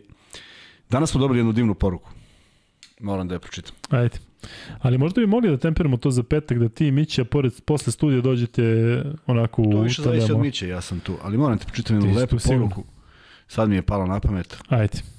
Samo sačekaj sekund. E, evo ga, Jenkins. Ne, sad ću da uđem u live, verovatno. To me je uvek tako. Što je ovog teško ući u ovoj... Sad će da krene Madame Piano, Bonito. Evo, već se, već se čujem, već se Evo. nerviram. Već se nerviram. Vanja, de mi je, bre, ovo. Kada se Kuzme na ovaj telefon čuje u live-u, je Vanji što tražim. puls sa 70 koči na 140. Čekaj, budite tu. Ajde. Nemoj da idete nigde, samo da pročitam jedan lep komentar. Evo. Kako nisi spremio to ranije? To je neverovatno da si tako neozbiljan. Potpuno sam, potpuno sam zakazu. Posle 3 sata Evo malo muzikice, pošto ne mogu da ugasim reklamu, ja se izvinjam. Dobro. Pa ne mogu, Vanja, ja bih. Evo sad Jenkins priča nešto. E, sad slušaj. Cycling Austrija je nik, o, bolje da je dobar komentar. a prevod konji I sad, sad, smo, sad, sad si dao njemu Jeste. prostor da samo... dao sam mu Ajde da prostor. kažemo nešto u vezi tog prevoda što stvarno ljudi ovaj, treba da Pa znaju za zamisli Jenkins. čovek kako se lepo izražava. Kuzma ovde, dakle, majmuni, konji, E. eto, ja nisam znao. Dakle, da objasnimo ljudima, Ajde, mi ne snijamo emisije, Pa da, valjda oni koji nas prate znaju da ne snijamo emisije, da idemo uživo. Ko bude dao rešenje za uživo prevod, a da ne sedi neko ovde i da čita sa nekog scenarija ko na festu, onda ja ne znam kako. Pritom, objasnio sam svima i mnogo ljudi je otišlo na CC u desnom donjem ćošku, kada se gleda preko kompjutera postoji CC i izađeš i piše na engleskom, izlazi titl na engleskom, a ti onda staviš automatski da izabere jezik koji želiš i izađe na srpskom i svi srećni i zadovoljni. Nije to fantastičan prevod, ali je prevod koji je razumljiv. 80% je tačno. I to je to. Da, samo možete sporije da, da, da pohvatate neke reči koje kažu. E, sad ima druga stvar koju ja moram da kažem. Dakle, mi, prvo, uh, Vanja ima toliko posla da ne možete da verujete. Samo što ga ja i Kuzma svakodnevno mu pošaljemo milion uh, stvari u našu grupu, dakle, on jednostavno ne stiže time da se bari, niti može time da se bari. bavi. Prevesti Jenkinsa 3 sata. Ja odslušati 3 sata. Iz- Dakle, samo razmislite koliko recimo neko treba da titlu jedan film, ja sam čuo da se ljudi mnogo cime oko toga, a Jenkins, i ovde smo svi pričali, toliko brzo. Dakle, da je to jako, jako teško. Ja i Kuzma ne znamo o tome mnogo, verovatno ima ljudi koji to rade. Ja znam o to tome sve- mnogo. To je ogroman posao. To je, to ništa dakle- nije komplikovano. To Tako je. vremenski oduzima mnogo posla. Da. Mnogo, mnogo vremena oduzima. Tako da samo imajte razumevanje u smislu da, da zaista vidimo da je, ne mogu da kažem problem, ali da je mnogo smislenije da ima i ta verzija i radit ćemo na tome, nego jednostavno ne stižemo da se time bavimo i nadam se da će se to promeniti. Nadam se da vi imate razumevanje, tako da lagano što se toga tiče, bez nervoze, e, žao mi što bi Jenkins sigurno bio mnogo gledaniji da ima i na engleskom. Šta kaže, a prevod konji, a? A prevod konji. Konji. Čoveče. Ekstra, majmuni i konji. Majmunje, majmune i konji. E, kad je Jenkins rekao da se preselio u Queens, a Luka u kro, koji kraj, ja sam umro od smeha. Pa kad sam car. Ovo, je stvarno, sad, da ih sad sad, evo Nikola Ivanović javlja. Vanja, zatvori ovaj pol da vidimo da li više voli Jubu ili NBA ligu Aj sad da čujem. i da se razilazimo. Znam da ne smete da kažete šta mislite. zato što Kuzma 50-50. vas- 50-50. 58% Juba, NBA 41%. Dobro, to je dobar procenat. To je vrlo blizu. Da. E, ništa. Ljudi, to je toliko. Vanja, ili imaš nešto? Kuzma, ili imate nešto za kraj? Nemam, samo da pozdravim sve koji su danas bili s nama i da gledaju, da prate i da sve ono što si rekao rade i, i to je to. Ja uživam, ti uživaš, sve možemo, sve ćemo smisliti, snaći ćemo se i za četvrtak i za petak, koliko nam vreme bude dozvoljavalo, ali nećemo ostati nećemo uskratiti nikoga i nešto mi je sad fantastično ovih desetak dana od kad se završilo evropsko prvenstvo, što ljudi uporno šalju i kaže kad je podcast, što mi je bilo potpuno neverovatno. A ne znamo ni mi. Dakle, ne, nešto ne znamo ni mi, nego što su se navikli i sad je kao prolazi tri dana pa je to veliki protok vremena. Ima jedan dobar majm, ono što si im poslao da ovaj Escobar, ovaj što ga snima, čeka podcast kako izgleda. Da, da, da, dobro je. Ništa, čekamo evropsko i svetsko, pa ćemo da imamo svaki dan. Ja ću za kraj samo da, da odgovorim na jedno pitanje. Kaže, s obzirom da nisam iz Beograda, interesuje me zašto se kaže da ne može neko da bude sa Sanjaka i da navija za Partizan, zato što je to baš zvezdaški kraj, kao što ima nekih krajeva koji su potpuno partizanovski, poput recimo Konjanika i nekih sličnih, ali jednostavno tako je to podino u Beogradu. Sigurno ima ljudi koji tamo ovaj, navijaju za, za drugi klub, ali nemaju, ne smiju jednostavno da, da nose oblaži. Tamo je baš ono u kraju kada se odrasta, gura se jednostavno ta priča iz kraja si navijaš za jedan od tih klubova. I ja ću za kraj da samo pročitam, e, da pročitam jedan jako lep komentar kojim ćemo i završiti. Jel kao ovo je moj? E, konj plemenita za životinja za razliku od tog što vas vređa. Nije to komentar koji ću da pročitam, ali je lep. E, sad ćemo da vidimo ko je napisao to? To za konji. Pa jesi rekao da ga ne reklamiramo više? E, ali znaš, Je, ima ovde neko ko se izvinjava, ali kaže da je dobro namerno, malo nije to vjerojatno taj. Baš je bilo dobro namerno. Da, nije, nije Konj je onako ždre, ždrebat koja da. trči po polju. Tako je. Tako izgledamo ti. Carevi kao. Ca, carevi, konji, carevi. E... Pa tako ja isto tebi kažem, gde si konj, ovo, gde si car? E, da, sad svi komentarisate ovo, e, komentariš to da nije trebalo uopšte da da damo tom gospodinu e, prostora. Da mi je ovaj komentar? Evo ga, Mila Ignjatović kaže sledeće. I opet kažem, ne znamo da li ćemo raditi u četvrtak ili petak, ali ovo je zvuči lepo. Momci, laku noć i srećno našim timovima u prvom kolu Euroligi. Tako Kuzma, je. se slažeš? Sve rečeno. Vanja, slažeš se. 80. podcast je gotov, vidimo se u četvrtak ili petak ili u četvrtak i petak. Obavestit ćemo vas blago vreme. Vidimo se.